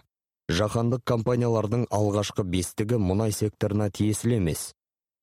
Ал осыдан 10 жыл бұрын әлдегімнің бритиш петролиум немесе шелдан да қымбат компания құруы мүмкін деген ой ешкімнің де басына келмейтін. Әлем тез өзгеріп жатыр. Конъюнктура ландшафт өзгеруде. Бәрі осылайша жылдам өзгереді деген ой ешкімнің миына кіріп те шыққан емес. Мен өз бизнесімнің алдында тұрған көптеген сынтеге үріндерді көріп отырмын. Қазір электромобильдер пайда бола бастады. Жөндеуді қажет ететін жері жоқ. Бір ғана текшеден тұрады. Оның көлемі жыл өткен сайын кішірейе түседі. Ал оның жұмыс істеу мерзімі барған сайын арта береді. Теслаға қараған кезімде қатты қапаланғаным есімде. Жүк салғышын ашсаң іші бос. Алдыңғы капотында да түк жоқ. Бұл дегеніңіз келесі үлкен челлендж. Адамдар машина сатып алуды азайта бастады. Өйткені уберлер каршерингтер пайда болды. Жаңа уай буынының өкілдері пәтерге де машинаға да басқа материалдық игіліктерге де қызықпайды. Өз балаларыма қарап тұрып бізге тән болған пәтер гараж немесе саяжай сатып алуға деген құлықты байқай алмаймын. Оларға керегі білім мен әлде бір қиырға сапарлау ғана. Оларды материалдық тұрғыда ынталандыратын да ештеңе жоқ. Біздің компанияны алаңдататын да осы. Электронды коммерция сауда орталықтары үшін қолайсыздықтар тудыруда. Адамдар көздерін смартфоннан алмай ақ зат сатып алуда оны тұтынуды қалайды. Сатып алғың келсе смартфонға кіресің пішініңнің мөлшерін жазасың. Өзіңді үшті проекцияда суретке түсірсең болды. Қажет киіміңізді үйге өздері әкеліп береді. Әзірге оның бірі жоқ бірақ ертең болатыны күмән тудырмайды. Ақшта сауда көңіл көтеру орталықтарының дәурені өтіп жатыр. Онда жыл сайын ондаған орталықтар жабылуда. Фотосуреттен кейбіреуінің төңірегін өскін басып кеткенін көрдім. Алайда ақш пост урбанистикалық мемлекет. Олар әбден тойынған. Ал кеңестер одағынан кейін біз әлі де ашқұрсақ күйдеміз. Ретроград деңгейінде ойлайтын үлкен компаниялардың жұмысы құлдырап төмендей береді. Олардың орнына жаңалары келеді. Тұтыну жүйесі талғам жүйесі өзгеруде. Мемлекеттен гөрі қалалар бәсекеге қабілетті бола бастады. Адамдар селолық аймақтардан қалаға жаппай көшіп жатыр. Бұрын кездестірмеген жаңа тұтынушы пайда болды. Адамдар үйде тамақтануды қойып мейрамханаға барады фастфуд жейді. Бұл бизнестің жаңа саласы. Адамдар үйге тамақ тасып жүргісі келмейді. Жеткізетін қызмет бар. Осының бәрі ландшафтты қатты өзгертуде. Мен бұдан өмірді жаңадан бастаған жас бизнесмен үшін емес мен сияқты нарықта өз позициясы барлар үшін қауіп күтемін. Компанияны қалай сақтап қаламын? Ертең ұжымымды қалай асыраймын деп басымды қатырамын? Біз адамдардың ештеңе сатып алғысы келмейтін машиналарда сынбайтын дәуірдің қарсаңында тұрмыз. Қазірдің өзінде астанадағы сервисімізді қысқарта бастадық. Кузов цехы жарты күн жұмыссыз қаңтарылып тұрады. Оның себебін қарастырдық. Астана бойынша 1500 жылдамдық өлшеуші орнатылды. Фастлейн автобус жолағы белгіленді. Қазір машиналар бір бірімен көп соғыспайды. Бизнесіміздің ауқымы тарылып кузов цехы оның механиктері табыссыз қалды. Жол қозғалысының ережесі күшейіп жол жақсарып тұтынушы мәдениетті бола бастады. Бір қарағанда түкке тұрмайтын ақсын теге үріндер бірақ нәтижесі орасан зор болып жатыр. Өскелең ұрпақ болашақтан қорықпай білім алып стартаптарға барып урбанистиканы зерттеумен айналысса лазым дер едім. Іс жүзінде тауашарлар жеткілікті. Қорықса мен сияқтылар қорқуы керек. Біз толқынға жұтылып кетпей жаңа ландшафтқа интеграциялану мәселесін шешуге бас қатыруға тиіспіз. Таяуда бостонды аралағаным бар. Көптеген дүкендер жабылып жатыр. Біздегі технодомдар сияқты радиошек торабы банкротқа ұшыраған. Олар дер кезінде бейімдел алмады және e-commerceқа әзір болмады. Өз кезінде netflixте бейне өнімдерін жалға беру желісін күйретті. Уолт Дисней суреті салынған анимацияны өнерге айналдырды. Алайда ол негізін қалаған Дисней компаниясы дер кезінде компьютерлік технологияларға сүйенген пиксарды сатып алмағанда олар да құрып кетуші еді. Әйтпесе құрдымға кеткен кодек компаниясын еске алыңыз. Бәрі де өзгеріп жатыр. Дер кезінде жаңа трендтерді байқап бағамдап уақыттың сын тегеуріндерін қабылдау керек. Жас кәсіпкерлер бұған дейін қалыптасқан активтерге көз салмауы керек. Сауда орталықтарының ғимараты болашақтың экономикалық ландшафтында ештеңеге де татымай қалатын болады. Тіпті жер мен ақша да солай. Идеялар мен оларды кеңістікке енгізудің жылдамдығы бағаланатын болады. Ойлау және өзгеруге әзірлік жылдамдығының құндылығы артады. Жасы келгендіктен мен сияқты консервативті көзқарастағыларға өзгерудің қиынға соғатыны да белгілі. Физиологиялық метаболизмге сәйкес мен де көптеген үдерістерге ілесіп үлгермеймін. Алайда өзгеруге тырысам. Мүмкін маған бұл өзімнің көптеген құрдастарымдай емес оңайға түсетін шығар. Бүкіл әлем жаңарып жатыр. Онымен бірге біз де жаңаруға тиістіміз.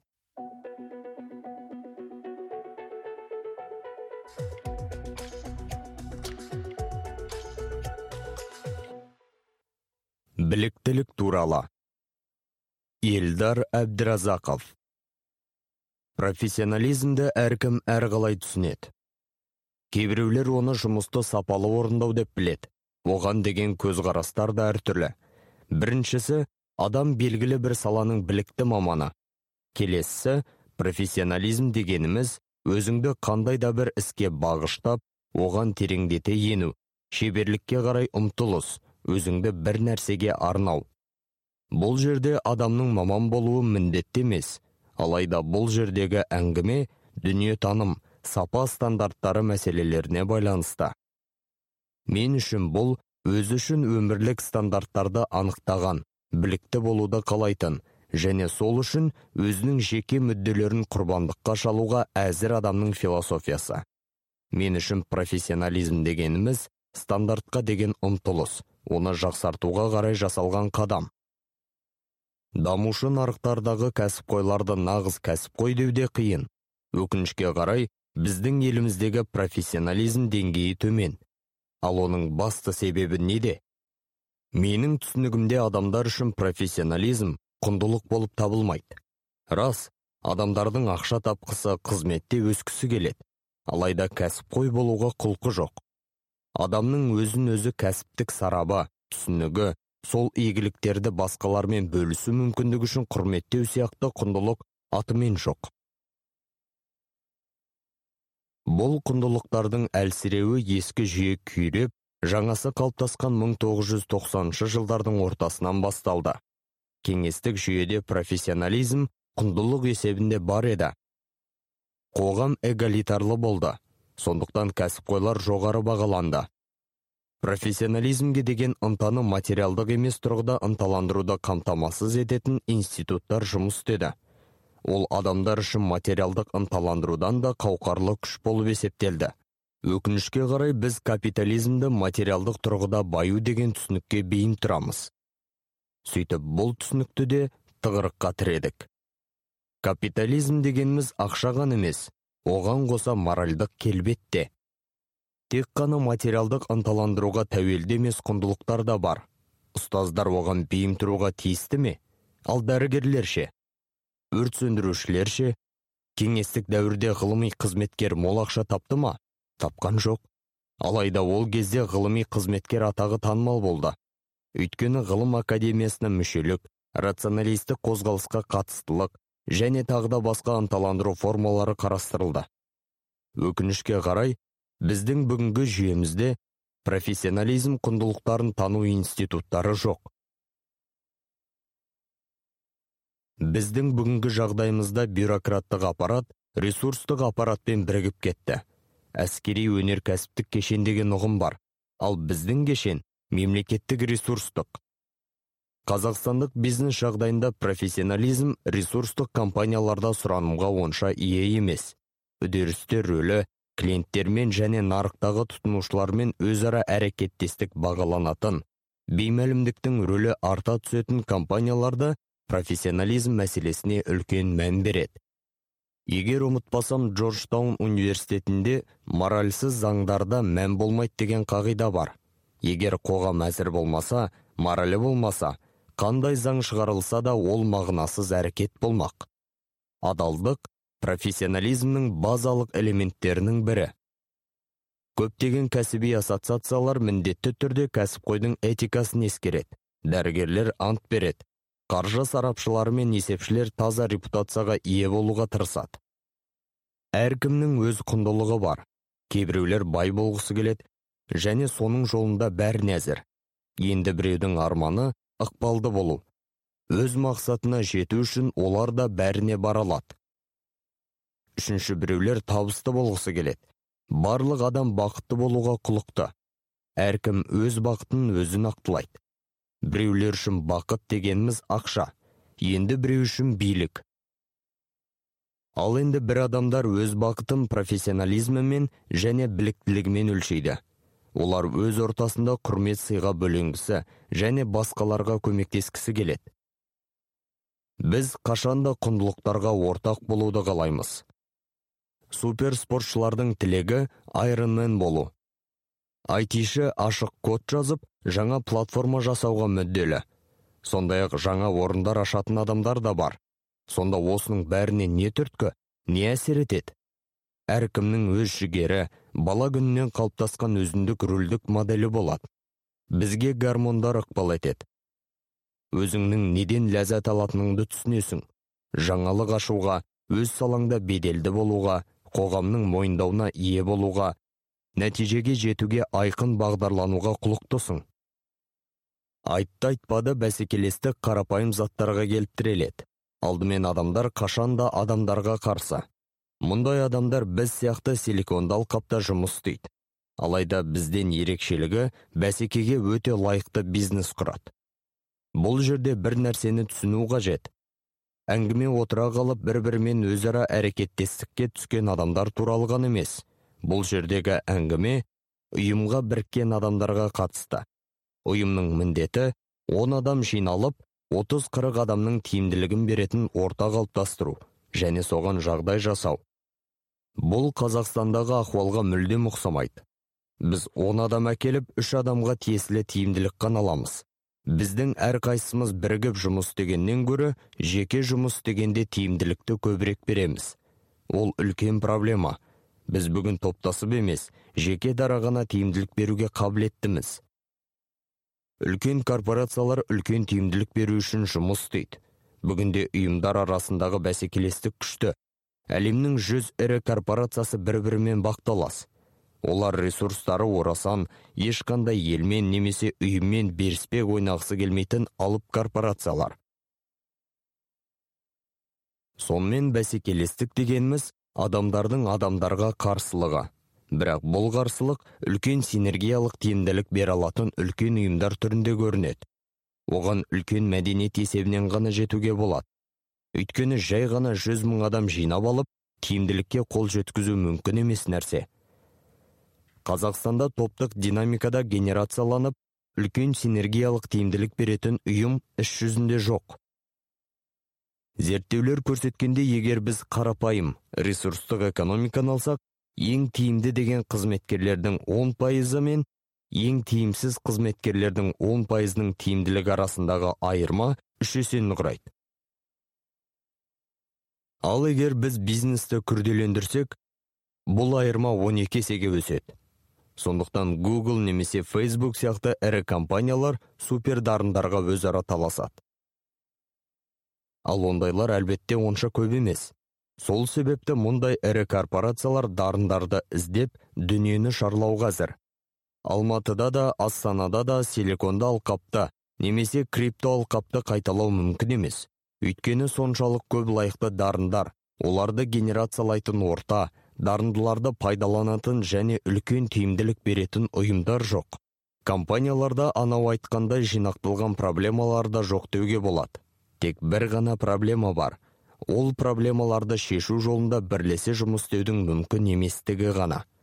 Біз азаматтық қоғам ретінде әзірге бірлесе жұмыс істеуді үйренген жоқпыз.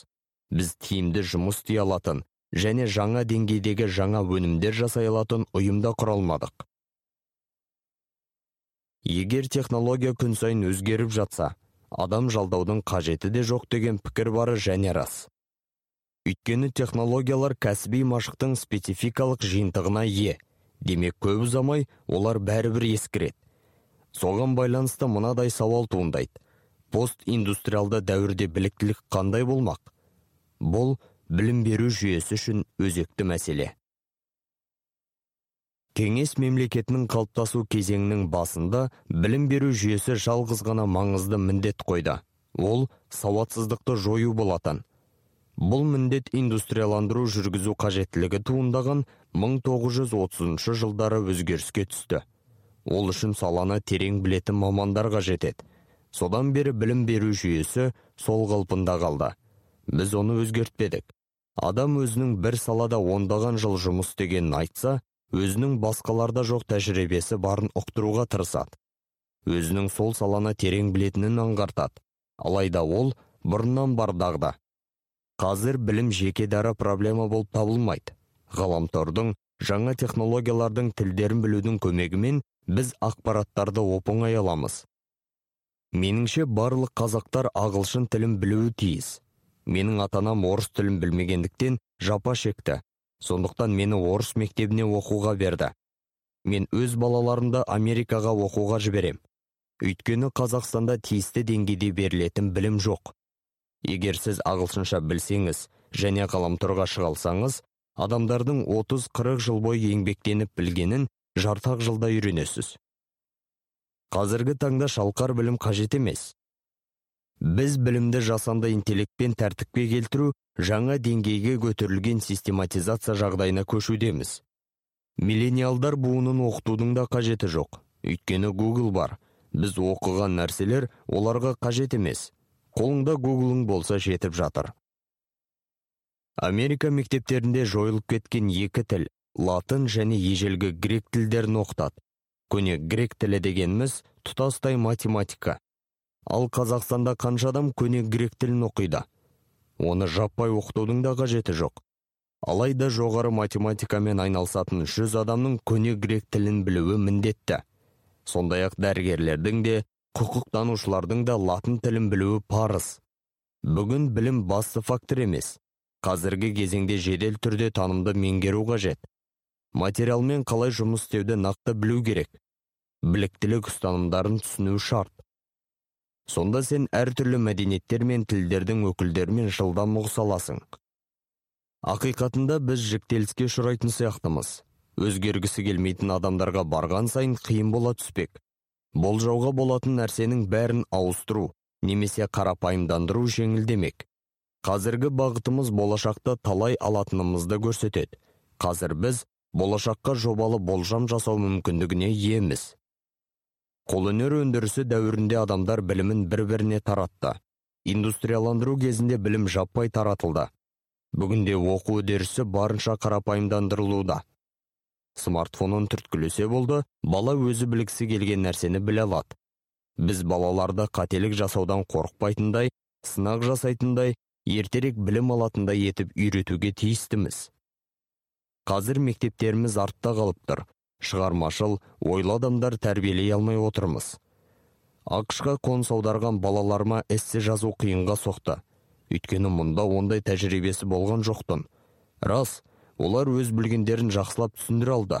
Тәртібімен ерекшеленді бірақ олар жаңа өзгеше идеялар туындата алмайтын. Қазіргі ең үлкен біліктілік жаңа білім қалыптастыру. Ал ондай адамдар болашақта аз болады.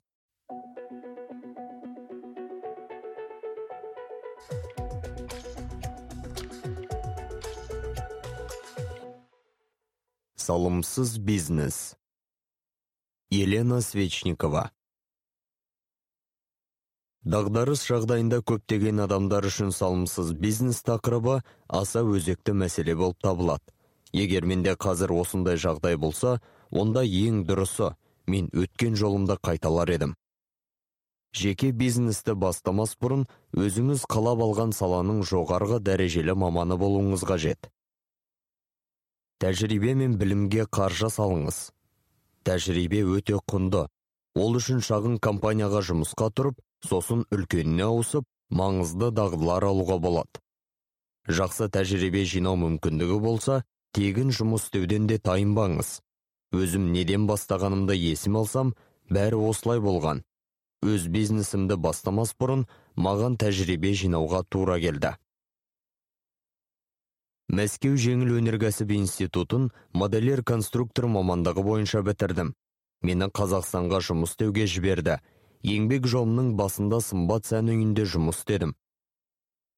Осы жерде алған тәжірибемнен кейін ары қарай жылжу керектігін түсіндім.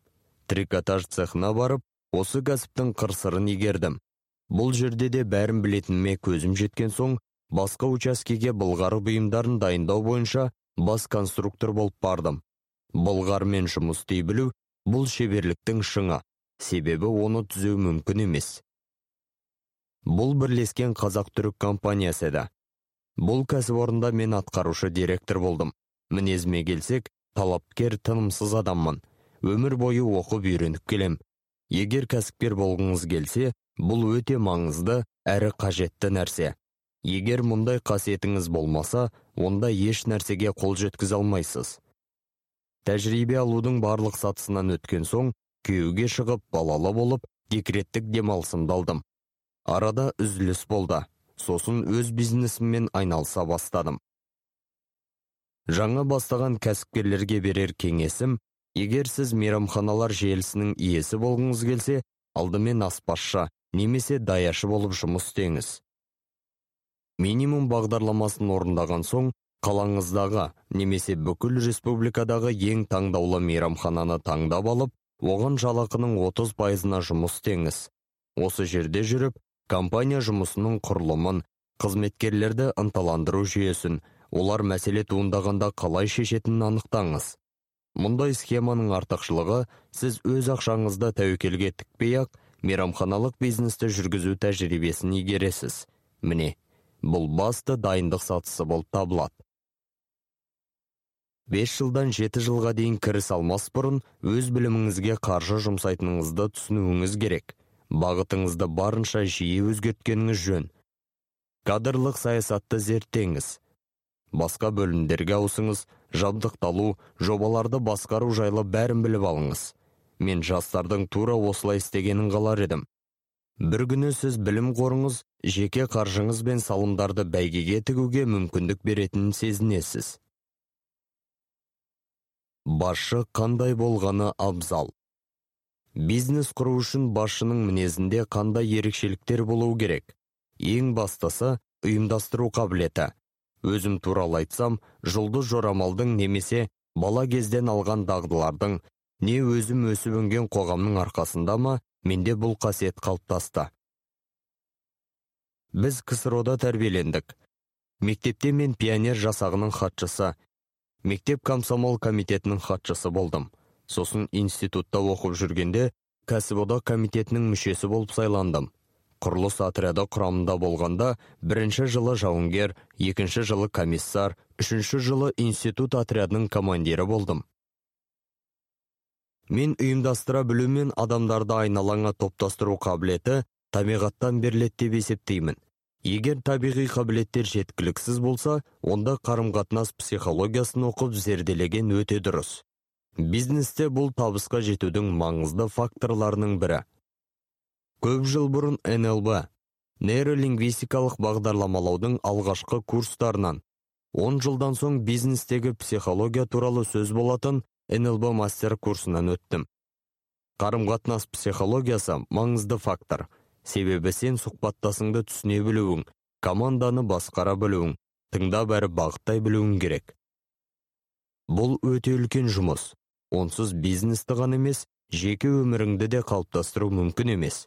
Себебі бұл балалармен жұбайыңмен қарым қатынас психологиясына да қатысты.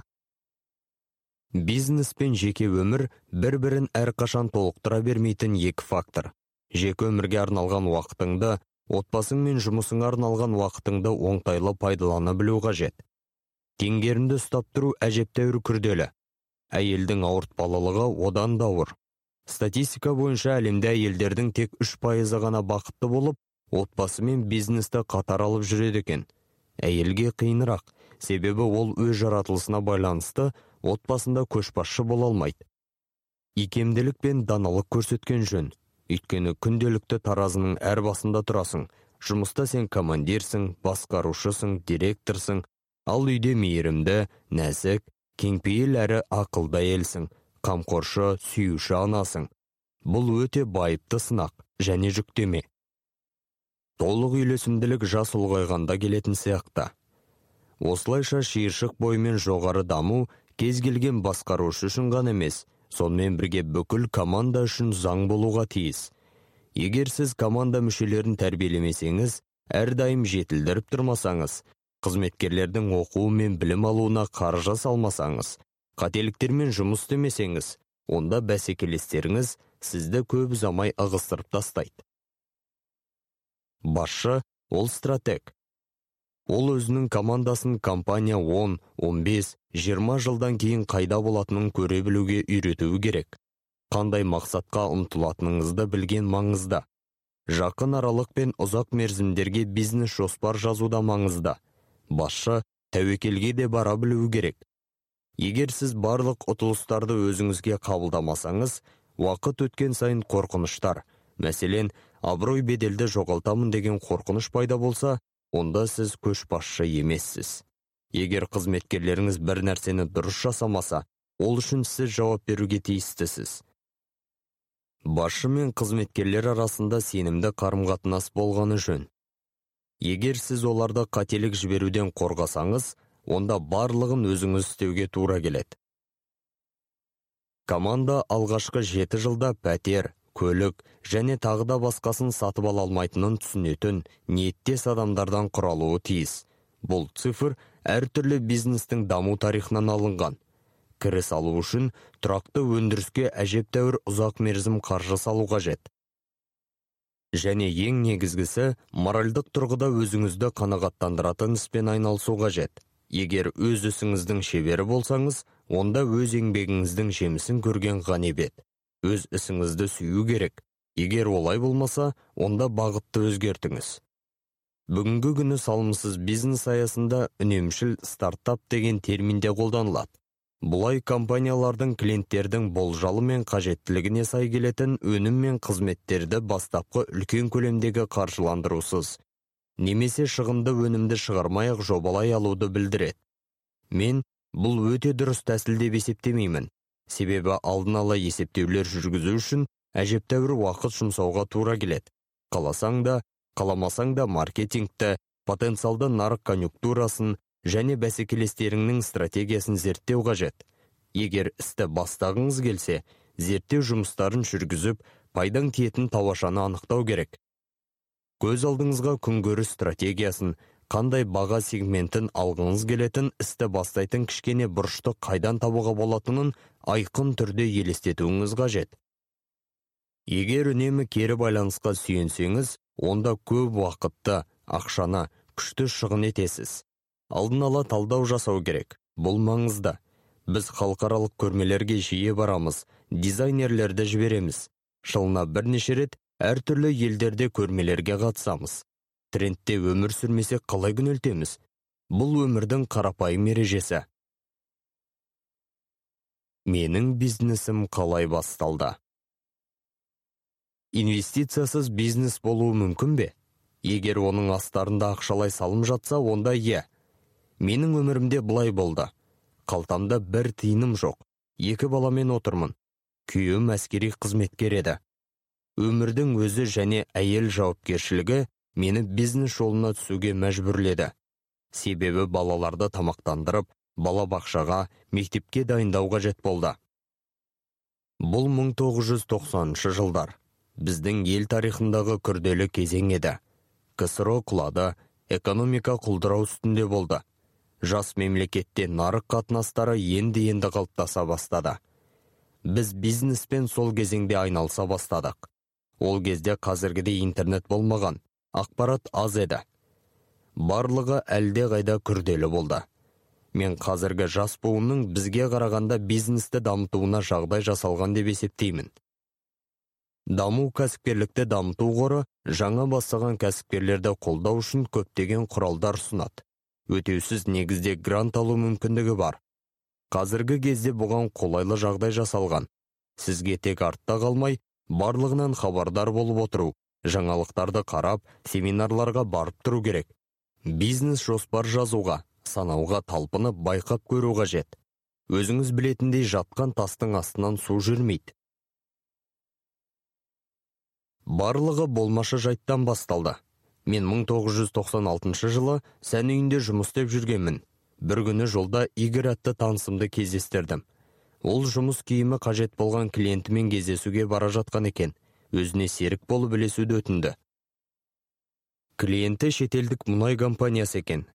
Менде қарапайым үй шаруасындағы әйелде визитка да болмап еді тек отырып қайтам деп ойлаған едім.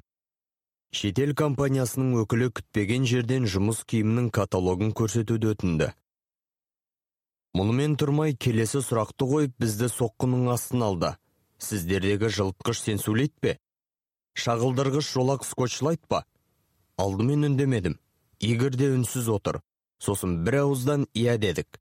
Олар бізден бәрі дайын ба? деп сұрады. Дайындалып жатыр дедік.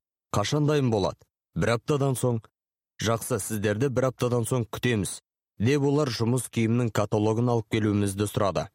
Далаға шыққан соң игорьден сенің мұның не? деп сұрадым сенің қолыңнан бәрі келеді ғой. Бірдеңе жаса деп маған дым ұлмағандай жауап қатты. Міне бәрі содан басталды. Жұмыс киімі деген не комбинезон күртеше қайдан көру керек? Менде еш нәрсе жоқ. Каталог та шпаргалка да интернет желісі де жоқ.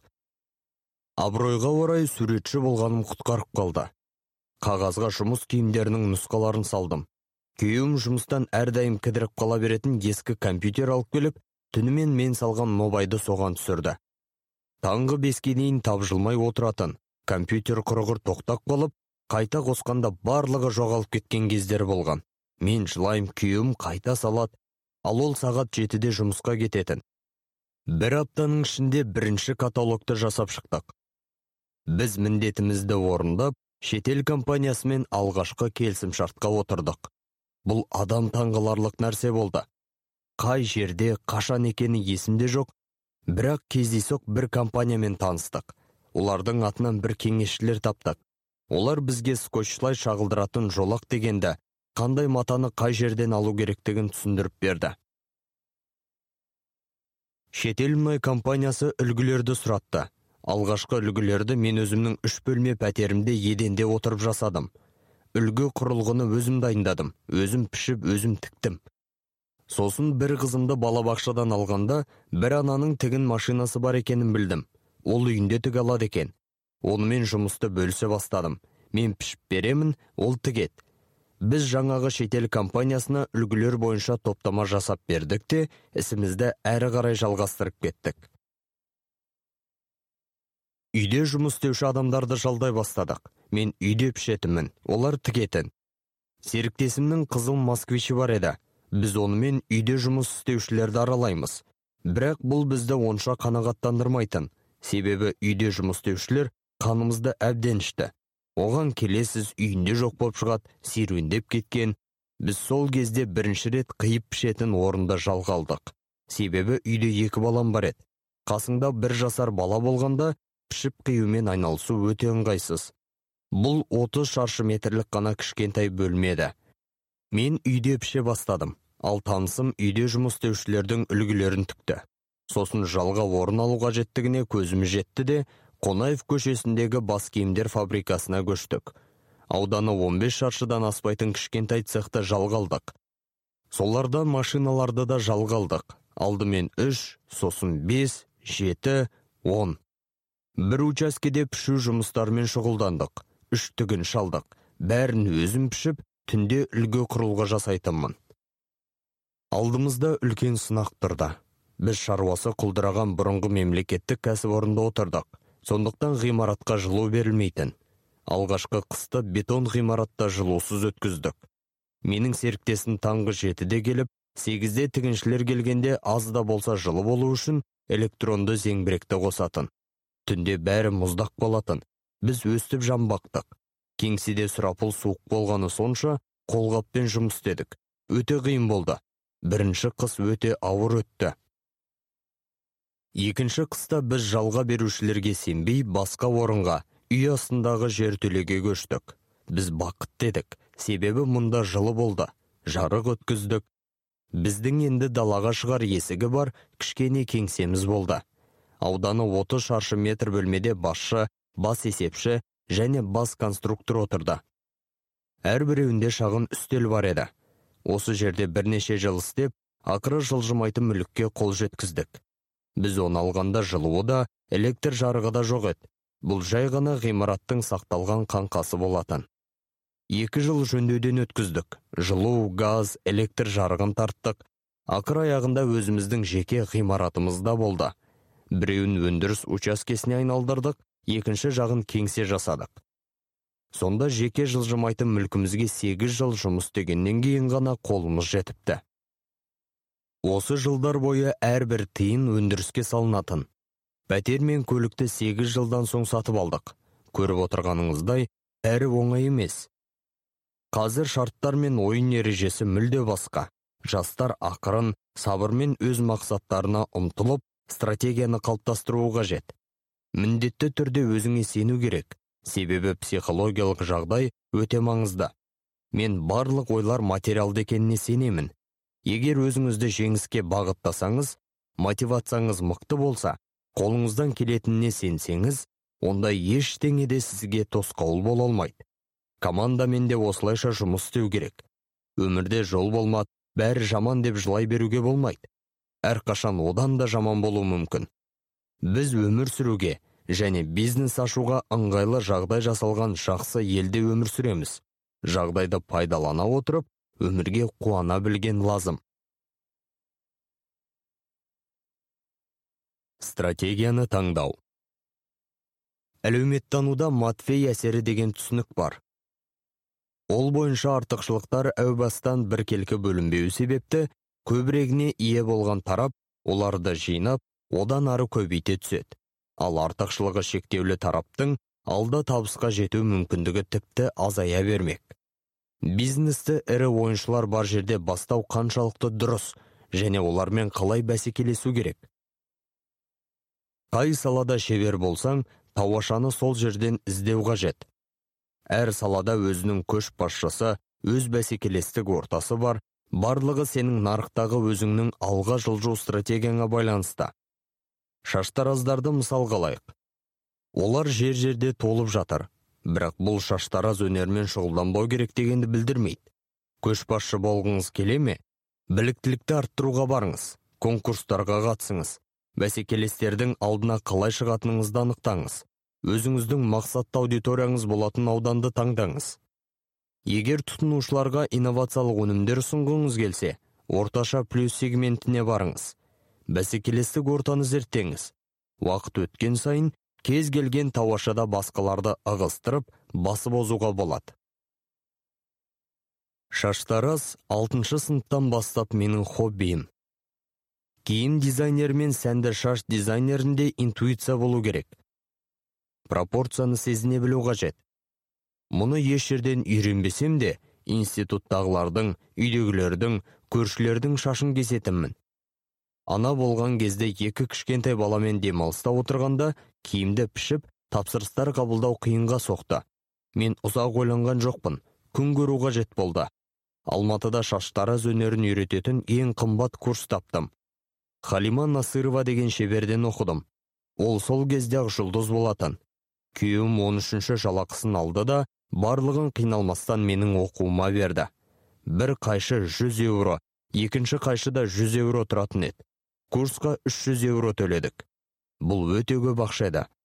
Ол кезде мұндай ақшаға кір жуатын машина немесе тоңазытқыш сатып алуға болатынды. Күйеуіме бұл маған қажет екенін түсіндірдім. Ол былай деді. Қажет болса барып оқы. Мен аптасына күйеуімнің бір айда тапқан ақшасын таба бастадым бесік арбадағы екі баламен жақындағы аудандарға барып подъездерде хабарландыру ілдім. Мәтінде өзімнің бәсекелестік артықшылығымды жетекші мамандарда оқығанымды американ колор миллерлеу және тағы да басқа әдістерімді білетінімді көрсеттім. Әрбір кеш сайын бесік арбамен жүріп хабарландыруды жаңартып отырдым. Бір ай ішінде менің қалтасы қалың көптеген бейілді клиенттерім пайда болды. Басынан бастап өз сегментімді анықтадым. 300 теңгеге емес тек 3000 теңгеге шаш қырқамын деп шештім. Жеке біліктілігіме салған ақшам өзін ақтай бастады. Шаш кесуге шашты сәндеуге клиенттер маған толассыз кезекке жазыла бастады. Адамдар өз балаларымен келіп менікінде қарайтын. Мен өз пәтерімде қымбат салондардың ғана қолынан келетін шаш үлгілерін жасадым.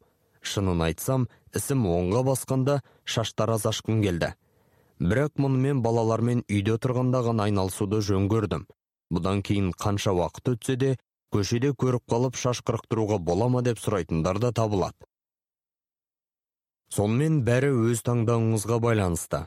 Тоңазытқыш алу ма әлде қаржыны білім алуға жұмсау ма? Тығырықтан әрқашан шығуға болады? Барлығы сіздің өмірге деген көзқарасыңызға байланысты. Мен ақша тауып күн көруге байланысты өз мысалымды айтып бердім. Бірақ бір нәрсені түсінгеніңіз жөн. Егер көрсеткен қызметіңіз үшін мол ақша алғыңыз келсе сіз оған сәйкес болуыңыз керек. Клиент неге сізді таңдағанын айқын түсінуі тиіс. Ол маған келмей ақ осы ақшаға шашын қымбат салондарда қырықтыруына болар еді ғой. Неге ол мен таңдады? Менің бәсекелестік артықшылығым қандай болды?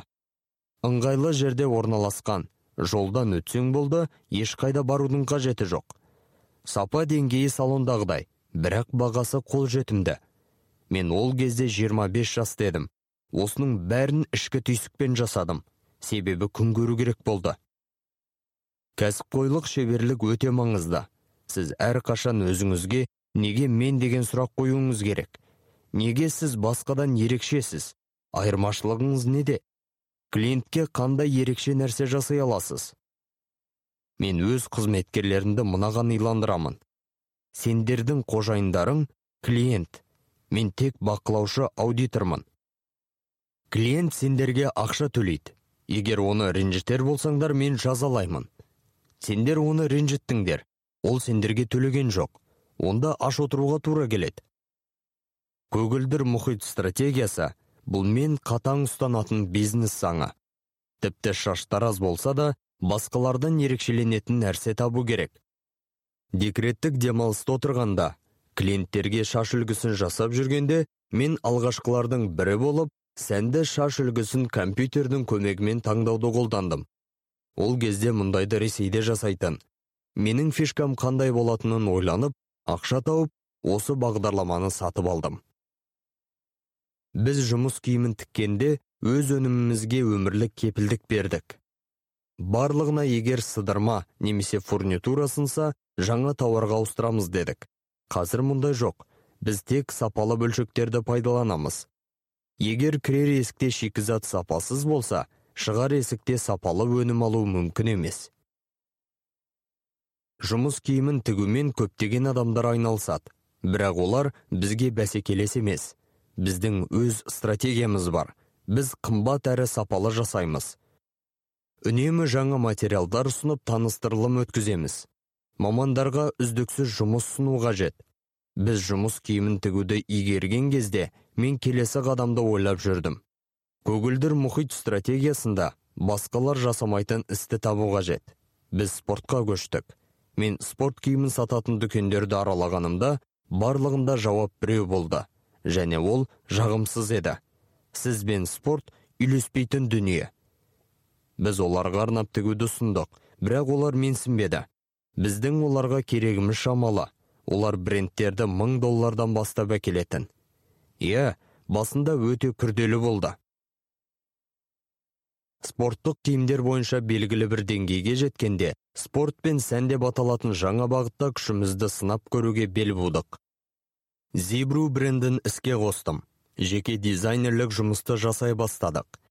Менің дизайнерлер командам әрқашан өз өзін жетілдіріп тұруы тиіс. Біз қазір миланда тұрамыз десек те болады. Көрмелерге экспортқа шығамыз.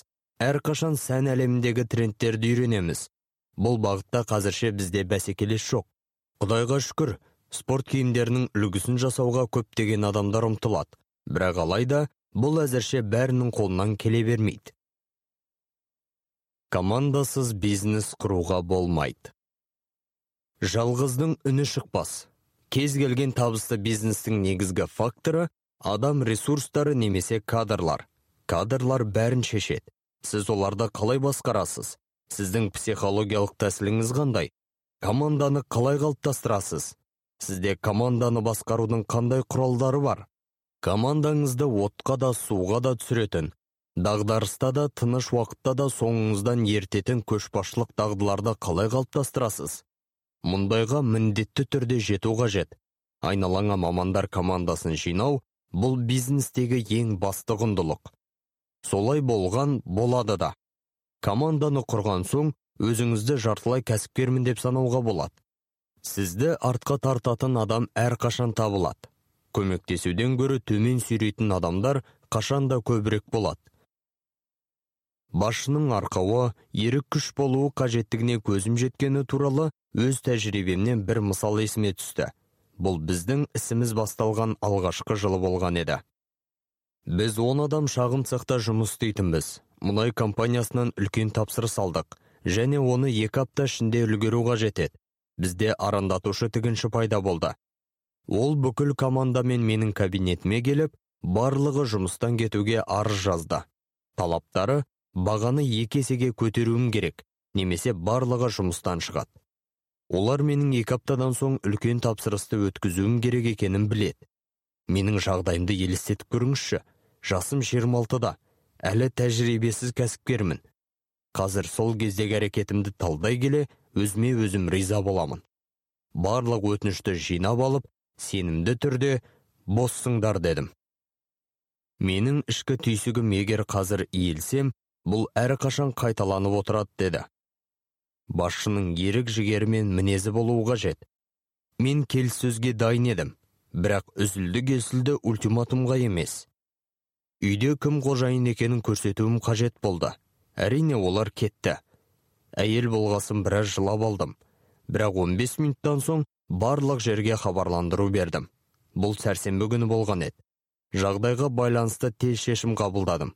Бейсенбі күні тігінші қажет деген хабарлама газет беттеріне шықты. Жұма күні үстелімде алғашқы түйіндеме жатты.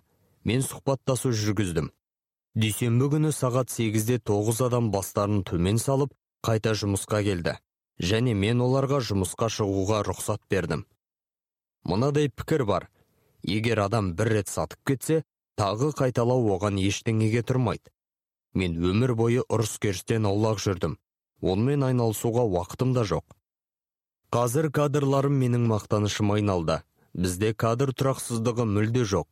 Тұтас қабатталып жатқан өзімізге ауысымды өзіміз даярлайтын мектебіміз бар. Бірақ күрделі уақыттарда жетекші мамандардың біреуі жұмыстан кетуді ойласа мен біздің компанияда тағы жұмыс істегіңіз келсе үн түнсіз келіп жұмыс орныңызға отырып істей беріңіз дейтінмін. Балық тереңдікке адам жайлы жерге ұмтылады. Біздің жаратылысымыз сондай. Мен құдай да сиқыршы да емеспін. Жұмыс үшін мінсіз жағдай жасай алмаймын. Бізде де мәселелер туындайды. Жалақыны да уақытында төлей алмаған кезімізде болатын. Жұмыс беруші ретінде бизнесті жақсартуға тырысамын. Бірақ әрқашан олай бола бермейді. Егер адам шынымен де бағалы маман болса біздің компанияда жұмыс істемеуге шешім қабылдап кейіннен ойынан айныса мен оны қайтадан қабылдаймын. Бізден кеткендердің 99 пайызы қайтып келетін. Адам қайда жұмыс істейтінін таңдауға құқылы. Мен кекшіл емеспін. Адамға реніш сақтамаймын.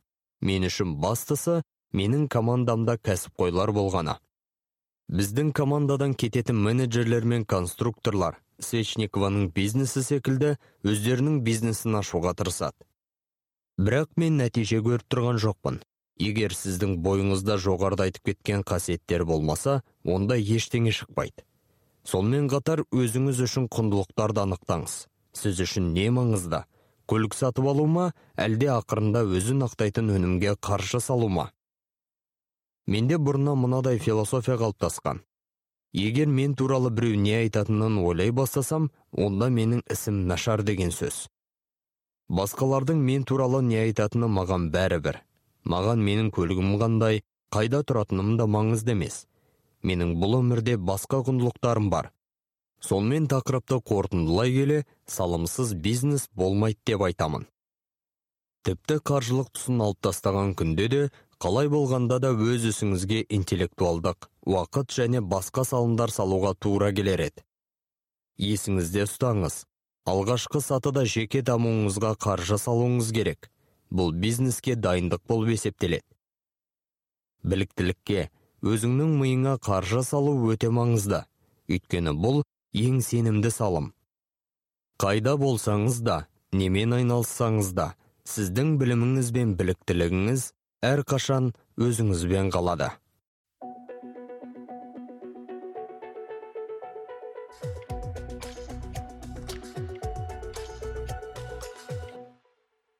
Мінсіз бизнес жоспарды қалай жазуға болады? Әмірхан омаров. Бизнес жоспардың екі негізгі тұтынушысы бар. Бастамашының өзі жоба авторы және несие беруші немесе жоба инвесторы. Бизнес жоспар жоба бойынша барлық қолжетімді ақпаратты баяндау. Бұл оның қисындылығы немесе келешегінің болмауы туралы түсінік береді. Бизнес жоспарды құруға қойылатын талаптар оның кімге арналғанына байланысты. Егер бизнес жоспар өзіңе немесе араларыңда сенімді іскерлік қатынас орнаған өз инвесторыңа арналған болса кей кездері жоба туралы бірнеше слайдтар жеткілікті. Бизнес жоспардың қалыңдығы жоба құнына пропорционал яғни жоба арзанырақ болса ақпарат та аз талап етіледі. Егер бизнес жоспар банктен үлкен несиелер алу немесе ірі инвесторлар үшін құрылса ал жоба сомасы ондаған миллион не одан да көп ақш долларымен есептелсе онда бірнеше жүз беттен тұратын мұқият дайындалған құжаттар талап етіледі. Бизнес жоспарға қойылатын негізгі талап ақпараттар құрылымның дұрыс болуы мен оның толықтығы. Бизнес жоспарды потенциалды инвестордың ойлау стиліне икемдеу қажет пе? Иә әрине. Инвесторға лайықтаған жөн. Мысалы банктерде бизнес жоспардың өз үлгілері бар. Соларға сәйкес несиені тартуға өтініш берілуі қажет. Немесе дүниежүзілік банк еуропа қайта құру және даму банкі халықаралық қаржы корпорациясы және тағы да сол сияқты халықаралық қаржы құрылымдарының өз бизнес жоспар үлгілері бар. Өтініш соларға қарап берілуі қажет. Ақпаратты құрылымдау мен өңдеу туралы өз түсініктері бар қазақстандық бизнес топтар мен инвесторларда кездеседі. Ақпаратты қай түрде берген дұрыс болатынына көз жеткізу мақсатында осы инвесторлардан немесе олардың қызметкерлерінен кеңес алу жеткілікті. Стандартты бизнес жоспар барлық жерде дерлік бірдей. Жобаның идеясы мен мәні. Жобаның өзектілігін негіздейтін маркетингтік ақпарат. Жобаны жүзеге асыру шығындары жоба табыстары негізгі тәуекелдер. Әрине ақпаратты егже тегжейлі талдауға байланысты бұл 5 пунктті 20 немесе 50 пунктке айналдыруға болар еді. Бірақ бизнес жоспардың мәні жобаның өзі туралы қажетті инвестициялар мен күтілетін табыстар туралы түсінік беру болып табылады. Эббингауздың тұжырымы бойынша кез келген нәрсенің басы мен аяғы жақсы есте қалады. Бизнес жоспардың осы бөліктерін құрастыру барысында нені ескеру қажет? Өз басым ықшамдық пен айқындықты жақтаймын. Мазмұнның мән мағынасы жоқ қажетсіз үлкен мәтіннен тұратын бизнес жоспарлар да өте көп. Сондықтан басында да соңында да жылдам есте сақталатын және инвестордың тәбетін ашатын қажетті цифрлар.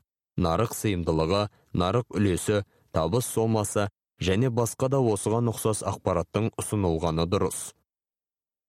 Бизнес жоспарда өзіңіздің бәсекелестік артықшылығыңызды қалай көрсетуге болады? Егер ол кредитор немесе инвесторға арналған болса онда сіздің бәсекелестік артықшылығыңыз сіздің сараптамаңыз яғни нарық туралы біліміңіз болып табылады.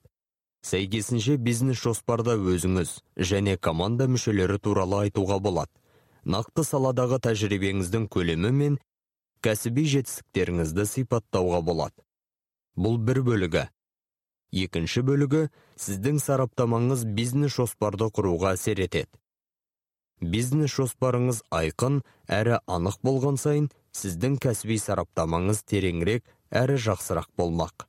Кей кезде бизнес жоспардың өзі оның авторларының артықшылықтарын оларды бизнес жоспарда атамаса да көрсетіп тұрады.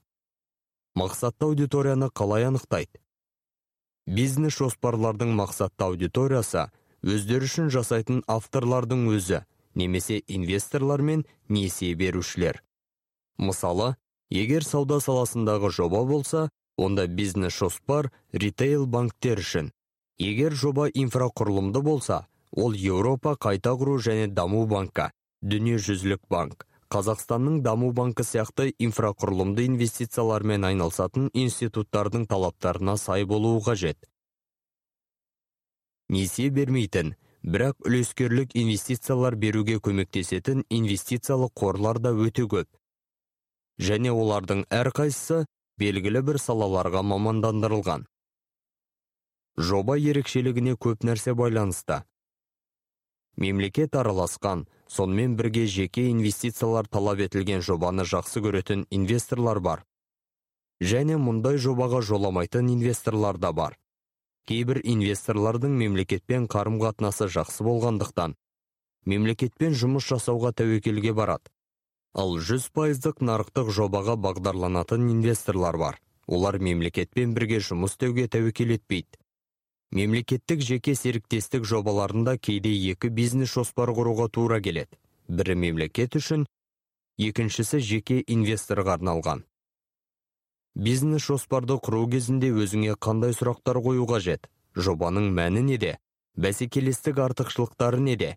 Потенциалды инвесторлар ішінде бұл жоба кімге лайықты? Авторға қай инвестормен жұмыс істеу қолайлы болады? Бұл арнаулы инвесторлардың талаптары қандай? Жоба командасы кәсіби деңгейде толық жасақталған ба? Шын мәнінде осыған ұқсас мыңдаған сұрақ бар. Сұрақтардың маңыздылығы мен саны жобаның көлемі мен құрылымына байланысты. Жоба үлкен болған сайын қауіп те көп сұрақ та көп. Мінсіз бизнес жоспар мазмұны бойынша автордың өзіне инвесторларға несие берушілерге жобаның барлық аспектісін айқындап береді. Ешкімнің көкейінде сұрақ қалдырмайды. Құрылымы жағына мінсіз бизнес жоспар логикалық өте қарапайым және түсінікті қабылданатын құжат. Мінсіз бизнес жоспар жобаны іске асыруды бастауға инвестиция алуға және алғашқы қадамдар жасауға негіз болуы тиіс.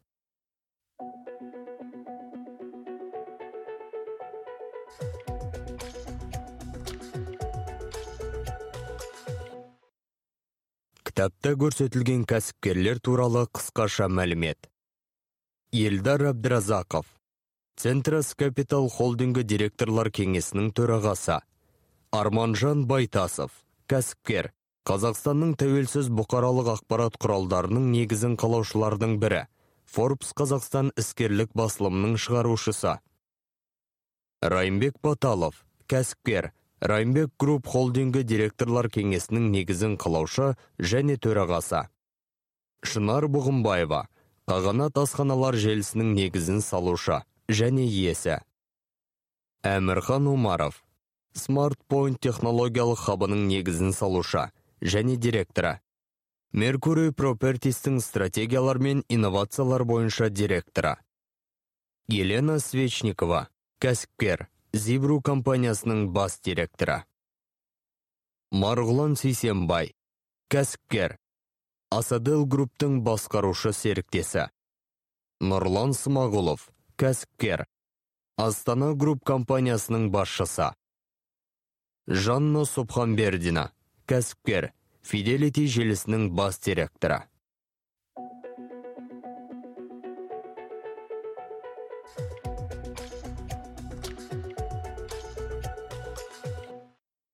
Автор туралы бақытжан бұқарбай 1987 жылы дүниеге келген 2011 жылы Әл-Фараби атындағы Қазақ ұлттық университетінің магистратурасын саясаттану мамандығы бойынша үздік бітіріп шықты. 2011-2014 жылы Қазақстан Республикасы президентінің жанындағы Қазақстан стратегиялық зерттеулер институтында қызмет етті. 2015 жылы Ақтау қаласы әкімінің штаттан тыс кеңесшісі болды. 2006 жылдан бері журналистика саласында да еңбек етіп, әр жылдары хабар агенттігінде, Алматы телеарнасында жұмыс істеп, еліміздің бірқатар баспа және электронды бұқаралық ақпарат құралдарында жүздеген аса мақалалары жарық көрді. Қазақ тілін дамытуға бағытталған жобалардың авторы. Солардың ішінде өзіндік оқыту әдістемесі қалыптасқан бас қосу жобасы шеңберінде мыңға жуық адам қазақ тілін үйреніп шықты. Жобаға қазақ тілін үйренуге оннан астам елдің азаматтары қатысты. Амал букс баспасының негізін қалаушысы және жетекшісі. Бақытжан бұқарбай бірнеше кітаптың авторы. Алматы сегодня 2010 жыл. Қарулы қақтығыстардағы ақпараттық технологиялар әлемдік тәжірибе және келешегі ғылыми монографиясы 2012 жыл. Қазақстан 2050 терминологиялық анықтамалығы 2014 жыл. Күміс кітап 2016 жыл бірінші басылымы. Настольная книга казахского бизнесмена 2018 жыл. Суретші ретінде екі жеке көрмесін өткізді. Өмір шеңбері тұңғыш жеке көрмесі. Алматы 2014 жыл. Шұбаркөл көмір кен орнының 30 жылдығына арналған графика жұмыстарының көрмесі. Астана алматы шымкент 2015 жыл. 2012 жыл. Қазақстан Республикасы президентінің атынан алғыс хат алды. Журналистерге тағайындалатын Нұр Сұңқар Республикалық сыйлығының лауреаты. 2013 жыл.